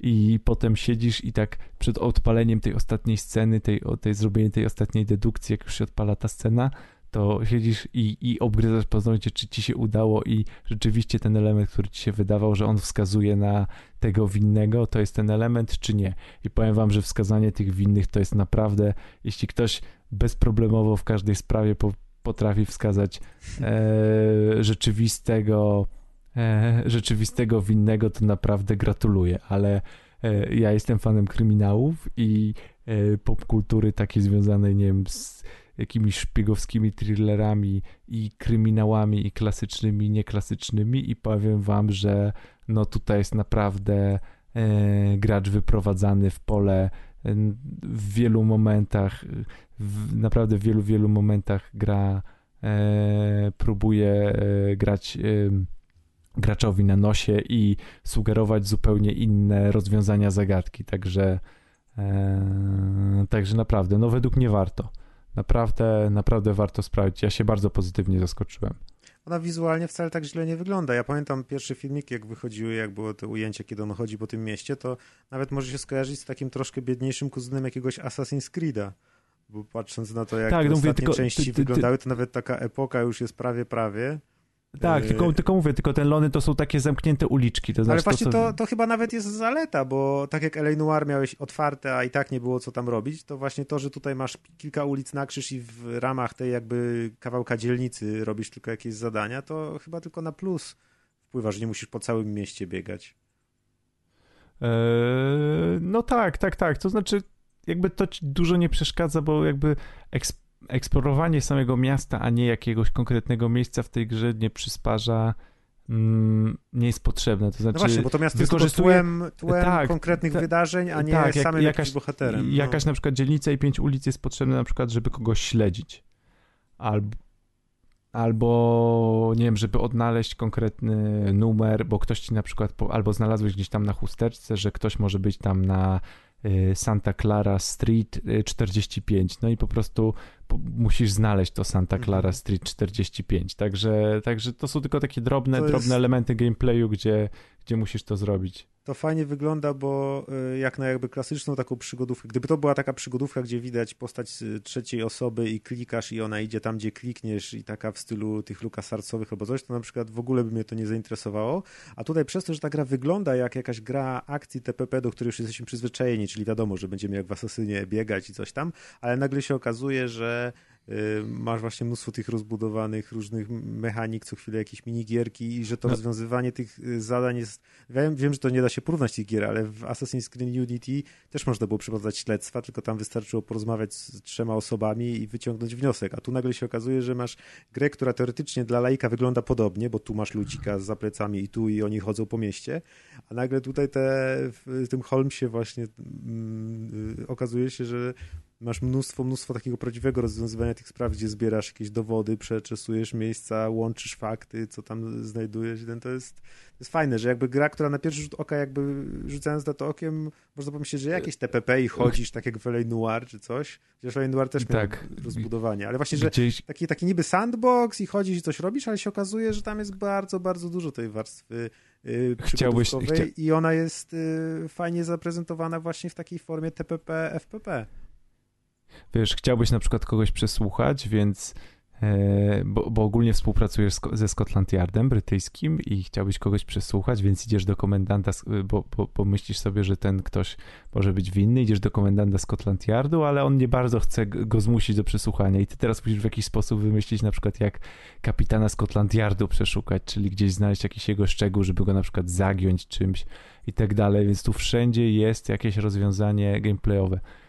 Yy, gdzieś musisz znaleźć jakieś miejsce, to na przykład z dialogu, w dialogu ci się pojawia, że e, to miejsce jest niedaleko na przykład baru, gorzelni i parku i w swoim e, mieszkaniu na Baker Street masz mapę Londynu i musisz przeskanować tę mapę Londynu i sobie znaleźć, gdzie są miejsca, które w najbliższej okolicy mają te trzy rzeczy. I, I jakby szukanie na mapie Londynu też jest oddzielną jakby mini grą i, Mm. i taką zagadką, więc tam nawet pójście do danej miejscówki e, wymaga od ciebie zrobienia czegoś. Że jesteś cały czas zaangażowany, nigdy nie odkładasz tego pada. No, to jest właśnie fajne. Ja za przy, przygodówkami nie przepadam. E, zawsze wspominam, że w to Monkey Island grałem, bo było pięknie narysowane, miał świetny humor, a tutaj ten Sherlock wygląda na tyle fajnie, y, ten gameplay wizualnie i te, te wszystkie rzeczy, które tam się robi, że nawet bym w coś takiego spróbował zagrać. No, no i jeszcze, jeszcze mm, e, jak widać po tytule gry The Devil's Daughter, czyli córka diabła i dość, zresztą jak wiemy pod koniec XIX wieku w Europie te motywy okultystyczne były dość modne e, i bardzo popularne i tu też gdzieś się ten okultyzm przewija dość mocno. Także klimat Ale jest... cały czas w realistycznym tym, czy też Tak, są tak. etapy, gdzie się chowasz przed potworem? Nie, nie, właśnie, właśnie dok- wiesz... Zwiastun sugerował jakieś takie bardziej y, creepy klimaty. Nie, to znaczy, jakby to powiedzieć, to znaczy wiesz że, wiesz, że wszystko mogłoby się wydarzyć, ale to balansuje na tak bardzo cienkiej granicy. Znaczy, to jest, jeszcze się by mogło wydarzyć, ale już jest naprawdę w niektórych momentach pójście dość mocno na ten okultyzm, ale zawsze jest to gdzieś tam potem, potem, wcześniej czy w trakcie uzasadnione, że, że to nie są jakby siły nadprzyrodzone, Aha, tak? o, no to super, no to idealnie, nie? Czyli, właśnie. czyli gdzieś, gdzieś nawet jak wariujesz i sobie myślisz, kurde, co się stanie, a potem, a potem nie, nie, nie, no jest uzasadnione i sobie tak sobie myślisz, nie no, czemu na przykład się dałem wkręcić, że to jednak coś e, odpływa na przykład w jakieś klimaty. Zresztą sam Sherlock Holmes jakby e, z książek zresztą, albo jako postać, no, jest po popkulturze znany, więc wiecie, że jest bardzo mm, trzeźwo myślący. Także on bardzo mocno, nawet jak gdzieś tu się pojawiały te motywy, że wszyscy naokoło wierzą w ten okultyzm, to on nawet podkreśla w swojej postawie, która podbija gracza, tak, że, że to coś musi być innego, jakaś rzeczywista rzecz za, za, za tymi całymi okultystycznymi musi stać, bo nawet sam Sherlock Holmes do siebie to mówi. Mhm. Czyli postać w grze podbudowuje e, twoje własne przeczucie, że coś jest nie tak, ale to nie są wątki nadprzyrodzone, bo on też stąpa mocno po ziemi i nie daje się w żadnym jakby momencie gry w, e, wymanewrować, że, mm, że to mogłoby być prawda. E, Także, także no naprawdę e, e, bardzo fajny ten, e, bardzo fajny tytuł. No. Sam Sherlock jest też fajnie tutaj zagrany. On jest, e, tutaj jest przedstawiony w klimacie tych filmów Sherlocka z e, Gaja Ritchiego. Także w takiego nonszalanckiego e, introwertyka, który potrafi gdzieś tam e, odpowiedzieć z żartem, ale z przekąsem i tam komuś dać do myślenia, czyli w tą stronę jest ta postać poprowadzona bardzo mocno. Także jeśli jeszcze ktoś dodatkowo lubi taki klimat, to, to bardzo fajnie. Też jest postać drugoplanowa Watsona, e, który też tutaj jest bardzo, bardzo interesującym kompanem i, i wspiera naszego Sherlocka e, bardzo mocno w tych, w tych problemach. Także no naprawdę bardzo fajna gra, żeby sprawdzić. Myślę, że teraz to nieduże pieniądze kosztuje. Zresztą była w Humble Bundle, bo stąd ją mam. O, E, Nie w Humble Bundle, tylko w Humble Monthly, tak to się nazywa Mhm. ta inicjatywa Humble Monthly. Także polecam, polecamy, polecam. Dobra. No, no, to się działo. Słuchajcie, ja niestety tutaj coś się telefonicznie dowiedziałem i niestety muszę dziś się pożegnać z wami wszystkimi, więc... Ku- Kuldan niestety już odchodzi z rozgrywki. Tak, dokładnie tak. Odchodzę Niepokonany. Niepokonany w najlepszym momencie, więc Ale do zobaczenia na rozgrywka party, jakby co. I, I dzięki dzisiaj za nagranie i, i miłego czytania pozdrowień. To moje odejście nie ma Najlepszy moment na odejście. Tak, Tak. ja No też nie. chyba muszę iść, bo już jest późno i w ja ogóle... widzę pozdrowienia i nie wiem, czy starczy dla wszystkich. No właśnie, d- jestem bardzo to tym lepiej, to tym lepiej. Więc pozdrowienia i widzimy się na rozgrywka party i, i trzymajcie się. Cześć, cześć. Nara. Pa. Na razie. Narfon. No co, Nie, jak to Przechodzimy do pozdrowień, tak? No będziemy jak, roz, rozwalamy ten podcast przecież teraz. Nikt teraz! nas nie pilnuje. Bez królewie, bez kuldanie, Bez kulda, i bez prezie. bez prezie. No Zostawili to, nas jakby tu, to jakby tu rozwalić ten podcast, nie wiem. Dawaj te obrazić swoje kogoś. informacje, co na początku chciałeś opowiadać o jakichś tam chemicznych środkach, czy tam... Beta, nie. Nie, Nie, to nie, słabe. beta amylazie. Nie rozwali Aha. to podcastu. Okej. Nie, to, to, jest, to jest, wiecie, to jest taki enzym, więc rozkładający skrobie, więc to nie wiem, czy to jakiś może jest Może Rozłożyć podcast, też podcast. rozłoży, właśnie. to, chcia, to chciałem po prostu zabłysnąć jakąś taką nazwą, co ma w sobie i trochę łaciny, i trochę taki... Przed tej- nami teraz to już nie zabłyśniesz niczym, to już nie ma co się nawet starać. Ja się przyznam, skoro chłopaków nie ma, że pół Dawaj. podcastu grałem w Herosy i w ogóle nie wiem, co się działo. A to taki jesteś. A ja oglądałem ładnie. A nie, ja przez pewien czas y, przeglądałem oferty na PSP na Allegro, bo O, y, coś się ostatnio zastanawiam, czy nie kupić sobie PSP do e, emulacji starych gier. Ja bym Y, Z Witę tych chciał. wszystkich automatów, mamy i coś tam. Właśnie PSP jest podobno lepsze, bo... Znaczy nie, ja Bo tak jest- ogólnie. A, tak ogólnie. No to nie, to ja tylko głównie pod względem animacji. Tfu, a emulacji dla A nie lepiej starych. Android? Ale wiesz, no przenośniak, no fajnie. Poza tym No, te a gry... Androida masz co, wpiętego w domu? A jakiego Androida? No w sensie na telefonie. Nie, No, fizyczne przyciski muszą być, właśnie o to chodzi. A pada nie podepniesz? Podepniesz pada. A, no to pad z telefonem to już jak na tym grać, no. Jeszcze muszę sobie ta, jeszcze może tą taką super takie coś, co, taki uchwyt z telefonu, gdzie pada, no. taką przystawkę, tak. Jeszcze No brakuje, żebym takie rzeczy nie. kupował. Kup, musisz kupić w Chinach cały zestaw do zrobienia przenośnej konsoli z Raspberry Pi. O, to, to jest też niezłe, to jest dobry motyw, ale, ale tu już jest praktycznie na gotowo, no. Mogę przyjść na gotowe, jestem wygodnym człowiekiem, jestem już stary, nie chce mi się kombinować. Te lata, jak już mi się chciało kombinować, już są za mną, teraz już chcę po najmniejszej linii No, najmniejszego ale jak- oporu. Ale jak zobaczysz ekran w PSP, ja ostatnio miałem PSP w rękach. No ale w zeszłym miesiącu i po prostu jak patrzę na ten ekran, to się zastanawiam, czy tam jest rozdzielczość 320 na 200, że w ogóle, że czy, czy i, i bo, ja się, bo ja pamiętam jak swoje pie- pierwsze miałem PSP i nie pamiętam co tam włączy, chyba, nie, nie wiem, czy to był jakiś Motorstorm, chyba jakieś wyścigi włączyłem i tak wiecie, odpaliło mi się i sobie, i sobie po prostu byłem zachwycony tą grafiką. A teraz sobie myślę, no nie, no przecież piksel był tej samej wielkości. Wiecie, a teraz ten piksel jest takiej wielkości, że z 10 metrów jakby zmrużył oczy, to dalej je to jest rozdzielczość 480 na 272. To jest tak samo jak tak- i DS-a, tak jest palisz. I, Na DS-ie te- też te te- piksele są takie... No Ale właśnie dlatego wiesz, do, ale- do starych ale na gier z automatów to się nadaje, a do takich nowszych już tak średnio, więc w tych starszych w ogóle nie będzie przeszkadzać.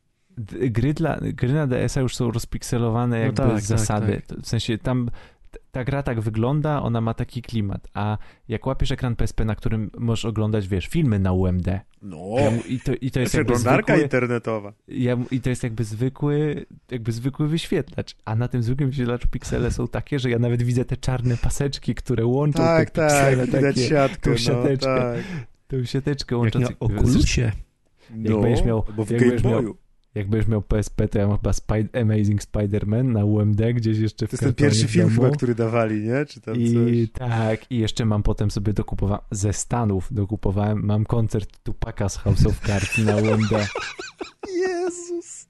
Nie, to nie mogę ci tego zabierać, bo to za kilkadziesiąt lat będzie warte fortunę, wiesz. Taka no. pradawna technologia zapisu danych. A szkoda, bo to fajne, takie małe płytki. Ostatnio ktoś na grupę wrzucał zdjęcie płytki z y, GameCube'a. Metroida chyba. Metroida, no i to też super, że takie były małe, i aż szkoda, że, że takie mało popularne były, bo to takie coś innego. A teraz jeszcze jak nas czeka powrót do e, kart pamięci, e, czyli czasy praktycznie kartridżowe, to już w ogóle właśnie płyty mogą się stać śmiesznym nośnikiem za parę lat. Ja to w ogóle ciekawe, No, że była- cartridge wróciły. Mniejsze zawsze. No, wróciły. Czemu no, ja- wróciły? Czy... Że śmieszne, że wróciły. No bo stały się tanie z powrotem No. i, i pojemne. Kiedyś były drogie i mało pojemne, a No teraz tak, no tam sobie kartę pamięci wsadzą, czy tam bebechy z karty No. pamięci i tyle.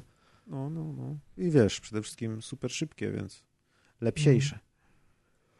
No więc tak, PSP, 2017 rok, najwyższy czas się rozejść z PSP, nie?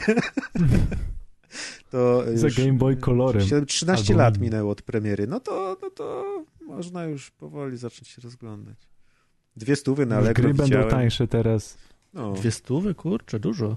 no, bo to wiesz, no dobry sprzęt, to trzyma cenę. Przecież Witę, Witę można używano za trzy kupić, No, chyba no właśnie. tam za 350. Vita krócej na baterii trzyma. I z, emula- z emulacją są trochę, znaczy nie wiem, czy większe problemy, ale na pewno jest łatwiejsza na PSP, bo już się tam orientowałem. Jest fajna konsolka przenośna, czy to nie jest konsolka, tylko jest Windows przenośny. Aha. Tak. Nie pamiętam jak to się nazywa, ale do starszych gier podobno super się Laptop. sprawdza. Nie laptop. Jak się nazywa? Netbook. Albo Net, tablet. tak. Nie, są netbooki- takie, jest rzeczywiście takie... Z, z, Z z- przeinstalowanym Windowsem takim mega lekkim. Tak, i to ma strzałki i to wygląda jak konsola taka No, dziwna, no, pecetowa. No ale nie, to właśnie jest takie trochę większe jest i ten, a, aż takie to nie potrzebuję. Ja myślę ewidentnie o takich tytułach automatowych typu właśnie ka- Cadillacy, dinozaurzy i tak To dalej. może automat sobie kup. Och, no wiesz, jakbym mógł sobie, z- chciałem właśnie złożyć sobie takiego, jak to się nazywa? Tam w szafie u was postawisz. Teraz akurat zapomniałem. Pamiętasz, jak się nazywały te mini automaty do stawiania na blacie? Właśnie coś z y, Eee. blatem. Kiedyś chciałem o tym powiedzieć, albo, albo mówiłem na rozgrywce. Pisałeś mi o tym. powiedzieć. No, pisałem ci, ja teraz zapomniałem. Ale, na ten, ale też o tym tam retro P oparte? Tak, na tym oparte, tylko niektórzy sobie budują takie duże, normalne szafy, gdzie walą dużego CRTK A wiem, i ten. ja, A są takie małe, gdzie się wkłada LCD-ka i to jest takie, że stawiasz sobie na blacie, nie? To jest trochę, Ale trochę bo ja podobne mam- do tych ja mam- bajerów, co się iPada niby wsadza do takiego Mhm, mhm. y, urządzenia. Takie które takie budy małe. co, Tylko takie trochę większe budy ludzie budują. A nie? wiesz co, ja nie, mia- ja nie miałem czasu, bo ja mam Raspberry i, y, mm, trzy, ale nigdy nie miałem czasu, bo patrzyłem sobie, że za grosze na przykład można pojedyncze przyciski kupić automatowe. No ja sobie kupiłem z Eee. Chin y, arcade sticka właśnie w ten sposób, że przyszedł mi joystick, wybrałem sobie przyciski i średniej to jest jakości, ale zapłaciłem za to w sumie chyba 70 zł, to żadnego arcade sticka za tą cenę bym nie kupił, albo jakiegoś takiego badziewnego z małymi przyciskami, a tutaj mam Mm, całkiem nieźle na USB.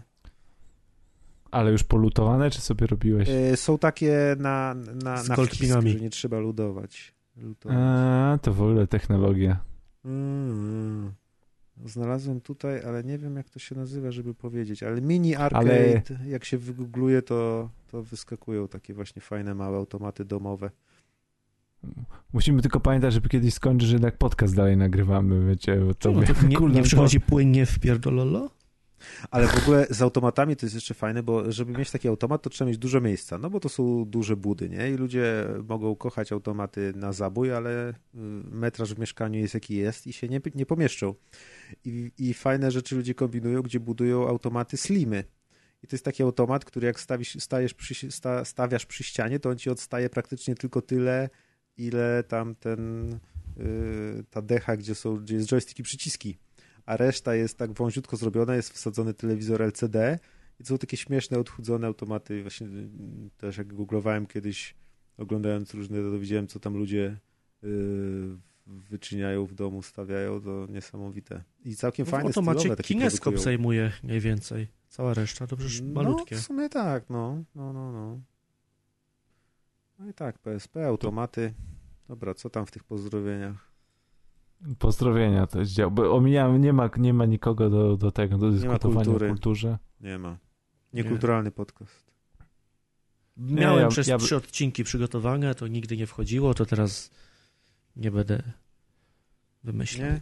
To czytaj Ja, ja, ja, ja, mogę jedną rzecz w kulturze polecić, No żeby dawaj. nie było, że jesteśmy bardzo niekulturalni. E, tak na szybciutko. Czyli jest pan, który się nazywa Paul Dini i to jest pan, który odpowiada między innymi za Batmana Animated Series, czyli za najlepsze dzieło popkultury y, kiedykolwiek stworzone związane z Batmanem. No to jest obiektywnie jedna w ogóle z lepszych animacji pod względem animacyjnych ever. Yy, I oczywiście dalej z tego Paul Dini odpowiada również tam, yy, był animatorem przy Batman The Mask of Phantasm, które gdzieś tam yy, powstało na podstawie tego animated series.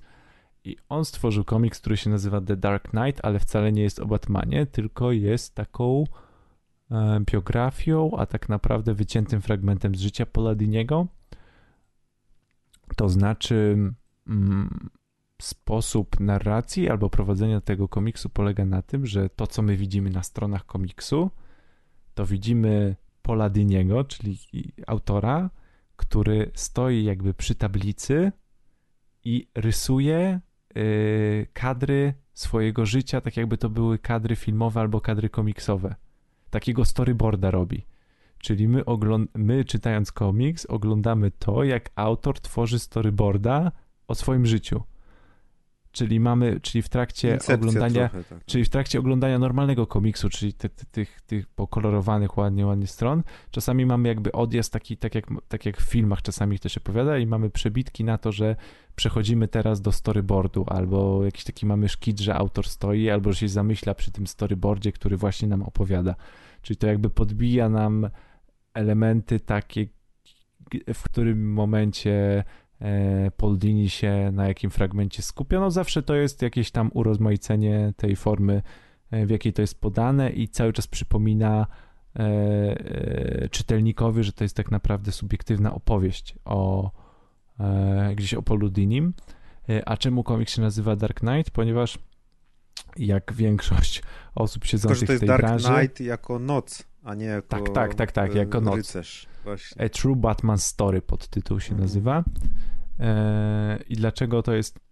E, chodzi tutaj, tu, tutaj o Batmana, ponieważ Paul Dini, tak jak mówiłem, jak większość osób z branży, e, był dość mocno introwertycznym osobnikiem, a z uwagi na swoją pracę i na to, że tworzył też Jetsonów w okresie świetności, praktycznie nie wychodził z biura wraz ze swoimi znajomymi animatorami, gdzie spędzał po kilkanaście godzin dziennie przez kilka lat w tym biurze, gdzie tak naprawdę no, się mu pogłębił ten introwertyzm i miał taką i non-stop myślał o postaciach, które rysuje. To znaczy w normalnych sytuacjach życiowych, nie wiem, kupował bułki w sklepie i widział za panią Batmana, który e, podpowiadał na przykład e, a czemu nie weźmiesz chleba żytniego? Oczywiście jakby kłamie, ale e, mamy jego opowieść życia realistycznie rysowaną i mamy wkrętki, jak Poldini widział w tym swoim świecie, że na przykład podpowiadają mu te postacie, które wykreował. Hmm. Między innymi z Batmana, Batman Joker, ale nie tylko. Jak to bardzo sterowało jego życie. Bo to jest bardzo poważny komiks, na, bo, bo, bo opisuje on historię, kiedy Paul Dini został bardzo dotkliwie pobity. To nie jest spoiler. E, jak ktoś sięga po komiks, to, to o tym wie. I jak bardzo do tej sytuacji i do tego, jak on się zachowywał po tym pobiciu, em, jak bardzo jego życie i, i, i ta praca nad tymi postaciami go skłoniła, i jak bardzo one sterowały jego życiem, i jak to, co się działo w jego życiu, się trochę przekładało na osobowości tych postaci, albo jak e, według mnie przynajmniej, jak to, jakie cechy miał Batman i Joker, e, pomagało jemu w życiu. To znaczy, że on chciał mieć taką postać, która mu to i to szepnie, i on tworzył tą postać na podstawie tego, czego on potrzebował gdzieś tam, i to jest naprawdę bardzo fajne spojrzenie na to, e, jak twórca mm, podchodzi do dzieła, z którym jest związany przez bardzo wiele lat w bardzo dużym stopniu. E, I naprawdę, naprawdę ciekawa opowieść, taka mocna, e, a jednocześnie fajnie tak opowiadana, bo mam ten realistyczny komiks, realistyczny komiks i nagle takie wklejone na przykład postaci z Jetsonów albo Hmm. e, jakieś inne z bajek dla dzieci, które e, też Paul Dini rysował, także no e, super rzecz, naprawdę polecam, polecam się zapoznać albo sobie gdzieś tam jakieś kadry poszczególne pooglądać, e, e, jak to wygląda, bo, e, bo naprawdę warto. Ciekawe, Także to to, jest, tyle z to jest trochę takie jak, jak to powiedzieć, taka ścieżka z komentarzem w filmie na przykład, nie? Tak, tak, tak, Czy- tak. albo, tak, albo w dokładnie. grze, jak Valve w Half-Life'ach też miało takie, że miało właśnie komentarz, można sobie było grać z komentarzem twórców, to trochę coś takiego właśnie. Więc, yy, więc naprawdę tam jest bardzo wiele takich fajnych, fajnych zabiegów, które gdzieś tam podkreślają to opowiadanie tej historii. Yy, I sam komiks też jest super narysowany. Są też yy, yy, moje ulubione całe obrazki przez dwa kadry. Em, bardzo wiele styli tutaj, mm, mm, jakby kadrowania pewnych scen jest wykorzystanych. Także super, super się to czyta i naprawdę bardzo fajnie się to też ogląda. Okej. Także ja polecam. Dobra. Adek, nie masz nic do kulturki? Nie, chyba. Nie przygotowałem się, a nie chcę wymyślać. Siadaj, dwuja, nieprzygotowany. No, kropkę wziąłem. Pozdrowienia lecimy. Przechodzimy do działu pozdrowień, Tak. a nie zrobiliśmy żadnego rek- reklam, e, reklamacji, żadnej reklamy Aha. e, naszej super A. strony, którą Bloga. prowadzi redakcja. Bloga. Redakcja naszego bloga Redakcja bloga. zaprasza na bloga. Redakcja bloga zaprasza na bloga www.rozgrywkapodcast.pl i zawsze press jest przygotowane, co się pojawiło na blogu, a my jesteśmy słabo Na przygotowani. blogu wiecie, co się pojawiło. Dobranocki, E, tak, Dobranocka z Radamera. Radamer, Golda, Królewski, Trochę pleśniowego. trochę pleśni Tak. też się znajdzie. E, Trochę bękartów rozgrywki się też pojawiło. Nie, ja kłamiemy, bo wszedłem na stronę i jest tak, ostatni podcast, to 40, później jest Radamer, a później codziennik. No, Już nic więcej nie ma, właśnie... Ale nic więcej nie ma od tego. E, No i tyle, no, nic na tej stronie nie ma, no sami wiecie, bo już tam kiedyś zaglądaliście. No, są tweety Kuldana. Kuldan Za to rozmawiał z panem Mielu. Wyszukiwarka jest po prawej tam Za to war, warto. tak, jest pasek najnowsze komentarze. Albo może opowiem o naszej stronie. Strona jest podzielona na trzy kolumny. W kolumnie lewej znajdujecie odnośnik do naszego kanału YouTube Rozgrywka Mi TV. się najbardziej podoba, że na tym odnośniku do filmików z, YouTubie, y, z YouTube'a zawsze jest jeden wyróżniony duży, po czym y, na Jest dole ten jest reszta. W- Wśród nich jest ten sam, który jest wyróżniony. To jest takie, wiesz, podwójna taka, żeby go zauważyć. Tak. Na prawej szpalcie znajduje się nie powiedziałeś, co jest natomiast pod filmami. A jest bardzo ważne. pod, pod, pod filmami jest również linki do fanpage'a e, Press Start na Facebooku. A w tych linkach jest na przykład Blu-ray ze Speedem i z Point Break, czyli filmy z Keanu. I John Mambo. I John No Maff. wiecie, no nie, nie od parady to jest poniżej rozgrywka TV, także jakieś per... Jakiś układ na stronie musiał być To zachowany. jest prawa szpalta. Następ... Następnie prawa szpalta. Po pierwsze jest wyszukiwarka Bardzo która ważna. wyszukuje, że, i przypomnę, to wyszukuje rzeczy na stronę. Jeśli na przykład Na- interesuje was kas, to wpiszecie tam kas i klikniecie ikonkę lupy i wtedy znajdzie wam kaza. I chciałbym, te, chciałbym też zauważyć, że ta wyszukiwarka wyszukuje rzeczy na strony, ponieważ bardzo często znajduję w internecie strony, które mają wyszukiwarkę. Wpiszę coś to wyszukiwa tak i ona i ta wyszukiwarka jest wyszukiwarką Google wstawioną na stronę. Ale mamy prawdziwą, nieoszukaną To wyszukiwarkę. jest po prostu takim webmaster ninja, że to jest niesamowita sprawa. Następnie pod wyszukiwarką znajdują się najnowsze komentarze. Może Jest- pozdrowimy jest- ludzi jest z tych sześć. komentarzy. Jest ich sześć. Takie Możemy wyróżnienie, żeby, żeby ludzie pisali komentarze, Tak. bo Aniusz się Nigdy trafi. nie znasz dnia ani godziny, kiedy No. zostaniesz pozdrowiony. To ja przeczytam. Tomasz Azor Mazurek, Blaze Onisze... Jezus. Blaze. Jaku. Jeszcze się nie nauczyłeś? Ja, ja nie tutejszy. Roger Olejniczak, Japanis Rasta Jezus. Dalej jakiś gruby i Marcin FX. Gruby to Pozdrawiamy. Marcin oczywiście. Komentarz, sekcję najnowszych komentarzy. Tak.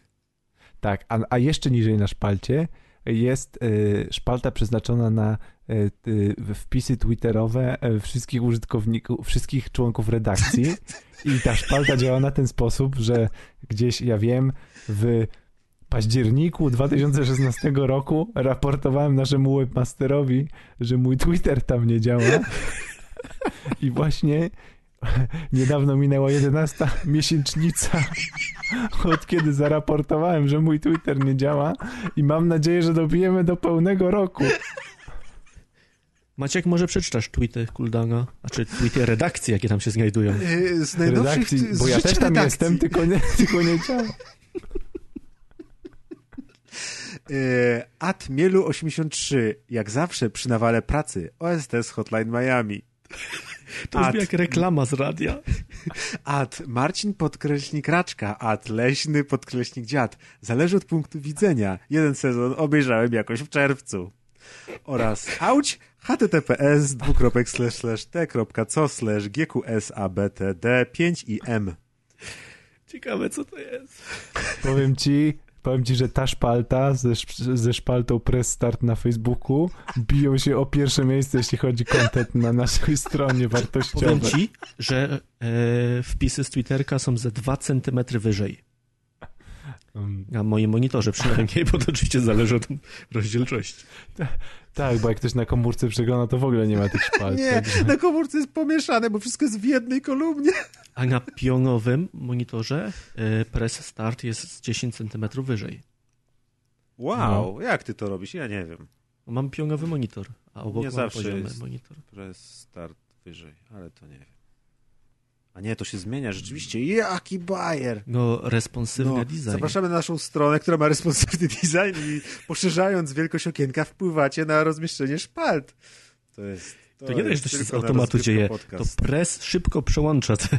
Press na bieżąco sprawdza waszą rozdzielczość i koduje szybko w HTML 1.0. Nie bo, nie, bo jak wyjdzie każda nowa komórka i Android, to my sprawdzamy parametry urządzenia i tak dostosowujemy te, że każdemu się wyświetla inaczej na każdym modelu komórki. Bo to jest strona jest sperson... spersonalizowana pod użytkownika. Każdego indywidualnie. Tak. Używamy niepopularnego silnika WordPress, żeby to zrobić. Taki niszowy, nie znacie na pewno. Ale kosztuje masę pieniędzy, ale Ale zapłacicie na rozgrywka party, będzie ściepa do kapelusza. No O właśnie, Boże, kiedy to jest, te party? 19, tak? Tak, 19. I zapraszamy wszystkich party. i trzeba się zarejestrować. Tam klikajcie w ten link, bo to ważne, jak nie zarejestrujecie się, to nie wejdziecie. Trzy dychy się płaci na wejściu i to zostaje od razu na barze. W sensie można za to sobie Tak. kupić Tak, nie dwa kraftowe pieniądze. piwa. Albo jedno. chyba trzy szoty. Nie, bo tam jest cennik podany i ja sprawdzałem, jakie kombinacje można zrobić. Tak? Tak. Kombo. I jak Ale coś, co, to ja z plecaka... liczyłeś ile będziesz miał we krwi, co jest najbardziej optymalną? Wiesz, liczyłem tak, żeby nie zostały żadne pieniążki na karcie. Żeby do zera wyszło, zminmaksować. No, no dokładnie. Po, poproszę dwa piwa, szota i gumę kulkę. Koniecznie w tej kolejności. No, ale pamiętajcie, żeby się rejestrować, bo bez tego nie wejdziecie. Tak, tak. No i co? Jeszcze. Nie wiem, co tam jeszcze. Wszystko jest zareklamowane? Czy jeszcze coś Kuldan reklamuje normalnie? Nic już nie żeby- ma. Patronajty macie. Patronajty, patronajty. Ja mam Patronajta i Kuldan też ma. I tam Ja ogłoszę, można że nam... kupiłem sobie mikrofon sam, nie jak inne podcasty, nie musieliśmy zbierać pieniędzy na to. A, ale kupiłeś z Guitar Hero, najlepszy mikrofon do podcasterów. Oczywiście, oczywiście, No wiadomo. 25 zł. No. To jest top jakość, to tego nie przebijesz, wiesz. I uchwyt zrobiłem z lampy, Uchwyt z lampy z- to też podstawa. tak, i z AliExpressu idzie koszyczek z Ale, filtrem. ale, u, ale zależy z jakiej lampy zrobiłeś, z takiego, z takiego klosza, czy z takiego... Tak, wisi z góry jak ścianingu. z góry żyrandola. Mogę wiesz tak ściągnąć, nie? Na takiej, takiej sprężynie to jest. No. Tak, let's get ready to rumble. Are you ready? I ja widzę, że stoisz w pustym pokoju na środku i całe 5 godzin i całe 5 godzin na stojaka I nagrywasz. zapodaje jak rapsy. Właśnie nie goły, tylko w garnitur tak ładnie ubrany pod Takie afro krawatem. mam wielkie. Nie, albo w takich gaciach e, zapaśniczych i z tą maską lu luchadora. Nie, żeby być szczerym, to mam takie gacie jak do koszykówki. Zresztą masz- zauważyłeś, że często się ubieram jak do koszykówki. Ma- Ma, ma, masz strój Halka. Też. Mogę, też mam. Mogę powiedzieć anegdotę, jak nocowałem u Maćka i przebrałem się w moją piżamę na tamten dzień i wyszedłem i Maciek zapytał, o, to idziemy grać w kosza? No tylko mu piłki brakowało, no. Hmm. Co Taki nasz Michael Jordan. Dobra, Mm. szybko, zamykamy ten burdel. Y, Czytaj, Nie, Adek, no ty. pozdrowienia. Ale kurde, Ale kurde, Bo ja nie mogę na- odświeżyć, A, jesteś bo- pierwszy na liście. internetu nie mam, więc będzie tak jak leci. O nie. Kała. Lecimy od dołu, tak? I Tak. tylko tak i pozdrowienia. Zawsze lecimy od dołu, tak. No ja mówię, że nie mogę lecieć od dołu, bo nie mogę odświeżyć. No to kałacha to ja czytaj, mogę tak. zacząć. Ja mam od najstarszych sortowanie. No To to, musisz Kałacha przeczytać Kałacha. No okej. Dobrze, to, no to jest okej. to pozdrawiamy kałacha. Kałach, pozdrawiam. To jest przed tagiem, więc nie. Żeby nie było znów po prostu posądzeń o kolesiostwo albo poprzednie posty po prostu nie były pozdrowieniami, więc warunek formalny nie został spełniony. Nie wiem o co chodzi. Tak, to są zaszłości z zeszłego Mm, odcinka. Nieważne. Chciałbym serdecznie pozdrowić Razera i Atka, którzy zrobili prawdopodobnie więcej dla promocji KPW w wrestling. Nie powinno się pisać KPW w wrestling, bo w KPW już jest wrestling. No właśnie, Tak. Combat Pro Wrestling Wrestling. No jak to brzmi? Mm, niż ktokolwiek. Jak Dokładnie, tylko to, tak usłyszałem... jak, to, to jest taki błąd jak podatek VAT, prawda? Jest VAT, bo VAT jest... Albo protokół HTTP. O, o, o proszę. Przebiłeś ciekawostkę z betamelazą. Tośmy się dobrali. Jak tylko usłyszałem waszą Zróbmy opowieść, Discovery rozgrywka channel. Bez kaza nie da rady. kolejny podcast nagramy, bo mało ich O, jest. nowy cykl na rozgrywce. Super. E, pognałem do pracy i puściłem KPW w obieg. Brzmi jak jakiś To też brzmi jak rozprzestrzenianie chorób wenerycznych. Na sezon ogórkowy jest idealnie. Teksty rodem z Franco, także zamiast Franco 2 chyba czas zacząć czekać na KPW Wrestling. No, Hmm. ile Ale można? mogłaby powstać jakaś ten, na przykład tam jak jest WWE zwykle, to mogłaby być jakiś dodatek DLC, że z KPW, z postaciami No. z KPW Wrestling. Byłoby ciekawie. Liczę, że na gali KPW godzina 0 w Gdyni zobaczymy walkę Preza, prezesa z Tartakiem, bo ma blisko. No i prop za dwa słagi. Niżej Perez cyka dupę przed walką. tak, i już od razu, nie? Jeszcze nic nie było, a on już ucieka. Nie, on nakręca emocje, bo chce kontrakt podbić. Myślisz? No on se może podbić. No. Rumunię. I tak nie przesłucha, to możemy tutaj się pobawić. O Jezus. No to teraz Deusz. Dobra, a następne pozdrowienia są... Ojej, nie ma taga Wydaje mi się, że. FWG właśnie nie ma taga, ale No jak nie ma taga, to nie ma pozdrowień. No tyle lat was uczymy. No i i spoko. no to dalej. No, nie ma taga, nie ma pozdrowień. Niech się nauczył w końcu rasa dobrze. O, Serber. No, o. Pozdrawiam. Po, To jest cios poniżej pasa. Serber, ty cwania. Mam się wypikać sam? Pozdrawiam. Ojca. Pozdrawiam ojca. Nie no, No i super. Że, pozdrawiam ojca, no dzięki Serber. Znaczy, ale czyjego ojca? Nie wiadomo. Kuldana pewnie. Pewnie tak. sensie Piotrka jako ojca, a nie że jego ojca. Ale A, również Kuldan. pozdrawiamy. Ale fajnie, nie zostarczyło dla mnie pozdrowień. Super. Super fajnie.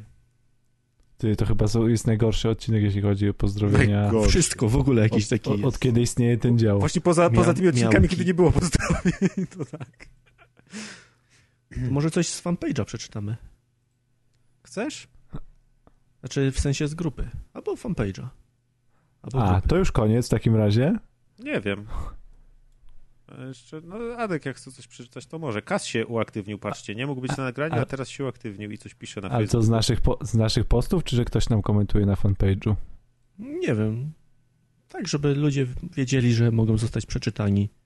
Dobrze, to ja na przykład, ja mogę sobie wybrać jeden, y, Jasne, ten, jed, jeden post spod roz, nie, spod ostatniego odcinka, 140 rozgrywka. No Dobra, proszę. to ja czytam.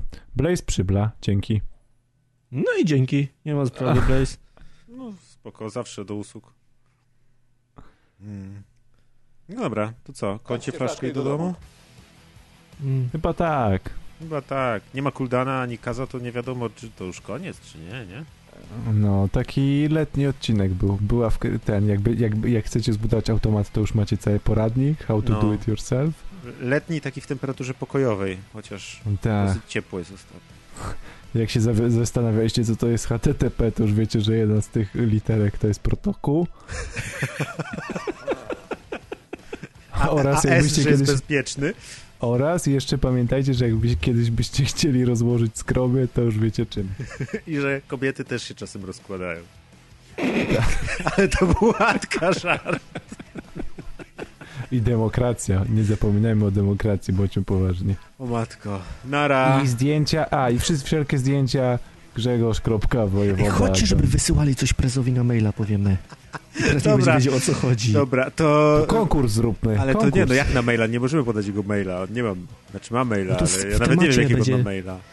W tema... Możemy numer telefonu. O, wiem, nie, to możecie, możecie wrzucać na grupę albo y, pod tym odcinkiem, albo, Albo na nie, stronę pod na- tym odcinkiem z dopiskiem, że dla preza i tylko teraz musimy wymyślić co wrzucać. Ale możemy na przykład wymyślić teraz, że konkurs, że fanpage Press Start organizuje konkurs jakiś.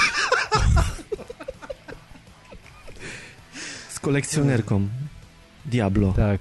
Z figurką. Na przykład. Nie, z Na oryginalnym przykład- wydaniem y, amerykańskim gry Duke Nukem y, 3D. Bo wiem, że I- jest w posiadaniu redak kolegi redaktora. Czyli udało się I, kupić. No. i, trzeba, I trzeba wymyślić czterolinijkowy wierszyk z, opisujący największą wadę Preza. To, że jest gruby, to nie jest wada. To jest feature. Ryja nie pozdrowiliśmy. O matko. No i co? I co teraz? Ale to pres powinien pozdrawiać. A się zmył najwcześniej. Dlaczego pres? No bo, no bo pres jest ryja ulubionym podcasterem, nie? A nie Czy ty? już pomyliło. Ty jesteś. Ja? Ty. Nic już nie ogarniam. Ty jesteś ulubionym podcasterem Ryja, jest gruby. Ha, to to mi się pomyliło. To ja, to ja pozdrawiam ryja i już wychodzę. Do widzenia.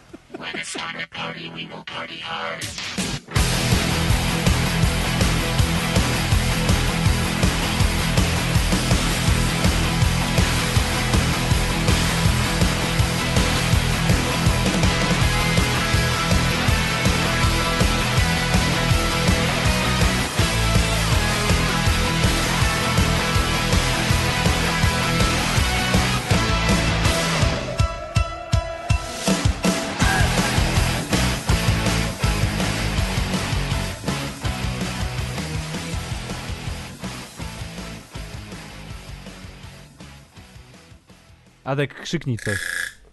Czekaj, coś dziwnego było słychać. To To Adek? Mówię, mówię cały czas. To był wibrator. Teraz dobrze już, Adek, cię słychać. On podnosi Obleć. główkę? Wyżej się nie Podnosi da. główkę. Co, Marek co on, ja Grzegorz. chcę wiedzieć, co oni tam robią. On podnosi główkę. Zabij go, zabij go!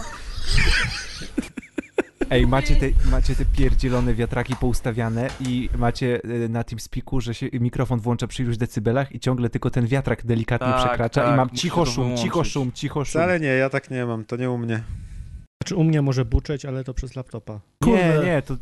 O, Nie teraz już jest dobrze. tego wiatraka. Cooldown naprawił. Jaką masz? W majtki w sobie sadziłeś. No nie, nie właśnie nie mam Aha, metody, dopiero aha. szukam. To zrób sobie jakieś te okłady z ręcznika w tym. W Okłady z ręcznika. U mnie jest taka temperatura, że okład z ręcznika zacznie być gorącym okładem w przeciągu 5 minut. U mnie też Ale jest tak gorąco, tak zrobiłem sobie gaciach, lodowatą nie? kawę, więc wiesz. Ja zawsze Kurwa. siedzę w gaciach. Nie wiem, mi w ogóle nie jest No, gorąco. Kurwa, ja już, ja już płaczę, że się lata kończy. mają, wiesz, inną temperaturę ciała. A, bo tłuszczu nie mają. 36, tylko No. dokładnie. to Wiesz, ja to jakbym w płaszczu siedział się czuję. O, Zupełnie innym. smalec z fasoli to weź, gdzie to tłuszcz. Tak, tam było ich siedmiu, człowieku. O, gangbang. Niektórzy mieli brody. To O. lubisz. Najgorzej. Na misia. Ale na tym? Na twarzy? Na twarzy, no. Brody na twarzy. Okej. Nie mogli mieć brodę jak nie na Dziwne. twarzy. Dałeś grać w Standard? Yy, chwilę tylko, ale to tam Hit nie, całą go... No nie wiem, Kula bo ja godzinę grałem. Może nawet nie, z 50 minut. Albo może nie, dobra, No może to była po tej godzina. godzinie 50 minut hit czy kit?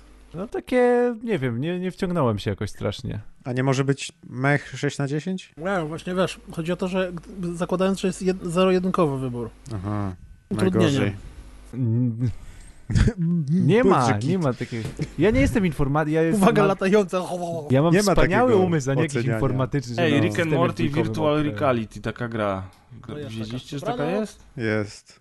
Dobranoc, to już kończymy, tak? Dobranoc. No, dziękujemy za wysłuchanie odcinka ja teraz 41. Maciek, wysyłam ci już ścieżkę. Okej. Znaczy w sumie nie musisz, bo Nie ma co, nie? ciszę. Ściągnięcie razem tą samą. coś z dwóch stron zaczniecie i się na środku spotkacie. O, jak zakochany szczeniak. No to co, dzieciaczki, zaczynamy? Adka nie ma. Adek Poczekaj powiedział, jeszcze że kurwa mam Adek, robotę. Adek coś robi. Ale Adek tak w ogóle dziwnie brzmi. Nie poznaje Adka. że Czuje się... On powiedział, kurwa, mam robota chyba, że mu, te, że mu wiesz... Tak, yy, Decepticon go atakuje. No. Słyszymy cię. Ja zrozumiałem, że ma robotę. No, Cicho, zamknij się, Adek, słyszymy cię. Powiedz coś. mam robota, bo przycina mi internet trochę i nie wiem co z tym zrobić. Rozłącz się i połącz jeszcze raz. To mi pomaga zawsze. Jaki masz zasilacz, powiedz to. Czarnej listy? No, Ale gdzie? Gdzie No, jak, jak się odzywasz, Adek, to buczysz poza tym, nie? No buczę i będę buczał. No i dobrze. Fight the power. Fight the power. Power to the people. Nie no, O. jestem do laptopa podpięty. To nie Laptop podpinaj się To do- się podepnij do lodówki czy coś, no. To już rozmawialiśmy. lodówka buczy? Dobrze, ale Adek, czy Wiecie ty czemu nas lodówka buczy? dobrze? Czemu? Bo Słyszę, agregator tylko chodzi. czasem mam robota. Nie, Żeby bo ją w nocy znaleźć bez światła. Jak lodówka ma taki kabel, co buczy. Jakbyś ten kabel ciągnął i za nim poszedł, to by się okazało, że ten kabel idzie do Antarktydy i tam pingwiny siedzą. I to one buczą. A wiecie, że pingwiny mają kolana? Wiemy. Takie małe. Nie wiedziałem. A y, Kuldan jak mówi, to też buczy, więc myślę, że możemy już po prostu zacząć Same nagrywać. Ja i buczę? Będzie odcinek buczący, tak.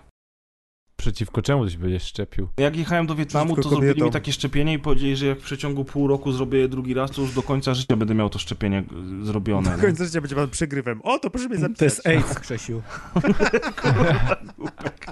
Nie, jakiś tężec czy coś. No i co, 150 zł i ci tam pewnie ten wstrzykują, sól fizjologiczną, nie? Ale jak Kują się mi, zaszczepi- szykują mi tam płaską No, ziemię, posz- wiesz. A jak się zaszczepisz jeszcze drugi raz za 3 miesiące, to lewitacja będzie, nie? A potem za rok dru- kolejna dawka, tylko za 3 stówki, to wtedy będziesz przez ściany przechodził. A po czwartym się resetuje. Tak. W ogóle mam wrażenie, że Kurde. to jest Timper z siebie, bo ja też czasem mam robota. Ty masz buczenie. Masz Masz buczenie, buczenie. stary. Ale na Audacity nie mam buczenia, to jest bez sensu. No ale my musimy słuchać tego buczenia przez najbliższe 4 godziny. No ale tutaj mogę poprawić. Nie, to dobra, już nic, No. przeżyjemy to jakoś. Po prostu nie No mów nie dzisiaj za odzywaj dużo. się. No. Myślę, No, że to będzie... siedzieć nic cicho. nie zmieniałem. Mogę komputer zastartować, on się będzie 5 Nie, minut dobra, Nie, dobra, nie, spoko, nie, spoko. to- Nie, Gdybyś naprawdę kupił, takich kupił peceta za drastycznych 5 środków tysięcy. Słuchajcie, kupił ja peceta za hejta 5 na tysięcy. Tak, i on stoi w rogu. Od razu go popsuł Ale gram na nim. programami, jakimiś bzdetami. Regularnie Teraz na nim gram przecież. Nawet nie przeinstalował Siadasz na nim, żeby grać na nie działa i nagrywa na laptopie, nie? I tak bym nagrywał na laptopie, bo to mam wygodnie podłączone wszystko i przecież tego komputera Tak, nie będę... wygodnie. Siedzisz na tym krześle, garbisz się 4-5 godzin, to jest niezdrowe. Oczywiście, że Oj tak. tam. Jajka ciśniesz No. brzuchem, kolanami, człowieku. O matko, Tak. Pani Tylna ściana miednicy naciska ci na dwunastnicę, przez to gazy. Otworzyłem drzwi na balkon, bo jest zajebiście ciepło, więc odsunąłem Bo zasłonę. lożki będą do ciebie Uważaj że z bloku, z bloku u góry nade mną jakiś koleś w oknie właśnie strzelił fleszem. Na bank to jest paparazzi, zrobił mi zdjęcie. Już myślałem, że nagrywam w gaciach. strzelił. I, Też jutro, I zamknął okno, zobacz, skumał się, że widziałem go. Jutro będzie na fanpage'u Jutro będzie to fan. w tym, w, w, jak to się nazywa, na pudelku, nie? Nie, ale świetna kapela, te dwa sławy. Mm, mm, No. mm. Wal się.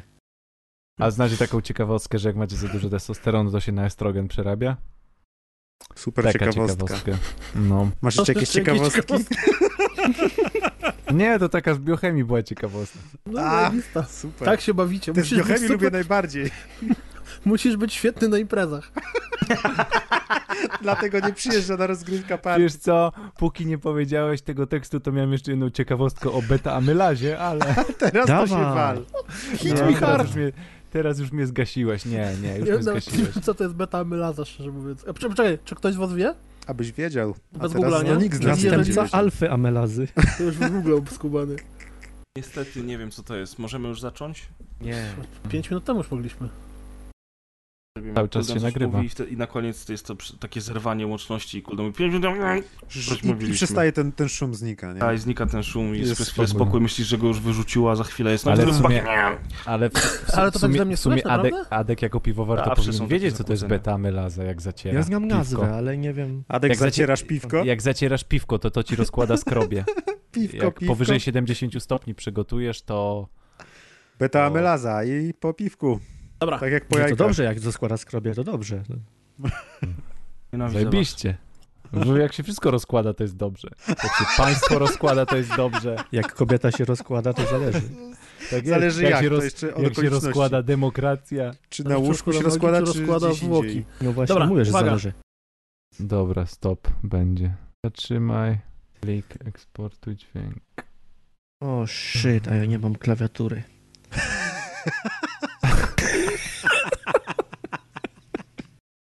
No, ja się No, muszę ale ale jest- paszport rano ustawić z kanapkami. Lepiej nie idź spać, tylko już tam. No, będziesz pierwszy, jak teraz pójdziesz. Wątpię. Asia jak chodzi do lekarza z nogą, jest taki lekarz, który przyjmuje tylko 15 ludzi tutaj i Ale ludzie wo- zaczynają ale- się ustawiać o ale w ogóle rano. W ogóle 15 ludzi przyjmie tutaj, już nigdy nie wraca do tego miasta. Nigdy, to jest razy. jego limit Tak, na, tak. na jego edukację. Mówię, od trzeciej rano ludzie stoją. Asia była ostatnio jakoś w, pół do szóstej i była 18. Oj, no to już, to już można klamkę całować. No w teorii tak, ale trójka ludzi się rozmyśliła, więc... A jest zawsze szansa, że umrą, zanim doczekają, nie? I wtedy Ale wskakujesz to, od razu. jak to, nie rozumiem jak to się rozmyśliła. Przyszli o czwartej, Tak. I była godzina, nie? A oni, już mi się nie chce.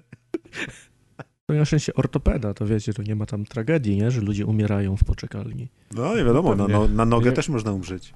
no, No a jak ci kość no. wystaje. Jak masz gangrenę, Jak ci kość wystaje, to chyba nie idziesz do jak ortopedy. masz gangrenę ci wystaje kość, to idziesz do ortopedy.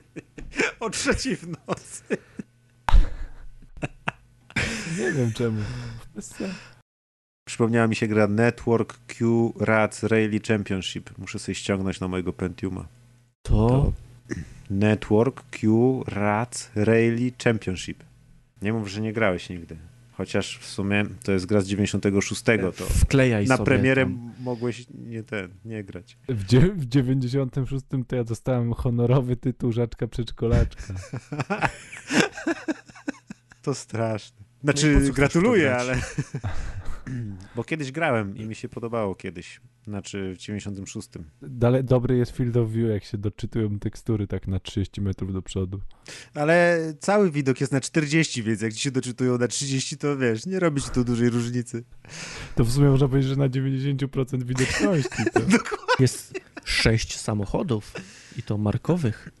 No, Ford fajne. Escort na przykład. Jeździłem tym niebieskim i tym żółtym zawsze. I była taka jedna plansza, gdzie był taki Koda skok. Felicia. I olewałem w ogóle wyścigi, tylko jeździłem w tej we w tej, po, po tym skoku skakałem, po, tym, po tej górce.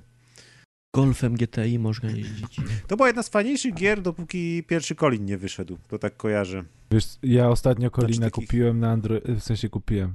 Grałem na Androidzie w tego androidowego Kolina, bo myślałem, że to jest po prostu remake y, jedynki albo dwójki.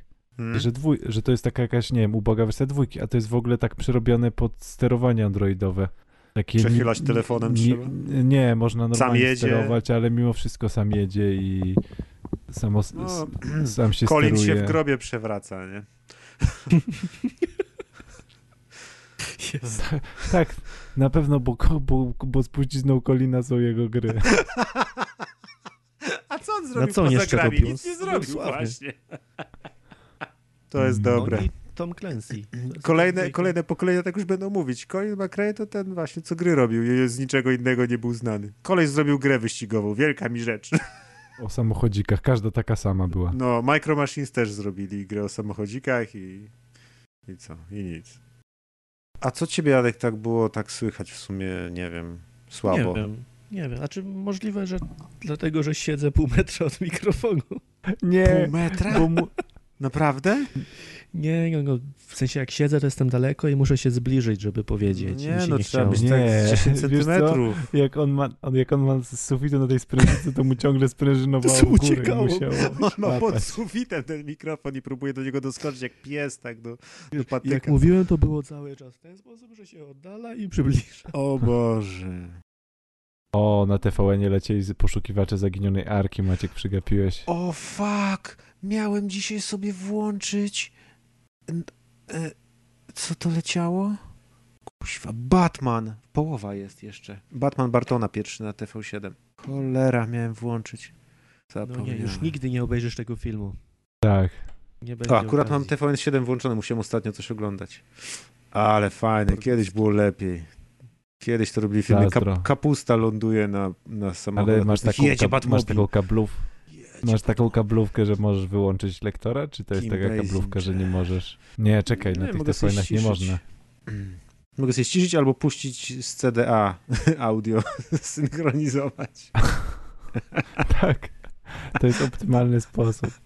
Zawsze tak oglądam filmy. Puszczam z telewizji, ściszam i włączam z CDA z kompa oryginalne dźwięki.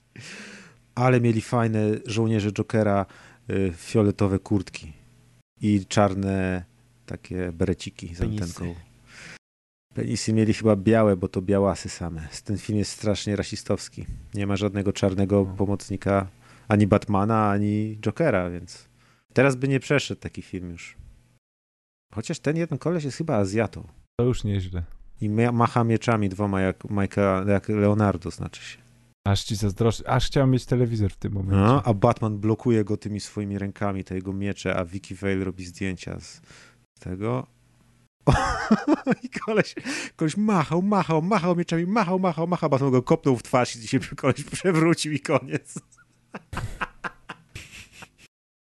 Jednego kopa mu sprzedał, a ten się tyle namachał. To jak ta scena z Indiana Jonesa, co zastrzelił tamtego kolesia. Jej, oglądam sobie screeny teraz. Czego? No właśnie z tego Batmana. Patrzę sobie na kolorki. A kurde, fajna jest teraz taka Blu-rayowa cała edycja tego serialu e, Batmana z lat 60. Aha, E, tego co? jest o, tak, jest on nowy, ta, ta, co z rekinem walczy i tak I z dalej. bombą co, biegnie, tak. I z bombą biegnie. Klasyczny Batman. I to jest Ten super. najlepszy. I to, I to jest super, bo to jest całe odnowione, ale to w ogóle jakieś miliardy pieniędzy kosztuje. Aha. Miliardy, miliardy pieniędzy. A nie wiem, czy w ogóle jest do sprawdzenia. Pewnie nie, wszystko jest do sprawdzenia w internecie. Bo zawsze z tymi starymi rzeczami jest tak, że to jak odpalisz, to nawet nie widzisz, przez piksele się nie przebijesz, jak to nie jest żadna odświeżona wersja. Patronami montażu są Łódzki Dom Kultury Pa- Paweł Las Jedi 84 Lumiński i Faza